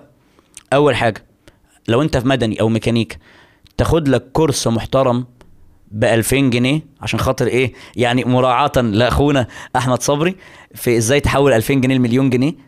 تاخد لك course محترم CAD أو Revit أو SolidWorks في أجدع مكان مش هيكون بأغلى من 2000 جنيه في مصر. CAD Masters اللي في شارع الطيران. يعني بص مدلعك أهو. marketing. ولا أي حاجة والله بس أنا رحت عندهم خدت course. يعني حضرت حصتين وبعد كده قلت الموضوع صعب قوي يا جماعة. رحت ماشي. يابا بقول لك كلب. ما علينا ما علينا. كان في يناير 17 المهم خد course. وبعد ما تاخد ال course ده يا معلم تعال لطلبة إعدادي اللي جايين. ادي طلبة إعدادي. أنت كده ب... أنت واخد دنيا وآخرة. نزل كورس على اليوتيوب وأنت بتتكلم. علم ببلاش يا عم. أهو. وهيجي لك منه فلوس عشان محتوى بالمناسبة يعني. اديه للشباب. عايز بقى تخش من ناحية قد تكون غير أخلاقية ارسم الرسومات بتاعت العيال وخد 10 جنيه 50 جنيه على الرسمة. ارسمها كاد وسلم واديها لهم مع مكتوب عليها اسمهم وخد 10 جنيه على الرسمة. سهلة. تعالى قبل امتحان ال midterm واعمل course مجمع في center من السناتر المرطرطه اللي مليانة كمبيوترات جنب ال- الجامعات وجنب كليات هندسة واعمل course للرجالة. بصفتك مين؟ انت لو بتعيد السنة كل سنة بس معاك صنعة ال CAD. انت معلم. مفيش حد هيخش هندسة في إعدادي. لو بيحب ال CAD هيبقى عايز يتعلم ال CAD منك عشان خاطر يبقى جامد جدا في ال CAD بعدين. ولو ما بيحبش ال CAD ومش عايز يتعلمه عايزك انت اللي تكون سبب في نجاحه. أهي صنع أنا شايف بصراحة إن ال- الإنسان فعلا لما بيوصل لمرحلة كده في حياته يقول أنا جاهز إن أنا أشيل المسؤولية أنا قادر أشيل المسؤولية بغض النظر هو عمره قد إيه بس يكون فعلا صادق مع نفسه مش فكرة آه. اللي هو إيه أنا جاهز ما أنا هعمل كده عارف وأنا- أصرف على نفسي أنا هعمل كده إزاي وأنا نايم طول الوقت على بطني وأنا قاعد طول الوقت بفكر إيه ده هو المفروض أعمل إيه عشان أعجب البنات آه، دي دي دي مشكلة كبيرة دي مشكلة جدا. كبيرة دي مشكلة جدا. كبيرة جدا وأنا بكلمك من واحد عاشها من واحد عاشها لف... من فترة من 2015 2016 لحد 2019 وبسببها ما يعني حتى كان حد منزل ميم في الجروب آه ثلاثة أشياء لا يجب أن تسألها. لا تسأل امرأة عن عمرها ولا رجل عن راتبه ولا تسأل يحيى عزام عن كان بيعمل إيه من 2015 ل 2019 عشان الاستطراد ده كله يعني. يا الحمد لله. بس ففعليا أنت عايزني إزاي أكون بني آدم وأنا ما اتعلمتش إزاي اكون بني آدم مش أنا بقى كيحيى أنا بتكلم على اللي قاعد دلوقتي. وأنا شايف نماذج البني آدم هو الشخص الناجح وهو ان خلاص إحنا حطينا معايير للنجاح ان الناجح ده هو الشخص المشهور اللي الناس بتحبه. فانا الاقي كل الناس بقت اخاطب يلا اخطبوطات بقى فاهم؟ آه، عايز يبقى مشترك أنا عايز ابقى رابر. لا لا أنا بص أنا عايز ابقى يوتيوبر ورابر. بص أنا عايز ابقى يوتيوبر ورابر. اللي هو حرفيا بقى إيه أنا عايز اجرب في كل حاجة. تقول لي يا اسطى طب ما انت جربت في كل حاجة. هقول لك آه بس أنا مش احسن واحد في اي حاجة من كل حاجة اللي أنا بعملها. يمكن لو كنت ركزت في هندسة كان زماني بقيت مهندس كويس لأن أنا كنت شاطر جدا في الرياضيات في ثانوي. كنت كنت عبقري في الكيمياء. يمكن لو كنت ركزت في حاجة منها كنت عملت. يمكن لو كنت دخلت كلية تانية وركزت في اقتصاد وعلوم سياسية كان زماني بقيت بني آدم كويس. يمكن يمكن يمكن يمكن لو كنت بدأت في الكتابة من بدري وجيت على نفسي والفلوس اللي استلفتها علشان خاطر أعمل يوتيوب شوف بقى اديتها لدار النشر ونشرت لي. كان هيبقى زماني بقالي خمس سنين بنشر كل سنة رواية وده بقى دافع ليا إن أنا أتخرج من بدري. انترستنج وبرمي خد بقى. خد بقى دي. انت بترميها على طرف خارجي عشان انت عارف ان انت من جواك كنت انت سبب أساسي في المشكلة. انت من جواك كنت خايف ما تكملش الرواية. انت كأنك كنت مستني دار النشر تقول لك لا انت لازم تكون مشهور. عشان انت من جواك وقتها ما كنتش عايز تكون كاتب انت كنت عايز تكون مشهور. انت كنت عايز الكتابة تخليك مشهور. لقيتهم بيقولوا لك لا انت لازم تكون مشهور عشان تكون كاتب. شفت بقى؟ اهي دي يمكن دلوقتي plot twist. آه يا أخي أول مرة صالح نفسي بيها والله العظيم. بلوت تويست أول مرة صالح نفسي بيها. سبحان الله. شفت بقى؟ وللأسف شكلها غالبا طلعت حقيقية. لأن أنا عمري ما بصيت لها من الزاوية الناس دي. بتكتشف نفسها في البودكاست يعني. آه ده حقيقي. مصطبة بقى. مصطبة. ففعليا يعني ما تعملش زي يا اسطى. بلاش يا اسطى عشان دي منطقة آه، محرمة منطقة محرمة دوليا. استعمال كلمة يا اسطى. ف آه ما بحبش الكلمة دي بس. آه ولا يهمك يا صديقي. يعني ده ظريفة. آه فما تاخدش نفس الشارع اللي أنا دخلته لأن عارف في حلقة من حلقات أنا وعصمت آه، من قصة من مجموعة قصص رعب بيكتبها صديقي محمد عصمت وإن شاء الله هتتحول لعمل كتابي قريب. فكان عم رفاعي التربي طلع لي أنا وهو في الترب. دي قصة شبه حقيقية. شبه حقيقية. هتحكيها لنا حالا يعني ولا هي موجودة في لا لا هي هي موجودة في البتاع بس أنا مش هحكيها عشان خاطر ما ابقاش برضه بحرق الرواية وهي موجودة على اليوتيوب. بس كان طلع لنا عم رفاعي فهو بيقول بنقول له يا طبعا عم رفاعي إحنا خلاص عرفنا الطريق هنمشي من هنا ونطلع شمال. قال والله لو عايز تشوف الشمام هتلاقيه هنا. شمام مين يا عم رفاعي؟ الكنتالوب لا يا خفة. الشمام ده واحد كان محترم وبتاع و و و اتلم على شلة معينة عمل واحد اتنين تلاتة اربعة وفي الآخر آه ويحكي قصة طويلة قوي. ها إيه اللي حصل؟ يا ابني ما أنا قلت لك عايز تعرف خد الطريق ده امم أمم، يا ولد يا ولد. طب أنت أصحابك كان لهم تأثير عليك في السكة اللي أنت مشيت فيها؟ للأسف الشديد أنا كنت أكتر واحد مؤثر على الناس اللي أنا بقى أنت اللي كنت بتب- بتبوظ آه. أصلا. لدرجة إن أنا وصلت في الآخر لمرحلة إيه ده؟ آه، ماذا لو كان العيب فينا؟ ما إحنا ما انت عمال ترمي كل حاجة على الناس. انت دخلت من الأوضة انت دخلت الأوضة عمال تقلع وتعلق على الشماعات. فجأة الشماعات خلصت جت الحاجة شالت كل الشماعات. فانت لقيت نفسك داخل لابس هدوم كتير احم أثمال بالية. يا نهار أسود هعلق الحاجات دي فين؟ يا نهار أسود. مفيش شماعات هتشيل اللي انت لابسه. آه رحت راميها على الأرض وطفيت النور عشان ما تشوفهاش. امم interesting آه وأنا كنت ماشي ولحد فترة قريبة يمكن لحد دلوقتي في حاجات كتير قوي. طفي النور عن الحاجة إيه ده؟ مش ممكن يعني. غمض عينك عن الوحش ما تشوفه. it does not exist. آه، لو أنت مش شايفها فهي مش. موجودة. آه اديله ظهرك الحاجة بت- ما ترندرتش وراك. إنكار مش طبيعي. يا الله. إنكار. أنا بقى تصالحت مع كل ده إمتى؟ لما قعدت لوحدي. يمكن أنا أنا مرتبط جدا آه، ب- بكلام الدكتور عبد الوهاب المسيري لأن أنا عشت كلامه عشت عشت التجربة دي. 2020 أنا كنت بأتمتع بكل حاجة يتمناها أي بني آدم في الفترة دي من حياته. لو اعتزت الناس تقول لك الله على عطستك. تفتح الإنستجرام في أي وقت هتلاقي الناس عمالة تحب فيك على الهوا. على الهوا طالع منكوش متسرح مستحمي معفن فيك اللي فيك الناس بتحبك. okay يعني تقدير الناس سواء لو كان بالكذب أو بالحقيقة موجود. تاني حاجة معاك فلوس فعليا من الهوا. أنت بتطلع فيديو أو تطلع live على منصة من بلد ما عشان خاطر البلد دي ما بتحبش اسمها يتقال. لو حد عمل بس إيه scroll كده هيلاقي تحتيك في واحدة بت- بتقول كلام ما ينفعش يتقال خالص. بيجي لك فلوس وانت طالع حرفيا بتعمل إيه؟ قاعد بتلعب لعبة وطالع بعماصك للناس. منكوش. بتزعق. يا عم معلش استنى بس. أصل أنا بشوف حاجات ببقى عايز أرجع. أنا آسف، يعني حقيقي. آسف. لا لا أصل أنا شفت شفت آه على الجروبات. آه. ببقى عايز أرجع. وانت طالع بتزعق. لو واحد كتب comment ما عجبكش بتزعق وبتشتم وبتتعفرت بشكل ما ال- الانفعال المبالغ فيه ده الناس آه، الناس بتنفر منك. لا ده بتتفاعل معاه وبيزود ال... ممكن يزود التفاعل. يعني الماشين بت إيه؟ طيب آه خد بقى عندك كمان. وبتاكل من دجاج بندق ومبسوط جدا وبتاكل كل يوم مش أقل من 200 جنيه. ما بتركبش مواصلات مع الناس ولا حاجة لا انت ركوباتك كلها أوبر. انت جامد قوي إيه الجمال ده؟ وحاجات تانية مش عايزين نقولها. أنا كنت بحسبك تتكلم في العموم طلع بتتكلم عن نفسك يعني ف... آه أنا بقول لك آه 2020 okay. طب أنت ليه مش مبسوط؟ آه ال meaning المعنى. أنت بتعمل كل حاجة. بعد كده لقيت نفسك وصلت للنموذج اللي أنت كنت بتتريق عليه في فيديوهاتك. يا ابن ال. بلوت تويست تاني. هو أنت كنت متضايق بقى علشان خاطر فلان ده مشهور لأن مجرد إن أنت بتحقد فعلا إن هو مشهور. الله.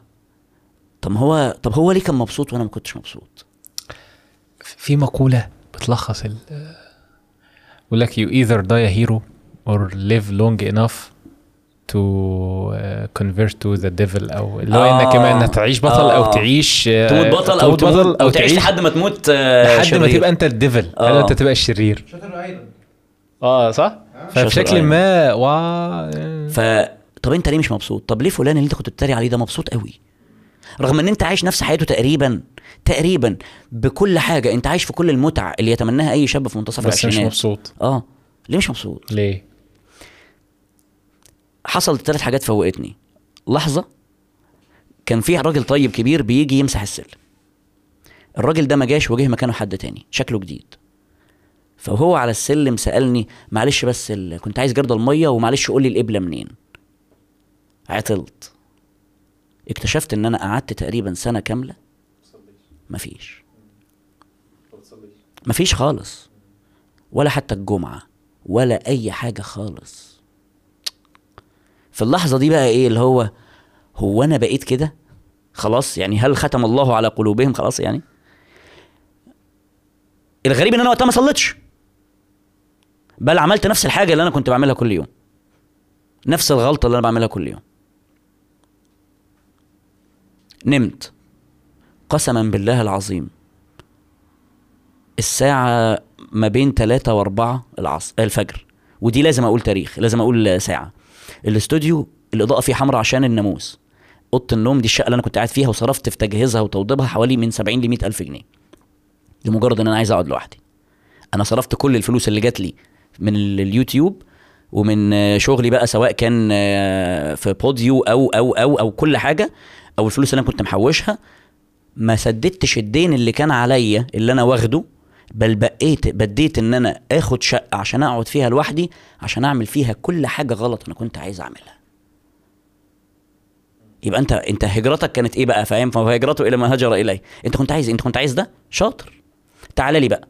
لما جيت بقى أدركت ال- الحاجة دي وقعدت أنا كنت بقعد مع نفسي أنا كنت بقعد والله العظيم ثلاث أنا أنا ليه بقى أنا ليه بتعاطف مع سواقين التكاتك اللي معلي- معلين الصوت؟ ولا ليه مع الشباب اللي في المترو اللي حاطط سماعه ومعلي الصوت على الآخر؟ لأن أنا كنت أنا أنا كنت بعمل ده. أنا ما ما- اطيقش أقعد في مكان ما فيهوش صوت.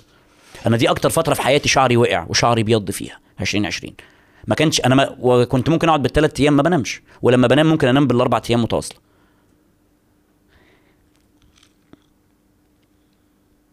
بس أنا بتعاطف مع الناس بتوع المترو مش بتوع التكاتك. لا أنا بتعاطف مع بتوع التكاتك. لا بتوع التكاتك لا أنت حط سماعتك وعيش في دماغك لكن هو ما عايز يسمعك أنت، مش عايز هو مش اللي. مش عايز أسمع. ما هو عايز يوصل لك رسالة بس ما علينا دي رواية تانية بفكر فيها أصلا. أحيانا الحاجات ما. بتبقاش بهذا العمق يعني. لا صدقني والله كل حاجة ليها. مع السماع علينا نرجع نرجع خطوتين. ف نايم وسايب باب الاستوديو مفتوح ونايم في اوضتي. أنا كل الحيطان سود عشان قلت لك إن أنا عندي مشكلة في الحيطان البيضاء ال- إحنا كل الاستوديو أبيض. للأسف. وإضاءات وبتاع فتلاقيني عمال أحرك أنا يمين وشمال. ف كان ساعتها يا دوب نور الشروق عارف أنت بدأ يشقشق. فجاي من الشباك وأنا سريري مواجه بزاوية للشباك وسايب باب الشقة سايب باب الأوضة مفتوح وباب الاستوديو مفتوح فيدخل نور أحمر والبلكونة شفافة فبتدخل نور ضوء خفيف. عارف لما والدتك تيجي تصحيك الصبح فتقوم جاي خبطك ثلاث خبطات كده الثلاث خبطات بتوع الأمهات دول. وأنا بنام دايما على ظهري وعامل كده. تابوت. آه. يا إما أنام على جنبي عامل كده. فنايم عامل كده فخبطة كده. ثلاث خبطات بتوع أمي. فصحيت ببص لقيت هي... هيئة أمي بإسدال الصلاة بتاع بعد صلاة الفجر. وكان في ما يكفي من النور اللي يحدد لك الشكل اللي واقف ده إيه؟ إسدال تقريبا بس إسدال طويل قوي. لا له ايدين ولا إيه، إسدال. فعارف أنت بقى إيه؟ في أجزاء من الثانية أنت عقلك بيعالج المعلومات. عارف أنت؟ ففي لحظة أنت بس أدركت شوف بقى هل أنت كنت مدي نسخة من المفتاح لحد فجالك؟ ولا دي الحاجة ماما لأنها معاها المفتاح فجت فلسه هقول صباح الخير يا حاجة. كنت أقول إيه ده؟ اتنطرت نطرة من على السرير من الخضة قسما بالله شعري أبيض قسما بالله العظيم شعري أبيض. وفي ثلاث فريمات كده حرفيا قال ولد أنت بتدوس سهم يمين سهم يمين سهم يمين. ثلاث فريمات. تك تك تك. ال- ال- الظل أو الخيال اللي كان واقف ده اندمج في الحيطة السوداء. قلت قوم صلي. يا ابن الايه يا ابن الكذا ما ما فيش. قوم صلي. بس. فقمت صليت. وقعدت أستغفر وقلت الشقة دي بكل اللي أنا عملته فيها لازم أسيبها. تحت أي مسمى من المسميات. سبحان الله يعني المولى عز وجل قال يعني ومن أعرض عن ذكري فإن له معيشة ضنكا. ما هي بقى المشكلة إن أنت بتقول طب يا عم ما فلان أهو. ما هو مبسوط. وانت هذا هذا الظاهر قدامك فقط. ممكن يكون ده الظاهر. ما انت بتطلع آه، بتضحك ومبسوط وكل حاجة بس محدش شايف إيه اللي بيحصل أنا بقى للأسف. أنا اللي في اللي في جو اللي في قل- اللي جوه بيطلع بره على طول فاتح الحنفية يعني مش هتلاقي مية مركونة في المواسير. فهي دي. فاللحظة دي أنا قلت لازم يبقى فيه ال lost عبده. اللحظة دي طلع ال lost عبده. اللي أدركت لا لازم. لازم. انت انت انت إحنا وصلنا لكده إمتى؟ وأنا من الناس اللي خالد بيلوم عليا خوليو ان أنا بتكلم مع نفسي كتير. وأنا- حديث النفس على فكرة من الحاجات ال- أنا وأنا بقعد أتكلم نفسي. أنا جدا. بقول لك بقى أصل دي كانت سنة كورونا ما فيش فيها حد كنت واقف أتكلم مع بتاع الدليفري لما بيجي يعني بفتح معاه حوار يعني. فأنا قاعد عمال أتك- بقعد أتكلم مع نفسي. آه. وزي ما بقول لك أنت بتتكسف تبص لوشك في المراية.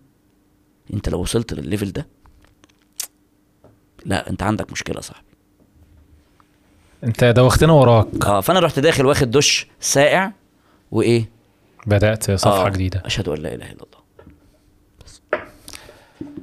طيب آه أنا عارف إن إحنا طولنا جدا جدا و لا بس الرجالة. والأنسات والكبار ما والصغيرين أظنش اللي إن حد وصلوا كمل الآخر يا راجل عيب عليك. ليت مي بي اونست لا اللي وصل للآخر الرجالة يكتب أما قصة عبرة بصحيح. لا يكتب يكتب دي. هيكتبها إزاي يعني؟ يكتب يا سلام. آه يكتب مرة واحد اسمه تق والتاني اسمه تق تق أوكي. أوكي. طيب بس- في النهاية إحنا بنحاول دايما يعني إن الضيف يكون ليه مقولة أو كوت أو حاجة معلقة معاه أو واخدها إيه بوصلة بالنسبة له يعني أو حاجة مهمة. حاجة مهمة؟ quote مثلا لحد أو لنفسك أو مبدأ في حياتك. آه. take your time لا والله هو في حاجات كتير قوي يعني. بس أكيد في حاجة كده بتبقى إيه هي بتلمع لوحدها في جنب كده. يعني في مقولة مثلا أو في حاجة. مقولة؟ يا عم أي حاجة. ممكن تكون حاجة آه أنت بتقولها لنفسك كل شوية. صم حاجة زي كده. آه. عيط يا روح أمك لا لا. عي آه. لا لا, لا. ما تنفعش؟ عيط يا حبيبي بلاش يا هي المشكلة في شرح أمك أو يا حبيبي. بجد؟ هي المشكلة في؟ عيط يعني. والله؟ ليه ليه؟ ليه؟ لأن أنت بتكرر نفس الغلطة وبتتمادى بعد ما إيه بعد ما ربنا يردك ردا جميلا فأنت بتغلط نفس الغلطة أو مم. غلطة شبهها. انترستنج فبتغلط. فاللي هو إيه يا عمي أنت بتراهن على إيه؟ أنت أنت بتلعب في إيه؟ يخرب بيتك. ارجع. لا. أنت ما تبقاش واخد بالك. يا ابني ارجع. لا يا عم أنا ربنا بيحبني. يا عمي أبوس إيدك. ده بقى من النقاشات اللي بتحصل ما بين الواحد وما بين نفسه. ده إلى و... إلى أوقات قريبة جدا. أنا على فكرة شايف إن الكلام مع النفس من الحاجات الصحية جدا آه. يعني من الهيلينج من الحاجات اللي بتعالج أساسا يعني. فعيط زي ما آه عيط. عيط يا حبيبي. وأنا فعلا أكيد الناس بتعيط لأنها يعني مش إيه تعبت وصلوا مش أنت اللي قعدت وفضيت باقه النت. عيط. لا بس فعليا. الحاجة اللي عايز أقولها إيه؟ ما تستهترش بجد. ما تستهترش بجد بقيمة إن إيه إن الدنيا ماشية معاك. لأن هي آه خلاص. آه في النهاية يعني وفي الختام نحب نشكر الأستاذ يحيى عزام خدت بالك من. السكع. آه. جه معايا بالبركة كده. ونتمنى إن حلقة البودكاست دي تكون آه، عجبت حضراتكم يعني. دسمة. آه جدا جدا جدا دسمة. جدا. وممكن نشوف السلسلة اللي يحيى عزام بيحكي فيها القصص الجميلة بتاعته ويعني تمتع نفسك بالأسلوب وبالتفاصيل وبالحاجات الكويسة. وهيكون في قصة مهمة تسمعها بعدها. إن شاء الله بإذن الله. بعد يعني قصة مش مهمة تسمعها. في الانتظار. وفي قصة تانية اسمها وربنا جت معاك بالحظ. أو يعني سلسلة اسمها وربنا جت معاك بالحظ. هسيب لكم الرابط. بإذن الله. بتاعت قنوات يحيى. تخشوا وتطلعوا مع عليه يعني و أنت هتموت ولا إيه؟ لا لا بقى دي دي دي ده, ده البلوت تويست بتاع دي البودكاست. السكرة. دي السكرة آه. شكرا يا يحيى حبيبي يا أبو حميد والله. أنا أنا بجد والله مش آه، رياء ولا نفاق ولا حتى مجاملة. ومش آه، عارف أنت كان أنا بحب حازم صديق. حازم صديق كان قال عارف أنت لما يجي حد يدعي التواضع يقول يا جماعة أنا أنا غلبان أنا مش عارف إيه عشان تقول ده متواضع جدا. والله ما كده. بس فعليا قسما بالله العلي العظيم أنا فعليا أقل واحد قاعد على الكرسي ده. أتمنى في يوم من الأيام إني ما أكونش كده. أتمنى في يوم من الأيام إن كمان سنتين ثلاثة تيجي تقول لي إيه يا ربي لو كنا يعني استنينا سنة ولا حاجة كنا لحقناه وهو بقى إيه بيصعد سلم الحنبلايص وهكذا. فيا رب يا رب يوما ما تكون القعدة دي ما تبقى جامد يعني هتستكبر علينا ومش هنعرف نجيبك يعني إيه والله إيه؟ هجي لك مخصوص. والله أجي يا عم لك بقى- جامد أنت بس و... إن شاء الله إن شاء الله. يا عم على البركه الله. شكرا. حبيبي أبو حميد ويعني حاجة شرفتني جدا إن أنا جيت. وبجد يعني إحنا قعدنا يوم كامل تقريبا. إحنا من أنا أنا. هنا من صلاة الجمعة. مم، تخيل. فيعني اظن أظن نقطع علاقتنا. أنت محتاج وإحنا مش عارفين ننهي البودكاست مش عارفين ننهي يعني. البودكاست؟ آه. اختم أنت بقى. وبس كده. السلام عليكم. لو قعدنا للفجر هنقعد. أيوه ما هي النهاية كده. وبس كده. بصوش بقى يحكي لك حاجة. لا لا عارف كده. عارف أنت إيه؟ أنت أحسن حد ممكن أي حد يسافر معاه. حرفيا. آه. يعني عصمت قال لي كده. آه بجد. ال- اللي هو إيه نحطه على الليستة. خلاص حطه على الليستة. ماشي. وبس كده. السلام لا عليكم. إحنا هنا خلاص أنت رايح فين؟ تاني؟ والله أصل أنا لقيتك بتقول إن أنت لسه دي بقى بتبقى للجماعة اللي بي إيه بيقعدوا للآخر يعني. آه اللي هي ال- ال- ال- الزغاليل دي.